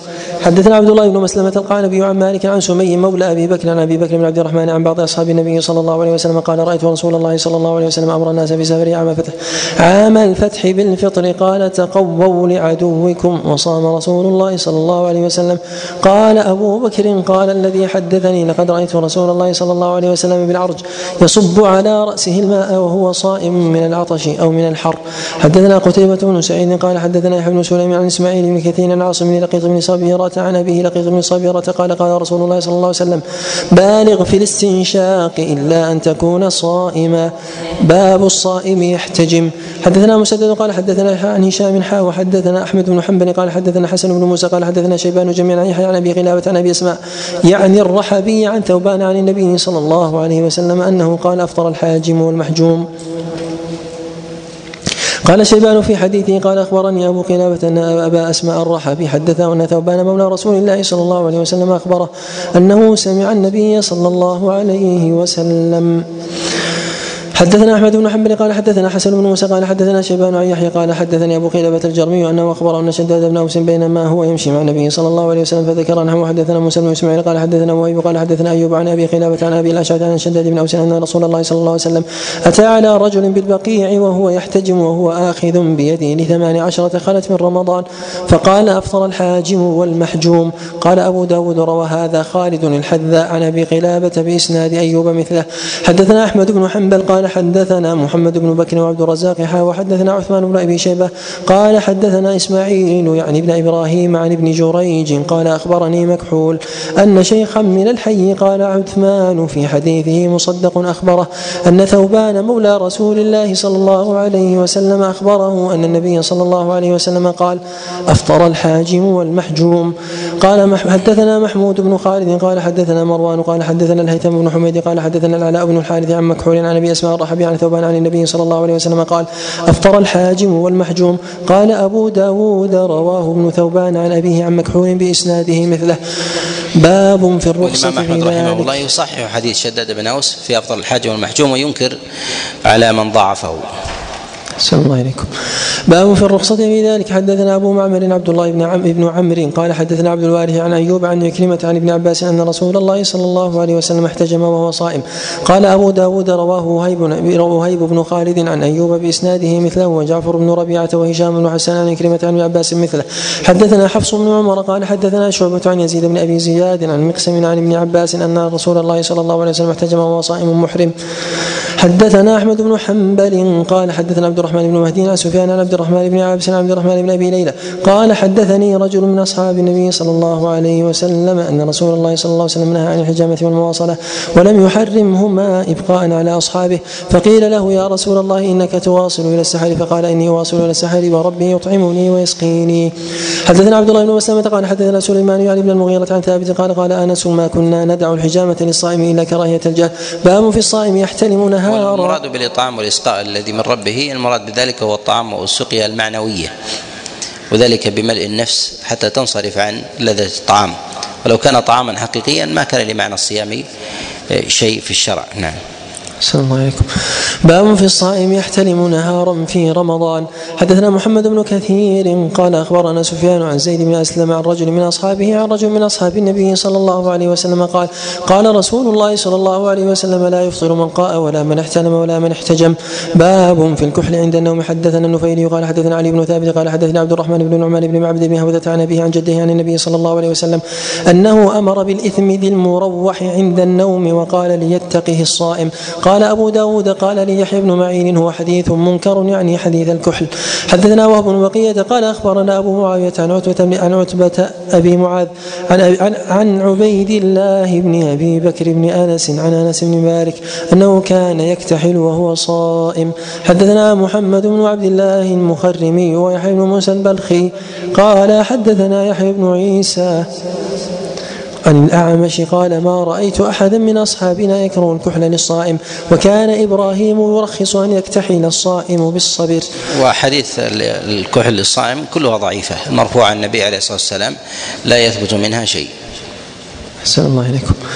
باب الصائم يستقيء عامدا. حدثنا مسدد قال حدثنا عيسى بن يونس قال حدثنا هشام بن حسان محمد بن سيرين عن أبي هريرة قال قال رسول الله صلى الله عليه وسلم من ذرعه قيء وهو صائم فليس عليه قضاء فليس عليه قضاء وإن استقاء فليقض. قال أبو داود رواه أيضا حفص بن غياث عن هشام مثله. حدثنا وهذا الحديث منكر عند عامة الأئمة منهم من يحمل النكارة في عيسى بن يونس ومنهم من يحمله بهشام وأكثر الأئمة على أن عيسى بن يونس هو من تفرد بهذا الحديث. أحسن الله إليكم. حدثنا أبو معمر عبد الله بن عمرو قال حدثنا عبد الوارث قال حدثنا الحسين والصواب أن القيل يفطر الصائم. جاء هذا عن أبي هريرة عليه رضوان الله وجاء أيضا عن عطاء وهو ظاهر صنيع البخاري رحمه الله في كتابه الصحيح. أحسن الله إليكم. حدثنا أبو معمر عبد الله بن عمرو قال حدثنا عبد الوارث قال حدثنا الحسين عن يحيى قال حدثني عبد الرحمن بن عمرو الأوزاعي عن يعيش بن الوليد بن هشام أن أباه حدثه قال حدثني معدان بن طلحة أن أبا الدرداء حدثه أن رسول الله صلى الله عليه وسلم قال فأفطر فلقيت ثوبان مولى رسول الله صلى الله عليه وسلم في مسجد دمشق. فقلت إن أبا الدرداء حدثني أن رسول الله صلى الله عليه وسلم قال فأفطر. قال صدق وأنا صببت له وضوءه. باب القبلة للصائم. حدثنا مسدد قال حدثنا أبو معاوية عن الأعمش عن إبراهيم عن الأسود وعلقمة عن قالت كان رسول الله صلى الله عليه وسلم يقبل وهو صائم ويباشر وهو صائم ولكنه كان أملككم لإربه. حدثنا أبو توبة الربيع بن نافع قال حدثنا أبو الاحوص عن زياد بن ابن علاقة عن عمرو بن ميمون عن عائشة رضي الله عنها قالت كان النبي صلى الله عليه وسلم يقبل في شهر الصوم. حدثنا محمد بن كثير قال أخبرنا سفيان عن سعد بن إبراهيم عن طلحة بن عبد الله عن ابن عثمان القرشي عن طلحة عن عائشة قالت كان رسول الله صلى الله عليه وسلم يقبلني وهو صائم وأنا صائمة. حدثنا أحمد بن يونس قال حدثنا الليث وحدثنا عيسى بن حماد قال أخبرنا الليث بن سعد عن بكير بن عبد الله عن عبد الملك بن سعيد عن جابر بن عبد الله قال قال عمر بن الخطاب هششت فقبلت وأنا صائم. فقلت يا رسول الله صنعت اليوم أمرا عظيما. قبلت وأنا صائم. قال أرأيت لو مضمضت من الماء وأنت صائم؟ قال عيسى بن حماد في حديثه قلت لا بأس به قال فما؟ باب الصائم يبلع الريق. حدثنا محمد بن عيسى قال حدثنا محمد بن بن ابن وهذا حجة شرعية ونص من الوحي في الاعتبار بالقياس وذلك أن النبي عليه الصلاة والسلام أثبت له وإن كان الحكم كافيا لو قال له أنه لا بأس إلا أن له بين بجواز ذلك بالقياس الذي يعرفه من جهة نظره. نعم. أحسن الله إليكم. باب الصائم يبلع الريق. حدثنا محمد بن عيسى قال حدثنا محمد بن دينار قال حدثنا سعد بن أوس العبد عن مصطع أبي يحيى. عن عائشة أن النبي صلى الله عليه وسلم كان يقبلها وهو صائم ويمص لسانها قال ابن العربي بلغني عن أبي داود أنه قال ليس هذا الإسناد بصحيح. باب كراهيته للشاب. حدثنا نصر بن علي قال حدثنا أبو أحمد عن الزبيريه قال أخبرني إسرائيل عن أبي العنبس عن الأغر عن أبي هريرة أن رجلا سأل النبي صلى الله عليه وسلم عن المباشرة للصائم فرخص له وأتاه وآخر فسأله فنهاه فإذا الذي رخص له شيخ والذي نهاه شاب. باب في من أصبح جنبا في شهر رمضان. حدثنا القعنبي عن مالك حاو حدثنا محمد بن عبد الله بن محمد بن إسحاق الأذرمي. قال حدثنا عبد الرحمن بن مهدي عن عبد عن مالك عن عبد ربه بن سعيد عن أبي بكر بن عبد الرحمن بن الحارث بن هشام عن عائشة وأم سلمة زوجي النبي صلى الله عليه وسلم أنهما قالتا كان رسول الله صلى الله عليه وسلم يصبح جنبا قال عبد الله الأذرمي في حديثه في رمضان من غير جماع وغير احتلام ثم يصوم. قال أبو داود وما أقل من يقول هذه الكلمة يعني يصبح جنبا في رمضان وإنما الحديث أن النبي صلى الله عليه وسلم كان يصبح جنبا وهو صائم حدثنا عبد الله بن مسلمة عن القعنبي عن مالك عن عبد الله بن أبي عن عبد الله بن عبد الرحمن بن معمر الأنصاري عن أبي يونس مولى عائشة عن عائشة زوج النبي صلى الله عليه وسلم أن رجلا قال لرسول الله صلى الله عليه وسلم وهو واقف على الباب يا رسول الله إني أصبح جنوبا وأنا أريد الصيام. فقال رسول الله صلى الله عليه وسلم وأنا أصبح جنوبا وأنا أريد الصيام فأغتسل وأصوم. فقال الرجل يا رسول الله إنك لست مثلنا قد غفر الله لك ما تقدم من ذنبك وما تأخر. فغضب رسول الله صلى الله عليه وسلم وقال والله إني لأرجو أن أكون أخشاكم لله واعلم أعلمكم بما أتبع. باب كفارة من أتى أهله في رمضان. حدثنا مسدد ومحمد بن عيسى المعنى قال حدثنا سفيان قال مسدد حدثنا الزهري عن حميد بن عبد الرحمن. عن أبي هريرة قال أتى رجل النبي صلى الله عليه وسلم فقال هلكت فقال ما شأنك؟ قال وقعت على امرأتي في رمضان. قال فهل تجد ما تعتق رقبة؟ قال لا. قال فهل تستطيع أن تصوم شهرين متتابعين؟ قال قال فهل تستطيع. قال لا. قال فهل تستطيع أن تطعم ستين مسكينا؟ قال لا. قال اجلس. فأتي النبي صلى الله عليه وسلم بعرق من تمر فقال تصدق به فقال رسول الله فقال يا رسول الله ما بين لابتيها أهل بيت أفقر منا؟ قال فضحك رسول الله صلى الله عليه وسلم حتى بدت ثناياه قال فأطعمه إياهم قال مسدد في موضع آخر أنيابه. حدثنا الحسن بن علي قال حدثنا عبد الرزاق قال أخبرنا معمر عن الزهري بهذا الحديث بمعناه زاد الزهري وإنما كان هذا رخصة له خاصة فلو أن رجلا فعل ذلك اليوم لم يكن له بد من التكفير. قال أبو داود رواه الليث بن سعد والأوزاعي ومنصور بن المعتمر وعراق بن مالك على معنى بن عيينة زاد فيه الأوزاعي واستغفر الله. حدثنا عبد الله بن مسلمة عن مالك عن ابن شهاب عن حميد بن عبد الرحمن عن أبي هريرة أن رجلا أفطر في رمضان فأمره رسول الله صلى الله عليه وسلم أن يعتق رقبة ويصوم شهرين متتابعين أو يطعم ستين مسكينا مسكينا قال لا أجد. فقال له رسول الله صلى الله عليه وسلم اجلس فأتي رسول الله صلى الله عليه وسلم بعرق تمر. فقال خذ هذا فتصدق به. فقال يا رسول الله ما أحد أحوج مني أما أحد أحوج مني. فضحك رسول الله صلى الله عليه وسلم حتى بدت أنيابه وقال له كله. قال أبو داود رواه ابن جريج عن زهري على لفظ مالك أن رجلا أفطر فيه وقال فيه أو تعتق رقبة أو تصوم شهرين أو تطعم ستين مسكينا. حدثنا جعفر بن مسافر قال حدثنا ابن أبي فديك قال حدثنا هشام بن سعد عن ابن شهاب عن أبي سلمة بن عبد الرحمن عن أبي هريرة قال جاء رجل إلى النبي صلى الله عليه وسلم أفطر في رمضان بهذا الحديث فقال قال فأتي بعرق فيه تمر قدر خمسة عشر صاعا. وقال فيه كله أنت وأهل بيتك وصم يوما واستغفر الله. حدثنا سليمان بن داود المهدي قال أخبرنا ابن وهب قال أخبرني عمرو بن الحارث أن عبد الرحمن بن القاسم حدثه وأن محمد بن جعفر بن الزبير حدثه وأن عباد بن عبد الله بن الزبير حدثه انه سمع عائشة زوج النبي صلى الله عليه وسلم تقول أتى رجل إلى النبي صلى الله عليه وسلم في المسجد في رمضان فقال يا رسول الله احترقت فسأله النبي صلى الله عليه وسلم ما شأنه فقال أصبت أهلي فقال قال تصدق قال والله ما لي شيء ولا أقدر عليه قال جلس فجلس فبينما هو على ذلك أقبل رجل يسوق حمارا عليه طعام فقال رسول الله صلى الله عليه وسلم أين المحترق آنفا فقام الرجل فقال رسول الله صلى الله عليه وسلم تصدق بهذا فقال يا رسول الله على غيرنا فوالله إنا لجياع ما لنا شيء قال كلوه. حدثنا محمد بن عوف قال حدثنا سعيد بن أبي مريم قال حدثنا ابن أبي الزناد عن عبد الرحمن بن الحارث عن محمد بن جعفر بن زبير عن عباد بن عبد الله عن عائشة في هذه القصة قال فاتي بعرق فيه عشرون صاعا باب التغليظ في من أفطر عمدا. حدثنا سليمان بن حرب قال حدثنا حدثنا سليمان بن حرب قال حدثنا حاء وحدثنا محمد بن كثير قال أخبرنا شعبة عن حبيب بن أبي ثابت عن عمارة بن عمير عن ابي المطوس عن أبيه قال ابن كثير عن أبي المطوس عن أبي عن أبي هريرة قال قال رسول الله صلى الله عليه وسلم من أفطر يوما من رمضان في غير رخصة رخصها الله له لم يقضى عنه صيام الدهر.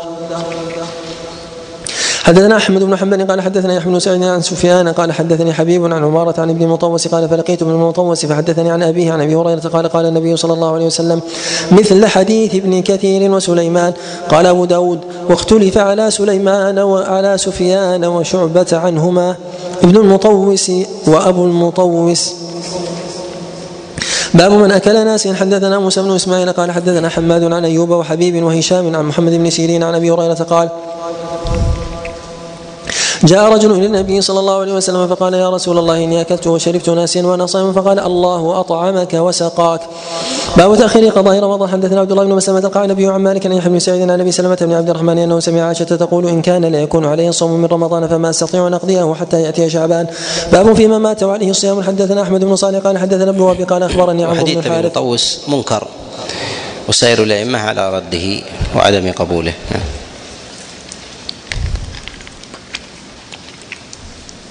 باب فيما مات وعليه صيام. حدثنا أحمد بن صالح قال حدثنا ابن وهب قال أخبرني عمرو بن حارث عن عبيد الله بن أبي جعفر محمد بن جعفر بن الزبير عن عروة عن عائشة أن النبي صلى الله عليه وسلم قال من مات وعليه صيام صام عنه وليه. قال أبو داود هذا في النذر وهو قول أحمد بن حنبل. حدثنا محمد بن كثير قال أخبرنا سفيان عن أبي حصين عن سعيد بن جبير عن ابي عباس قال إذا مرض الرجل في رمضان ثم مات ولم يصم أطعم عنه ولم يكن عليه قضاء وإن كان عليه نذر قضى عنه وليه.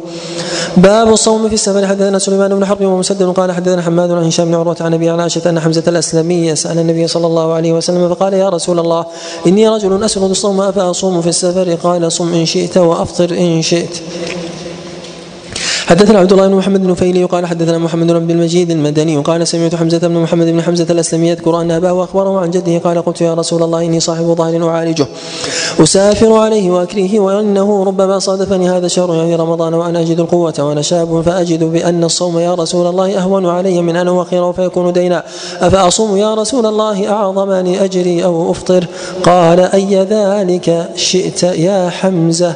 حدثنا مسدد قال حدثنا أبو عوانة عن منصور عن مجاهد عن طاووس عن ابن عباس قال خرج النبي صلى الله عليه وسلم من المدينة إلى مكة حتى بلغ عسفان ثم دعا بإناء فرفعه إلى فيه ليريه الناس. وذلك في رمضان فكان ابن عباس يقول قد صام النبي صلى الله عليه وسلم أفطر فمن شاء صام ومن شاء أفطر.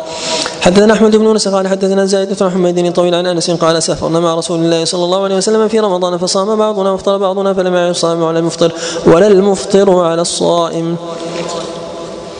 حدثنا أحمد بن صالح وهو بن بيان المعنى قال حدثنا ابن وهب قال حدثني معاوية عن ربيعة بن يزيد أنه حدث عن قزعة قال أتيت أبا سعيد الخدري وهو يفتي الناس وهم مكثور عليه فانتظرت خلوته فلما قال سالته عن صيام رمضان في السفر فقال خرجنا مع رسول الله صلى الله عليه وسلم في رمضان عام الفتح فكان رسول الله صلى الله عليه وسلم يصوم ونصوم حتى بلغ منزل من المنازل فقال إنكم قد دنوتم من عدوكم الفطر اقوالكم فأصبحنا منا الصائم ومنا المفطر قال ثم سرنا فنزلنا منزلا فقال إنكم تصبحون عدوكم.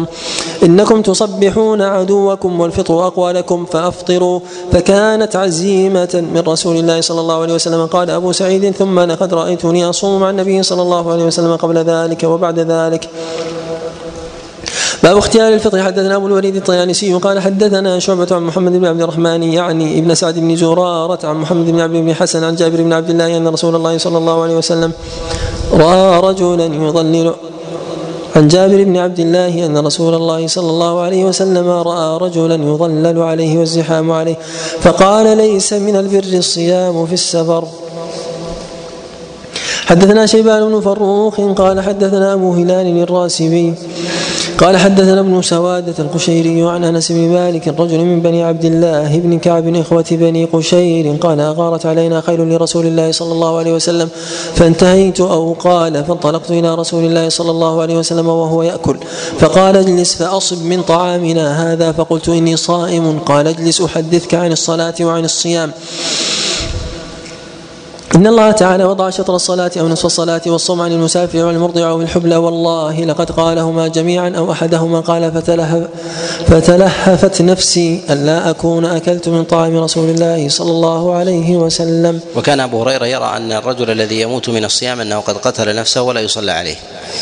ولهذا ذهب بعض السلف إلى وجوب الفطر الفطر في السفر وهذا جاء عن عبد الرحمن بن عوف وغيره ولكن جمهور العلماء من السلف إلى عدم الوجوب ولكن يتباين بين الفاضل والمفضول. والمسألة خلافية على ثلاثة أقوال. أصوابها ما ذهب إليه الإمام أحمد وعمر بن عبد العزيز إلى أنه إذا كان الفطر أشق عليه فان فإن إذا كان صيام يشق عليه فإن الفطر أفضل وإذا كان صيامه لا يشق عليه فإن صيامه أفضل.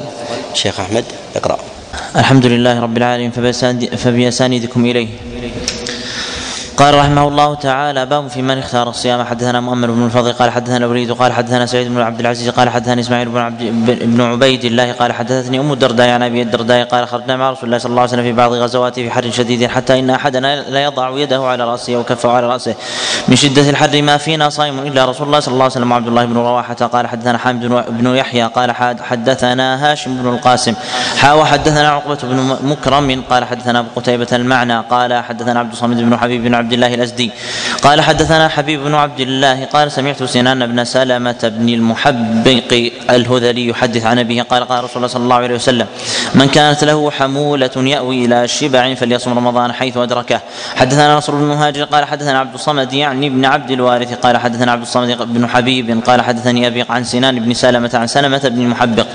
قال قال رسول الله صلى الله عليه وسلم من أدركه رمضان في السفر فذكر معناه. باب متى يفطر المسافر إذا خرج؟ حدثنا عبد الله بن عمر قال حدثني عبد الله بن يزيد حا وحدثنا جعفر بن مسافر قال حدثنا عبد الله بن يحيى المعنى قال حدثني حدثني سعيد يعني يعني ابن أبي أيوب زاد جعفر والليث قال قال حدثني يزيد بن أبي حبيب أن كليب بن ذهل الحضرمي أخبره عن عبيد قال جعفر بن جبر بن جبر قال كنت مع أبي بصرة الغفاري صاحب رسول الله صلى الله عليه وسلم في سفينة في من من الفسطاط في في رمضان. فرفع ثم قرب غداءه. قال جعفر في حديثه فلم يجاوز البيوت حتى دعا بالسفرة. قال قال اقترب. قلت ألست ترى البيوت؟ قال أبو بصرة أترغب عن سنة رسول الله صلى الله عليه وسلم. قال جعفر في حديث أكل. باب مسيرة ما يفطر ما يفطر فيه. حدثنا عيسى بن محمد قال أخبرنا الليث يعني بن سعد عن يزيد بن أبي حبيب عن أبي الخير عن منصور الكلبي أن دحية بن خليفة خرج من قرية من دمشق مرة إلى قدر القرية عقبة من من الفسطاط وذلك ثلاثة أميال في رمضان. ثم إنه أفطر وأفطر معه ناس وكره آخرون أن يفطروا فلما رجع إلى قريته قال والله لقد رأيت اليوم أمرا ما كنت أظن أني أراه إن قوم رغبوا عن هدي رسول الله صلى الله عليه وسلم وأصحابه يقول ذلك للذين صاموا ثم قال عند ذلك اللهم اقبضني إليك. حدثنا مسدد قال حدثنا معتمر عن عبيد الله عن نافع أن ابن عمر كان يخرج إلى الغابة فلا يفطر ولا يقصر. باب من يقول صمت رمضان كله حدثنا مسدد قال حدثنا يحيى قال عن المهلب بن أبي حبيبة قال حدثنا حسن عن أبي بكر قال قال رسول الله صلى الله عليه وسلم لا يقولن أحدكم إني صمت رمضان كله وقمته فلا أدري كره تزكية أو قال لا بد من نومة أو رقدة. باب في صوم العيدين حدثنا قتيبة بن سعيد وزهير بن حرب قال حد وهذا حديث قال حدثنا سفيان عن الزهري عن أبي عبيد قال شهدت العيد مع عمر فبدأ بالخطبة قبل الصلاة فبدأ بالصلاة قبل الخطبة ثم قال إن رسول الله صلى الله عليه وسلم نهى عن صيام هذين اليومين. اما أما يوم الأضحى فتأكلون من لحم نسككم وأما يوم الفطر ففطركم من صيامكم. حدثنا موسى بن إسماعيل قال حدثنا وهيب قال حدثنا عمرو بن يحيى عن ابي عن أبي سعيد الخدري قال نهى رسول الله صلى الله عليه وسلم عن صيام يومين يوم الفطر ويوم الأضحى وعن لبستين. الصماء وان يحتبي الرجل في ثوب الواحد وعن الصلاة في ساعتين بعد الصبح وبعد العصر. باب صيام أيام التشريق. حدثنا عبد الله بن مسلم تلقى عن أبي عن مالك عن يزيد بن الهادي عن أبي مرة مولى, أم هاني إنه دخل مع عبد الله بن عمرو على أبيه عمرو بن العاص فقرب اليهما طعاما. فقال كل قال إني صائم فقال عمرو كل فهذه الأيام التي كان رسول الله صلى الله عليه وسلم يأمرنا بإفطارها وينهى عن صيامها. قال مالك وهي أيام التشريق حدثنا الحسن بن علي قال حدثنا وهب قال حدثنا موسى بن علي حا وحدثنا عثمان بن أبي شيبة قال حدثنا وكيع عن موسى بن علي بن علي والإخبار في حديث وهب قال سمعت أبي أنه سمع عقبة بن عامر قال قال رسول الله صلى الله عليه وسلم يوم عرفة ويوم النحر وأيام التشريق عيدنا أهل الإسلام وهي أيام أكل وشرب. باب النهي عن باب النهي أن يخص يوم الجمعة بصوم. حدثنا مسدد قال حدثنا أبو معاوية عن الأعمش عن أبي صالح عن أبي هريرة قال قال رسول الله صلى الله عليه وسلم لا يصوم أحدكم يوم الجمعة إلا أن يصوم قبله بيوم وبعده. باب النهي أن يخص يوم السبت بصوم. حدثنا حميد بن مسعد بن مسعدة قال حدثنا سفيان بن حبيب حاء وحدثنا يزيد بن قبيس من أهل جبلة قال حدثنا الوليد جميعا عن ثور بن يزيد عن خالد بن معدان عن عبد الله بن بسر السلمي. عن أخته وقال يزيد الصماء عن النبي صلى الله عليه وسلم قال لا تصوموا يوم السبت إلا ما افترض عليكم وإن لم يجد أحدكم إلا لحاء عنب أو عود شجره فليمضغه قال أبو داود هذا الحديث منسوخ. قال أبو داود عبد الله بن بسر حمصي وهذا الحديث منسوخ. نسخه حديث جويرية. وعامة الأئمة على على تضعيفه وهو منكر سندا ومتنا. سندا لعلله الظاهرة وكذلك بالنسبة للمتن مخالفة للأحاديث الصحيحة عن النبي عليه الصلاة والسلام ومن الحديث الذي الحديث الذي الذي قبله. نعم. باب الرخصة في ذلك. حدثنا محمد بن كثير قال أخبرنا همام عن قتادة حا وحدثنا حفص بن عمر قال حدثنا همام قال حدثنا قتادة عن أبي أيوب قال حفص العتكي عن جويرية بنت الحارث أن النبي صلى الله عليه وسلم دخل عليها يوم الجمعة وهي صائمة فقال صمت امس قالت لا قال تريدون تريدين أن تصومي غدا؟ قالت لا. قال فأفطري. حدثنا عبد الملك بن شعيب قال حدثنا ابن وهب قال سمعت الليث يحدث عن ابن شهاب أنه كان إذا ذكر له أنه نهي عن صيام يوم السبت يقول ابن شهاب هذا حديث حمصي. حدثنا محمد بن الصباح بن سفيان بن سفيان قال حدثنا الوليد عن عن الأوزاعي قال ما زدت له كاتما حتى رأيته انتشر. يعني حديث ابن بسر هذا في صوم يوم السبت. قال أبو داود قال مالك هذا كذب. باب في صوم الدهر. حدثنا سليمان بن حرب مسدد قال حدثنا أحمد بن زيد عن غيلان بن جرير عن عبد الله بن معبد بن معبد الزماني عن أبي قتادة أن رجلا أتى النبي صلى الله عليه وسلم فقال يا رسول الله كيف تصوم فغضب رسول الله صلى الله عليه وسلم من قوله فلما رأى ذلك عمر قال رضينا بالله ربا. وبالاسلام دينا محمد صلى الله بمحمد نبيا نعوذ بالله من غضب الله وغضب رسوله. فلم يزل عمر يرددها حتى سكن من غضب رسول الله صلى الله عليه وسلم فقال يا رسول الله كيف بمن يصوم الدهر كله؟ قال لا صام ولا أفطر. قال مسدد لم يصم ولم يفطر. أو ما صام ولا أفطر شك غيلان.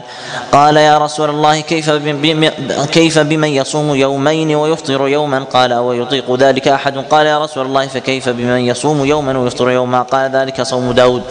قال يا رسول الله فكيف بمن يصوم يوما ويفطر يومين؟ قال وددت أني طوقت ذلك. ثم قال رسول الله صلى الله عليه وسلم ثلاث من كل شهر ورمضان إلى رمضان. فهذا صيام الدهر كله وصيام عرفة إن يحتسب على الله يكفر السنة التي قبله والسنة التي بعده وصوم يوم عاشوراء إن يحتسب على الله يكفر السنة التي قبله. حدثنا موسى بن إسماعيل قال حدثنا مهدي قال حدثنا غيلان عن عبد الله بن معبد الزماني. عن أبي قتادة في هذا الحديث زاد قال يا رسول الله أرأيت صوم يوم الاثنين ويوم الخميس؟ قال فيه ولدت وفيه أنزل علي القرآن. حدثنا حسن بن علي قال أخبرنا عبد الرزاق قال أخبرنا معمر عن الزهري عن ابن المسيب وأبي سلمة عن عبد الله بن عمرو بن العاص قال لقيني رسول الله صلى الله عليه وسلم فقال ألم أحدث أنك تقول لاقومن الليل ولا أصومن النهار؟ قال أحسبه. قال نعم يا رسول الله. قال قلت قال قد قلت ذاك. قال قال قم ونم وصم وافطر. وصم وصم من كل شهر ثلاثة أيام. وذلك وذاك مثل وذلك وذاك مثل صيام الدهر. قال قلت يا رسول الله إني أطيق أفضل من ذلك. قال فصم يوما وافطر يومين. قال فقلت إني أطيق أفضل من ذلك. قال فصم يوما وافطر يوما وهو أعدل الصيام وهو صيام داود. قلت إني أطيق أفضل من ذلك. فقال رسول الله صلى الله عليه وسلم لا أفضل من ذلك. باب في صوم أشهر الحرم. حدثنا موسى بن إسماعيل قال حدثنا حماد عن سعيد. عن سعيد الجريري عن أبي عن أبي السرير عن مجيبة الباهلية عن أبيها وعمها أنه أتى رسول الله صلى الله عليه وسلم ثم انطلق فتاه بعد سنة وقد تغيرت حاله وهيئته فقال يا رسول الله ما تعرفني؟ فقال ومن أنت؟ قال ومن أنت؟ قال أنا الباهلي الذي جئتك عام الأول. قال فما غيرك؟ وقد كنت حسن الهيئة. قال ما أكلت طعام منذ فارقتك إلا بليل. فقال رسول الله صلى الله عليه وسلم لما عذبت نفسك؟ ثم قال صم شهر الصبر ويوما من كل شهر. قال زدني فإن بي قوة قال صم يومين قال زدني قال صم ثلاثة أيام قال زدني قال صم من الحرم واترك صم من الحرم واترك صم من الحرم واترك وقال بأصابعه الثلاثة فضمها ثم أرسلها.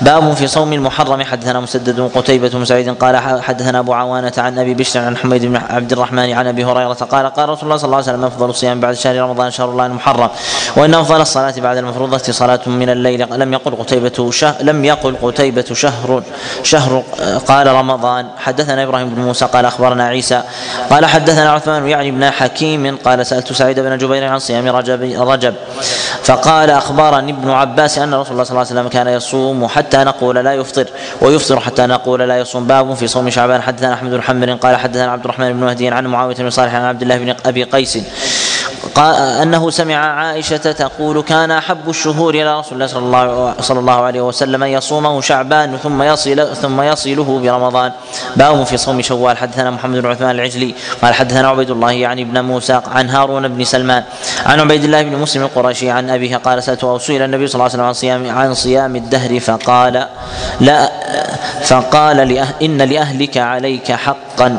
صم رمضان والذي يليه وكل أربعاء وخميس. فإذا أنت قد صمت الدهر. باب في صوم ستة أيام من شوال.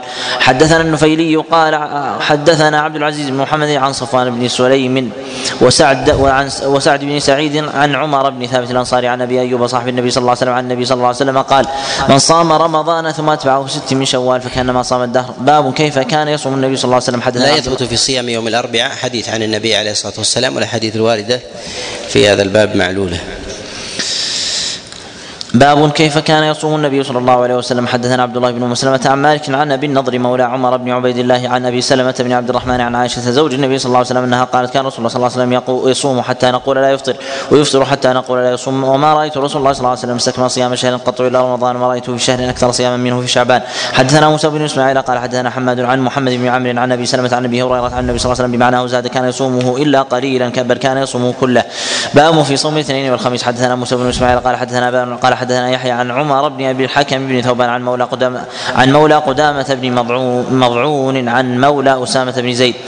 أنه انطلق مع أسامة إلى وادي القرى في طلب مال له فكان يصوم يوم الاثنين ويوم الخميس فقال له مولاه لما تصوم يوم الاثنين ويوم الخميس وأنت شيخ كبير فقال إن نبي الله كان يصوم يوم الاثنين ويوم الخميس وسئل عن ذلك فقال إن إن أعمال بني آدم تعرض يوم الاثنين ويوم الخميس.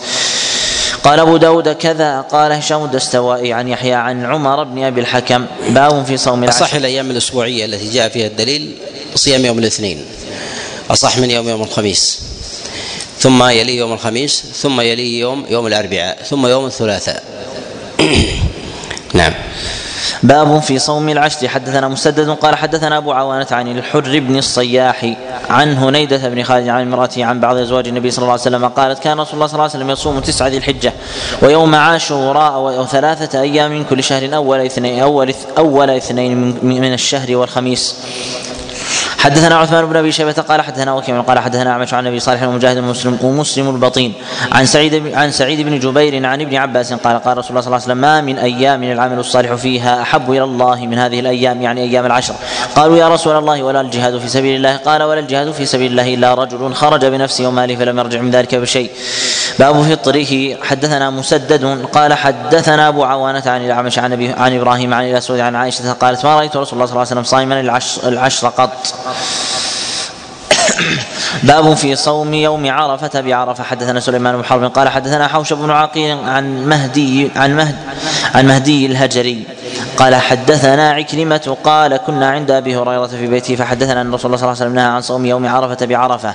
حدثنا القعنبي عن مالك عن أبي النضر عن عمير مولى عبد الله بن عباس عن أم الفضل بنت الحارث أن ناسا تماروا عندها يوم تماروا عندها يوم عرفة في صوم رسول الله صلى الله عليه وسلم. فقال بعضهم هو صائم وقال بعضهم ليس بصائم فأرسلت إليه بقدح لبن وهو واقف على بعيره بعرفة فشرب.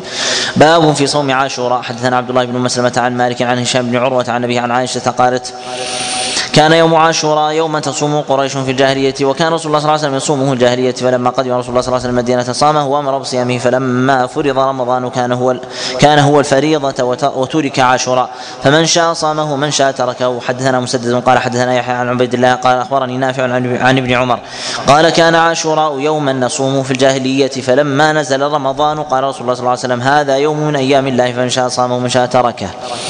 حدثنا زياد بن أيوب قال حدثنا هشيم قال أخبرنا أبو بشر عن سعيد بن جبير عن ابن عباس قال لما قدم النبي صلى الله عليه وسلم المدينة وجد اليهود يصومون يوم يصومون عاشوراء فسئل فسئلوا عن ذلك فقالوا هو اليوم الذي أظهر الله فيه موسى على فرعون ونحن نصومه تعظيما له. فقال رسول الله صلى الله عليه وسلم نحن نحن أولى بموسى منكم ومر بصيامه.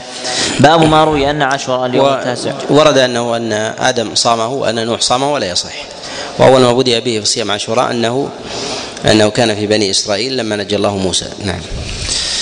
باب ما روي أن عاشوراء اليوم التاسع. حدثنا سليمان بن داود المهري قال أخبرنا ابن وهب قال أخبرني يحيى بن أيوب أن إسماعيل بن, أبن أن إسماعيل بن أمية القرشي حدثه.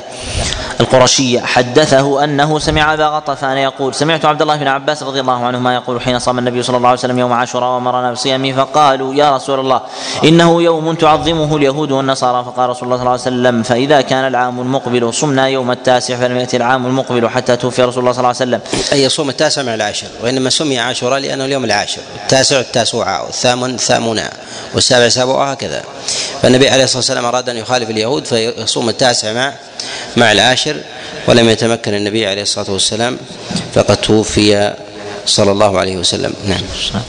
حدثنا مسدد قال حدثنا يحيى يعني ابن سعيد عن معاوية بن غلاب بن غلاب. حا وحدثنا مسدد قال حدثنا إسماعيل قال أخبرني حاجب بن عمر. جميعا جميعا المعنى عن الحكم بن الأعرج. قال أتيت ابن عباس وهو وهو متوسد رداءه في المسجد الحرام. فسالته عن صوم يوم عاشوراء فقال إذا رأيت هلال المحرم فاعدد فإذا كان فإذا كان يوم التا فإذا كان يوم التاسع فأصبح صائما. فقلت كذا كان محمد صلى الله عليه وسلم يصوم. فقال كذلك كان محمد صلى الله عليه وسلم يصوم. باب في فضل صومه. حدثنا محمد بن المنهال قال حدثنا يزيد بن زريع قال حدثنا سعيد عن قتادة عن عبد الرحمن بن مسلمة عن عمه أنه أن أسلم أتت النبي صلى الله عليه وسلم فقال صمتم يومكم هذا؟ قالوا لا. قال فاتموا بقية يومكم مقضوه.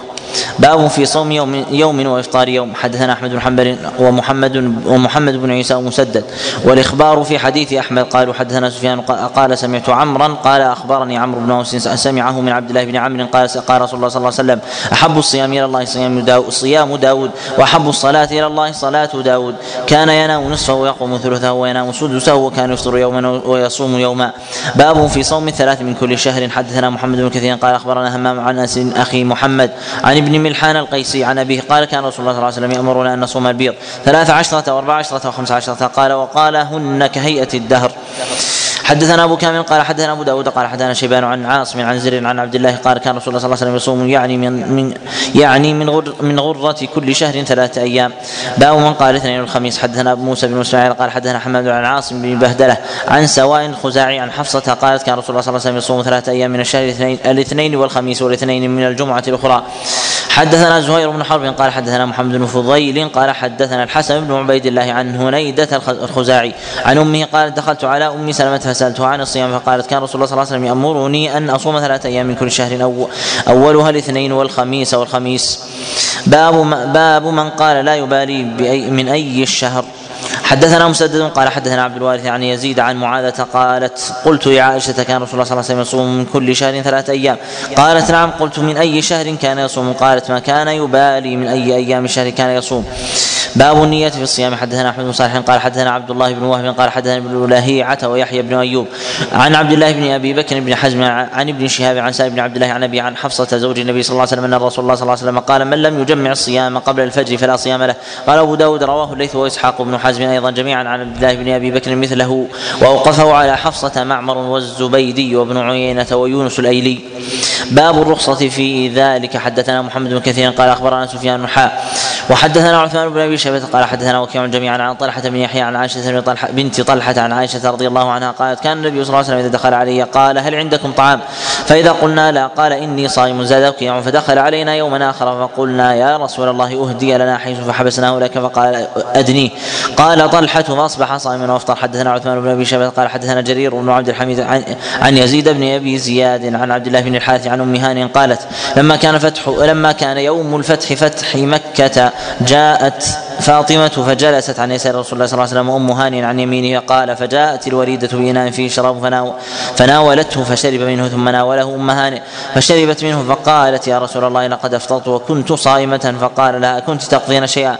قالت لا قال فلا يضرك إن كان تطوعا. باب مر عليه القضاء. وبهذا يستدل أن من صام قضاء أنه لا يجوز له أن يقطع وهو كذلك لأن القضاء يحكي القضاء يحكي الأداء. ومن العلماء من يرخص في هذا فيقول ما دام قضاء فإنه ليس ليس أداء فلا حرج عليه أن يقطع الصيام. نعم. باب من رأى عليه القضاء. حدثنا أحمد بن صالح قال حدثنا عبد الله بن وهب قال أخبرني حيوة بن شريح عن ابن الهادي عن زميل بن مولى عروة عن عروة بن الزبير عن عائشة قالت أهدي لي ولحفصة طعام وكنا صائمتين فأفطرنا. ثم دخل رسول الله صلى الله عليه وسلم فقلنا له يا رسول الله إنا أهديت لنا هدية فاشتهيناها فأفطرنا. فقال رسول الله صلى الله عليه وسلم لا عليكما صوما مكانه يوما آخر. باب المرأة تصوم بغير إذن زوجها. حدثنا حسن بن علي قال حدثنا عبد الرزاق قال أخبرنا معمر عن همام بن منبه أنه سمع أبا هريرة يقول قال رسول الله صلى الله عليه وسلم لا تصوم امرأة وبعلها شاهد إلا بإذنه غير رمضان.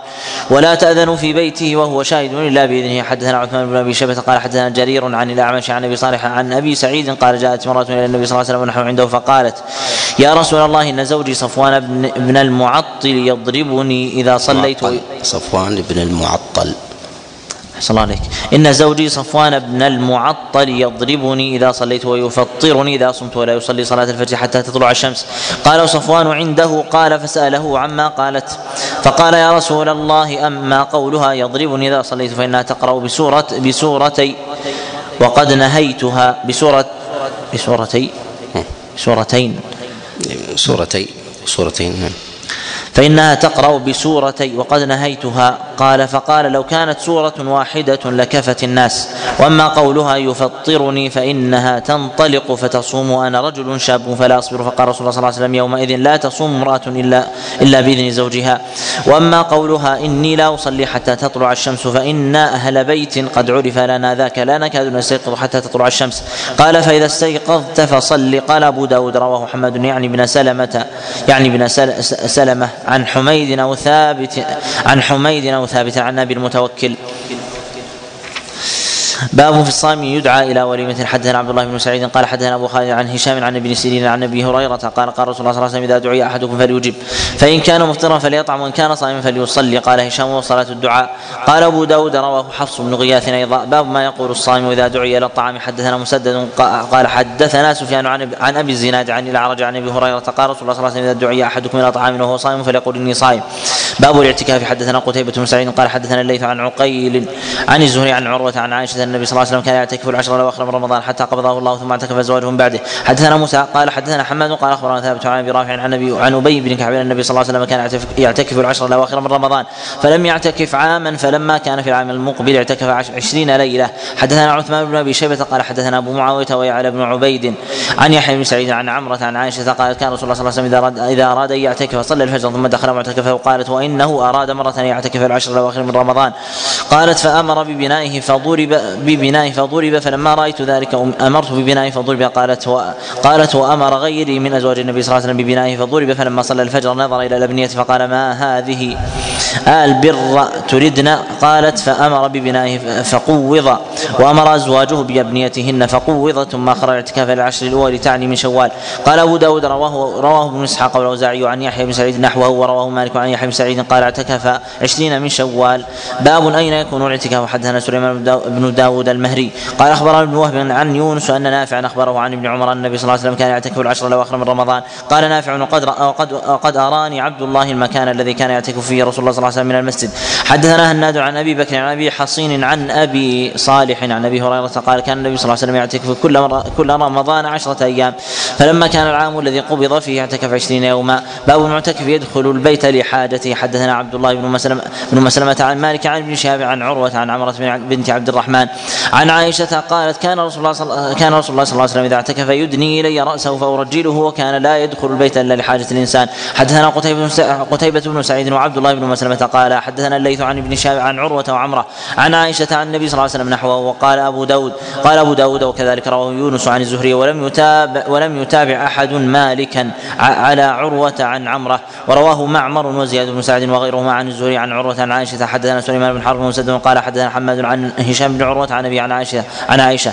قالت كان رسول الله صلى الله عليه وسلم يكون معتكفا في المسجد فيناول فيناولني رأسه من خلل الحجرة فأغسل رأسه. وقال مسدد فأرجله وأنا حائض. حدثنا أحمد بن محمد بن شبوية المر المروزي. قال حدثنا عبد الرزاق. قال أخبرنا معمر عن الزهري عن علي بن حسين عن صفية قالت كان رسول الله صلى الله عليه وسلم معتكفا فأتيت وزوره ليلا فحدثته ثم قمت فانقلبت فقام معي ليقلبني وكان مسكنها في دار أسامة بن زيد فمر رجلان من الأنصار فلما رأى النبي صلى الله عليه وسلم سعى فقال النبي صلى الله عليه وسلم على رسلكما إنها صفية بنت حيي. قال سبحان الله يا رسول الله. قال إن الشيطان يجري من, من الإنسان مجرى الدم فخشيت أن يقذف في قلوبكما شيئا وقال شرا. حدثنا محمد بن يحيى ابن فارس قال حدثنا أبو اليمان قال حدثنا شعيب عن الزهري بن ساده بهذا. قالت حتى إذا كان عند باب المسجد الذي عند باب أم سلمة مر بهما رجلان وساق معناه باب المعتكف يعود المريض. حدثنا عبد الله بن محمد النفيلي ومحمد بن عيسى قال حدثنا عبد السلام بن حرب أخبرنا الليث بن أبي سليم بن أبي سليم عن عبد الرحمن بن القاسم عن ابي عن عائشة. قال النفيلي قالت كان النبي صلى الله عليه وسلم يمر بالمريض وهو معتكف فيمر كما هو ولا يعرج يسال عنه. وقال ابن عيسى قالت إن كان النبي صلى الله عليه وسلم يعود المريض وهو معتكف. حدثنا وهب, وهب بن بقية قال أخبرنا خالد عن عبد الرحمن يعني بن إسحاق عن الزهري عن عروة عن عائشة أنها قالت السنة على المعتكف أن لا يعود مريضا ولا يشهد جنازة. جنازه ولا يمس امرأة ولا يباشرها ولا يخرج لحاجة إلا لما لا بد منه ولا اعتكاف إلا بصوم ولا اعتكاف إلا في مسجد جامع. قال أبو داود غير عبد الرحمن بن, بن غير عبد الرحمن بن إسحاق لا يقول فيه قالت السنة. قال أبو داود جعل السنة غير محفوظ. الصواب أنه موقوف على عائشة عليها رضوان الله. قال أبو داود جعله قول عائشة حدثنا أحمد بن إبراهيم قال حدثنا أبو داود يعني عبد الله بن بديل عن عمرو بن دينار عن ابن عمر أن عمر رضي الله عنه جعل عليه أن يعتكف في الجاهلية ليلة أو يوما عند الكعبة فسأل النبي صلى الله عليه وسلم فقال اعتكف الصم حدثنا عبد الله بن عمر بن محمد بن أبان بن صالح القرشي قال حدثنا عمرو بن محمد عن عبد الله بن بوديل بإسناده نحوه. قال فبينما هو معتكف ذكر الصيام في اعتكاف عمر غير محفوظ. صاب أنه لا يلزم من الاعتكاف الصيام. لا يلزم من الاعتكاف الصيام ولا يجب ولا يجب في ذلك. والإعتكاف أقله ساعة. فما زاد كما جاء في حديث يعلى بن أمية كما رواه ابن أبي شيبة في كتاب المصنف. ولا حد لي ولا حد لأقصاه ولا ولا لأدناه إلا إلا ساعة كما جاء في حديث يعلى بن أمية. نعم. قال فبينما هو معتكف إذ كبر الناس فقال ما هذا يا عبد الله؟ قال سبي هوازن اعتقهم رسول الله صلى الله عليه وسلم. قال وتلك الجارية وتلك الجارية فارسلها معهم. باب المستحاضة تعتكف. حدثنا محمد بن عيسى وقتيبة قال حدثنا يزيد عن خالد عن عكرمة عن عائشة قالت اعتكفت, مع النبي صلى الله عليه وسلم امرأة من أزواجه فكانت ترى الصفرة والحمرة. فربما وضعنا الطست تحتها وهي تصلي. آخر كتاب الصيام والاعتكاف. بسم الله الرحمن الرحيم. أول كتاب الجهاد. باب ما جاء في الهجرة. حدثنا مؤمر بن الفضل قال حدثنا وليد يعني ابن مسلم عن الأوزاعي عن الزهري عن عطاء بن يزيد عن أبي سعيد الخدري أن أن أعرابيا سأل النبي صلى الله عليه وسلم عن الهجرة فقال ويحك. إن شأن الهجرة شديد فهل لك من إبل قال نعم. قال فهل تؤدي صدقتها؟ قال نعم. قال فاعمل من وراء البحار فإن الله لن يترك من عملك شيئا. حدثنا عثمان وأبو بكر بن أبي شي بن أبي شيبة. قال حدثنا شريك عن المقدام بن شريح عن أبيه قال قال سألت عائشة عن البد عن البداوة. فقالت كان رسول الله صلى الله عليه وسلم يبدو إلى هذه التلاع وإنه أراد وإنه أراد البداوة مرة فأرسل إلي ناقة محرمة من إبل الصدقة. فقال يا عائشة ارفقي فإن الرفق لم يكن في شيء قط إلا زانه ولا نزع من شيء قط إلا شانه. باب في الهجرة هل انقطعت؟ حدثنا إبراهيم بن موسى الرازي قال أخبرنا عيسى عن حريز عن عبد الرحمن بن أبي عوف عن أبي هند عن معاوية قال سمعت رسول الله صلى الله عليه وسلم يقول لا تنقطع الهجرة حتى تنقطع التوبة ولا تنقطع التوبة ولا تنقطع التوبة حتى تطلع الشمس من مغربها. حدثنا عثمان بن أبي شيبة قال حدثنا جرير عن منصور عن مجاهد عن طاووس عن ابن عباس قال قال رسول الله صلى الله عليه وسلم يوم الفتح فتح مكة لا هجرة ولكن جهاد ونية. وإذا استنفرتم فانفروا. حدثنا مسدد قال حدثنا يحيى عن إسماعيل بن أبي خالد قال حدثنا عامر قال أتى رجل عبد الله بن عمرو. وعنده القوم حتى جلس عنده فقال أخبرني بشيء. سمعته من رسول الله صلى الله عليه وسلم فقال سمعت رسول الله صلى الله عليه وسلم يقول المسلم من سلم المسلمون من لسانه ويده والمهاجر من هجر ما نهى الله عنه. باب في سكن الشام. حدثنا عبيد الله بن عمر قال حدثنا معاذ بن هشام قال حدثني أبي عن قتادة عن شهر بن حوشب عن عبد الله بن عمرو قال سمعت رسول الله صلى الله عليه وسلم يقول ستكون هجرة بعد هجرة فخيار أهل الأرض ألزمهم مهاج مهاجر إبراهيم ويبقى في الأرض شرار أهلها تلفظهم ارض أرضوهم تقذرهم نفس الله تقذرهم نفس الله وتحشرهم النار مع القردة والخنازير. حدثنا حيوة بن شريح الحضرمي قال حدثنا بقية قال حدثني قال حدثني بحير عن خالد يعني ابن معدان عن أبي عن ابن أبي قتيلة عن عن ابن حوالة قال قال رسول الله صلى الله عليه وسلم سيصير الأمر إلى أن تكونوا جنودا مجندة. جند بالشام وجند باليمن وجند بالعراق. قال ابن قال ابن حوالة. خر لي يا رسول الله إن أدركت إن أدركت ذلك فقال عليك بالشام فإنها خيرة الله من أرضه يجتبي إليها خيرته من عباده فأما إذا أبيتم فعليكم بي فعليكم بيمنكم واسقوا من غدركم من غدركم فإن الله توكل لي بالشام وأهله. لا خلاف أن الشام تأتي بعد مكة والمدينة من جهة الفضل وأفضل الشام هي المسجد الأقصى وما حولها. وأما من جهة السكنة فهي كذلك أيضا الأحاديث فيها مستفيضة عن رسول الله صلى الله عليه وسلم تأتي بعد مكة والمدينة. نعم.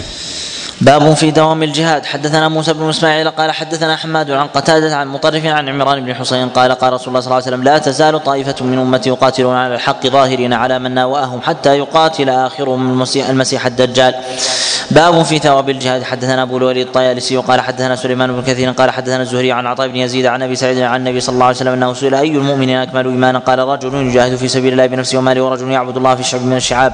قد كفى الناس شره. باب في النهي عن السياحه باب في النهي عن السياحة. حدثنا محمد بن عثمان التنوخي. قال حدثنا هيثم بن حميد اخبرني العلاء بن الحارث عن القاسم بن أبي عبد الرحمن عن أبي أمامة أن رجلا قال يا رسول الله اذا لي بالسياحة. فقال النبي صلى الله عليه وسلم إن سياحة امتي الجهاد في سبيل الله عز وجل باب في فضل القفل في الغزو. حدثنا محمد بن مصفى قال حدثنا علي بن عياش عن الليث بن سعد قال حدثنا حيوة عن ابن شفي عن شفي عن عبد الله بن عن عبد الله هو ابن عمرو رضي الله عنه مع النبي صلى الله عليه وسلم قال قفلة كغزوة. باب فضل قتال الروم على غيرهم من الأمم. حدثنا عبد الرحمن بن سلام قال حدثنا حجاج بن محمد عن فرج بن فضالة عن عن عبد الخبير بن بن ثابت بن قيس بن شماس. عن أبيه عن جده قال جاءت امرأة إلى النبي صلى الله عليه وسلم قال يقال لها أم خلاد وهي منتقبة تسأل عن ابنها وهو مقتول فقال لها بعض أصحاب النبي صلى الله عليه وسلم جئت تسألين عن ابنك وأنت منتقبة. فقالت إن إن أزر إن أزر إن, إن أزر ابني فلن أزرع حيائي. فقال رسول الله صلى الله عليه وسلم ابنك شهيد له أجر شهيدين.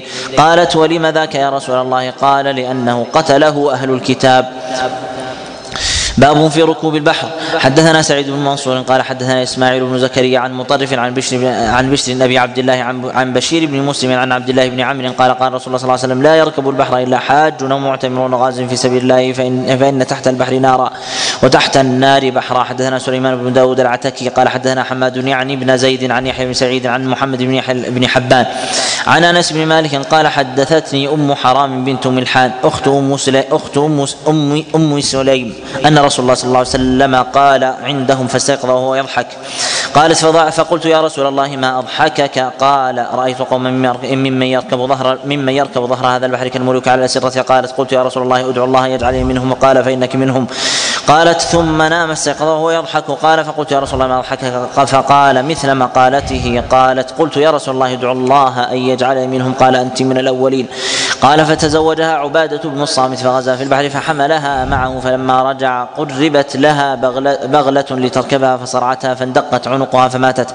حدثنا قال النبي عن مالك عن إسحاق بن عبد الله بن أبي طلحة عن أنس مالك أنه سمع يقول كان رسول الله صلى الله عليه وسلم إذا ذهب إلى قباء يدخل على أم حرام بنت ملحان.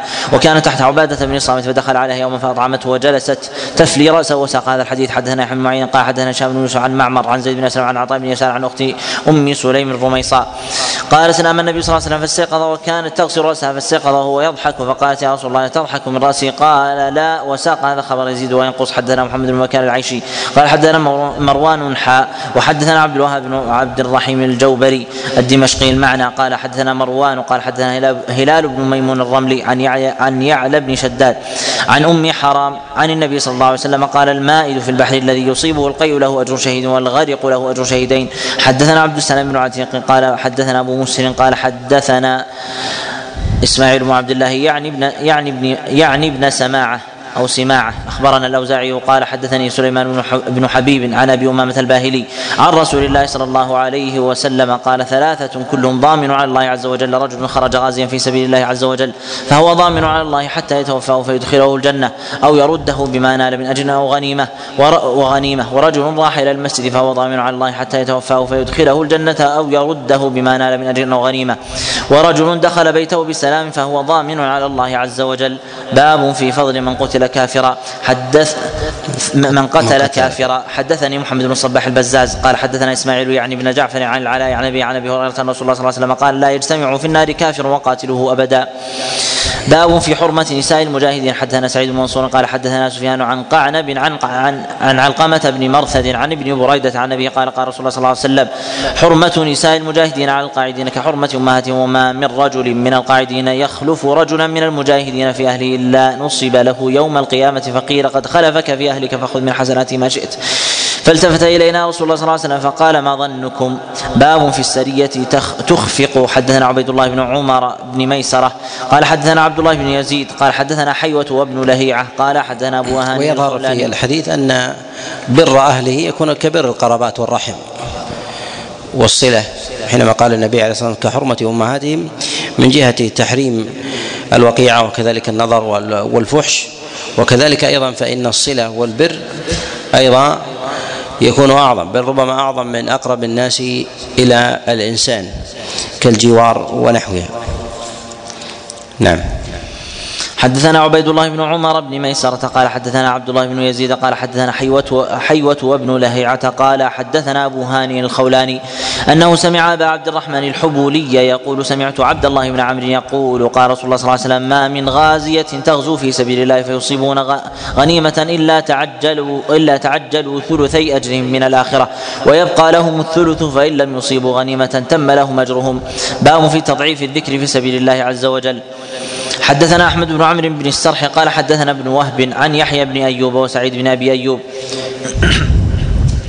عن زبان بن فائد عن سهل بن معاذ عن أبيه قال قال رسول الله صلى الله عليه وسلم إن الصلاة والصيام والذكر تضاعف على النفقة في سبيل الله بسبعمائة ضعف. باب في من مات غازيا. حدثنا عبد الوهاب بن نجدة قال حدثنا بقية بن الوليد قال عن ابن ثوبان عن أبيه يرد إلى مكحول إلى عبد الرحمن بن غانم الأشعري.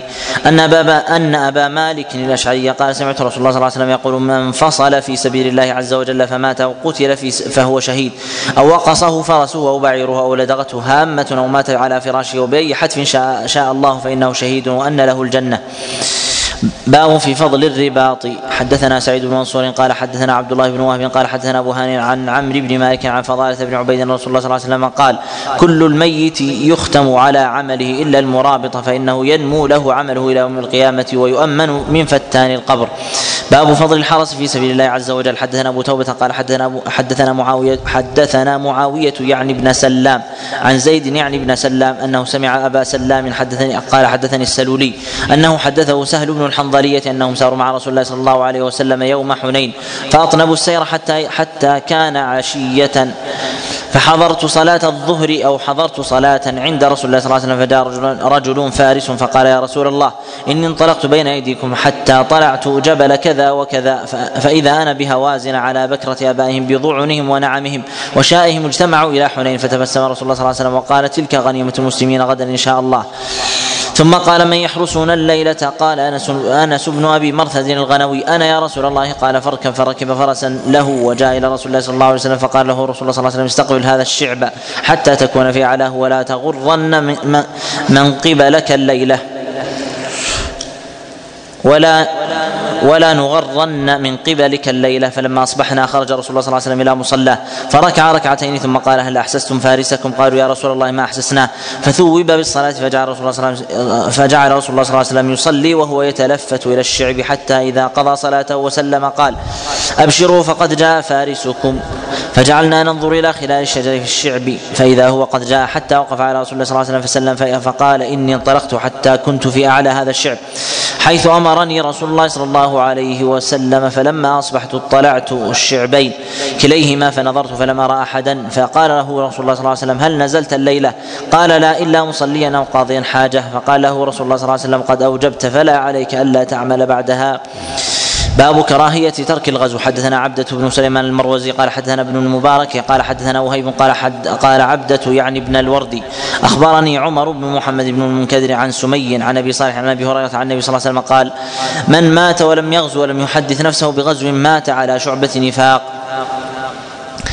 حدثنا عمرو بن عثمان وقرأت على يزيد بن عبد ربه الجر الجرجسي. إذا كان إذا كان التفكير بالغزو والتفكير بالجهاد ينفي النفاق فكيف بالغزو في ذاته؟ وهذا قلما يكون في شيء من من الاعمال من الأعمال الصالحة كما يكون في الجهاد في سبيل الله. نعم. حدثنا عمرو بن عثمان وقرأته على يزيد بن عبد بن عبد ربه الجرجسي. قال حدثنا الوليد بن مسلم عن يحيى بن الحارث عن القاسم أبي عبد الرحمن عن أبي أمامة عن النبي صلى الله عليه وسلم قال من لم يغزو أو يجهز غازيا أو يخلف غازيا في أهله بخير أصابه الله بقارعة. قال يزيد بن عبد ربه في حديثه قبل يوم القيامة حدثنا موسى بن إسماعيل قال حدثنا حماد عن حميد عن ناس النبي صلى الله عليه وسلم قال جاهدوا المشركين بأموالكم وأنفسكم وألسنتكم. باب في نسخ نفير العامة بالخاصة. حدثنا أحمد بن محمد المروزي قال حدثنا علي بن حسين عن النبي عن يزيد النحوي عن كلمة عن ابن عباس قال إلا تنفروا يعذبكم عذابا أليما. ما كان لأهل المدينة إلى قوله يعملون. نسختها الآية التي تليها وما كان المؤمنون لينفروا كافة. حدثنا عثمان بن أبي شيبة قال حدثنا زيد بن الحباب عن عبد المؤمن بن خالد الحنفي قال حدثني نجدة بن نفيع قال سألت ابن عباس عن هذه الآية. إلا تنفروا يعذبكم عذابا أليما. قال فأمسك عليه فأمسك قال فأمسك عليهم المطر وكان عذابهم. باب الرخصة في القعود من العذر. حدثنا سعيد بن منصور قال حدثنا عبد الرحمن بن أبي الزناد عن ابي عن خارجة بن زيد عن زيد بن ثابت قال كنت إلى جنب رسول الله صلى الله عليه وسلم فغشيته السكينة فوقعت. فخذ رسول الله صلى الله عليه وسلم على فخذي فما وجدت ثقل شيء اثقل من فخذ رسول الله صلى الله عليه وسلم ثم سري عنه فقال اكتب. فكتبت في كتف لا يستوي القاعدون من المؤمنين والمجاهدون في سبيل الله. إلى آخر الآية فقال فقام ابن أم مكتوم. وكان رجلا أعمى لما سمع فضيلة المجاهدين فقال يا رسول الله فكيف بمن لا يستطيع الجهاد من المؤمنين؟ فلما قضى كلامه غشيت رسول الله صلى الله رسول الله صلى الله عليه وسلم سكينة فوقعت فخذه على فخذي ووجدت من ثقلها من في المرة الثانية. كما وجدت في المرة الأولى ثم سري عن رسول الله صلى الله عليه وسلم فقال اقرأ يا زيد. فقرأت لا يستوي القاعدون من المؤمنين. فقال رسول الله صلى الله عليه وسلم غير أولي الضرر الآية كلها. قال زيد فأنزلها الله عز وجل وحدها فألحقتها والذي نفسي بيده لكأن ينظر إلى ملحقها عند عند صدع في كتف كتف. قال حدثنا موسى بن إسماعيل قال حدثنا حمد عن حميد عن موسى بن أنس عن أبيه أن رسول الله صلى الله عليه وسلم قال لقد تركتم بالمدينة أقواما ما سرتم مسيرا ولا أنفقتم من نفقة ولا قطعتم من واد إلا وهم معكم فيه. قالوا يا رسول الله وكيف يكونون معنا وهم بالمدينة؟ فقال حبسهم العذر. باب ما يجزي من الغزو. يكفي اكتفي بهذا القدر. أسأل الله عز وجل أن ينظر وجوهكم وأن يجزيكم خيرا على حبس أوقاتكم وأن يجعل ما حبستم به أنفسكم من جهد وكذلك وقت فرجا بين يديه يوم العرض عليه. وأن يشفع نبيه صلى الله عليه وسلم فيكم وأن يكون قائدكم إلى جنات النعيم. إنه ولي ذلك والقادر عليه. صلى الله وسلم وبارك على نبينا محمد.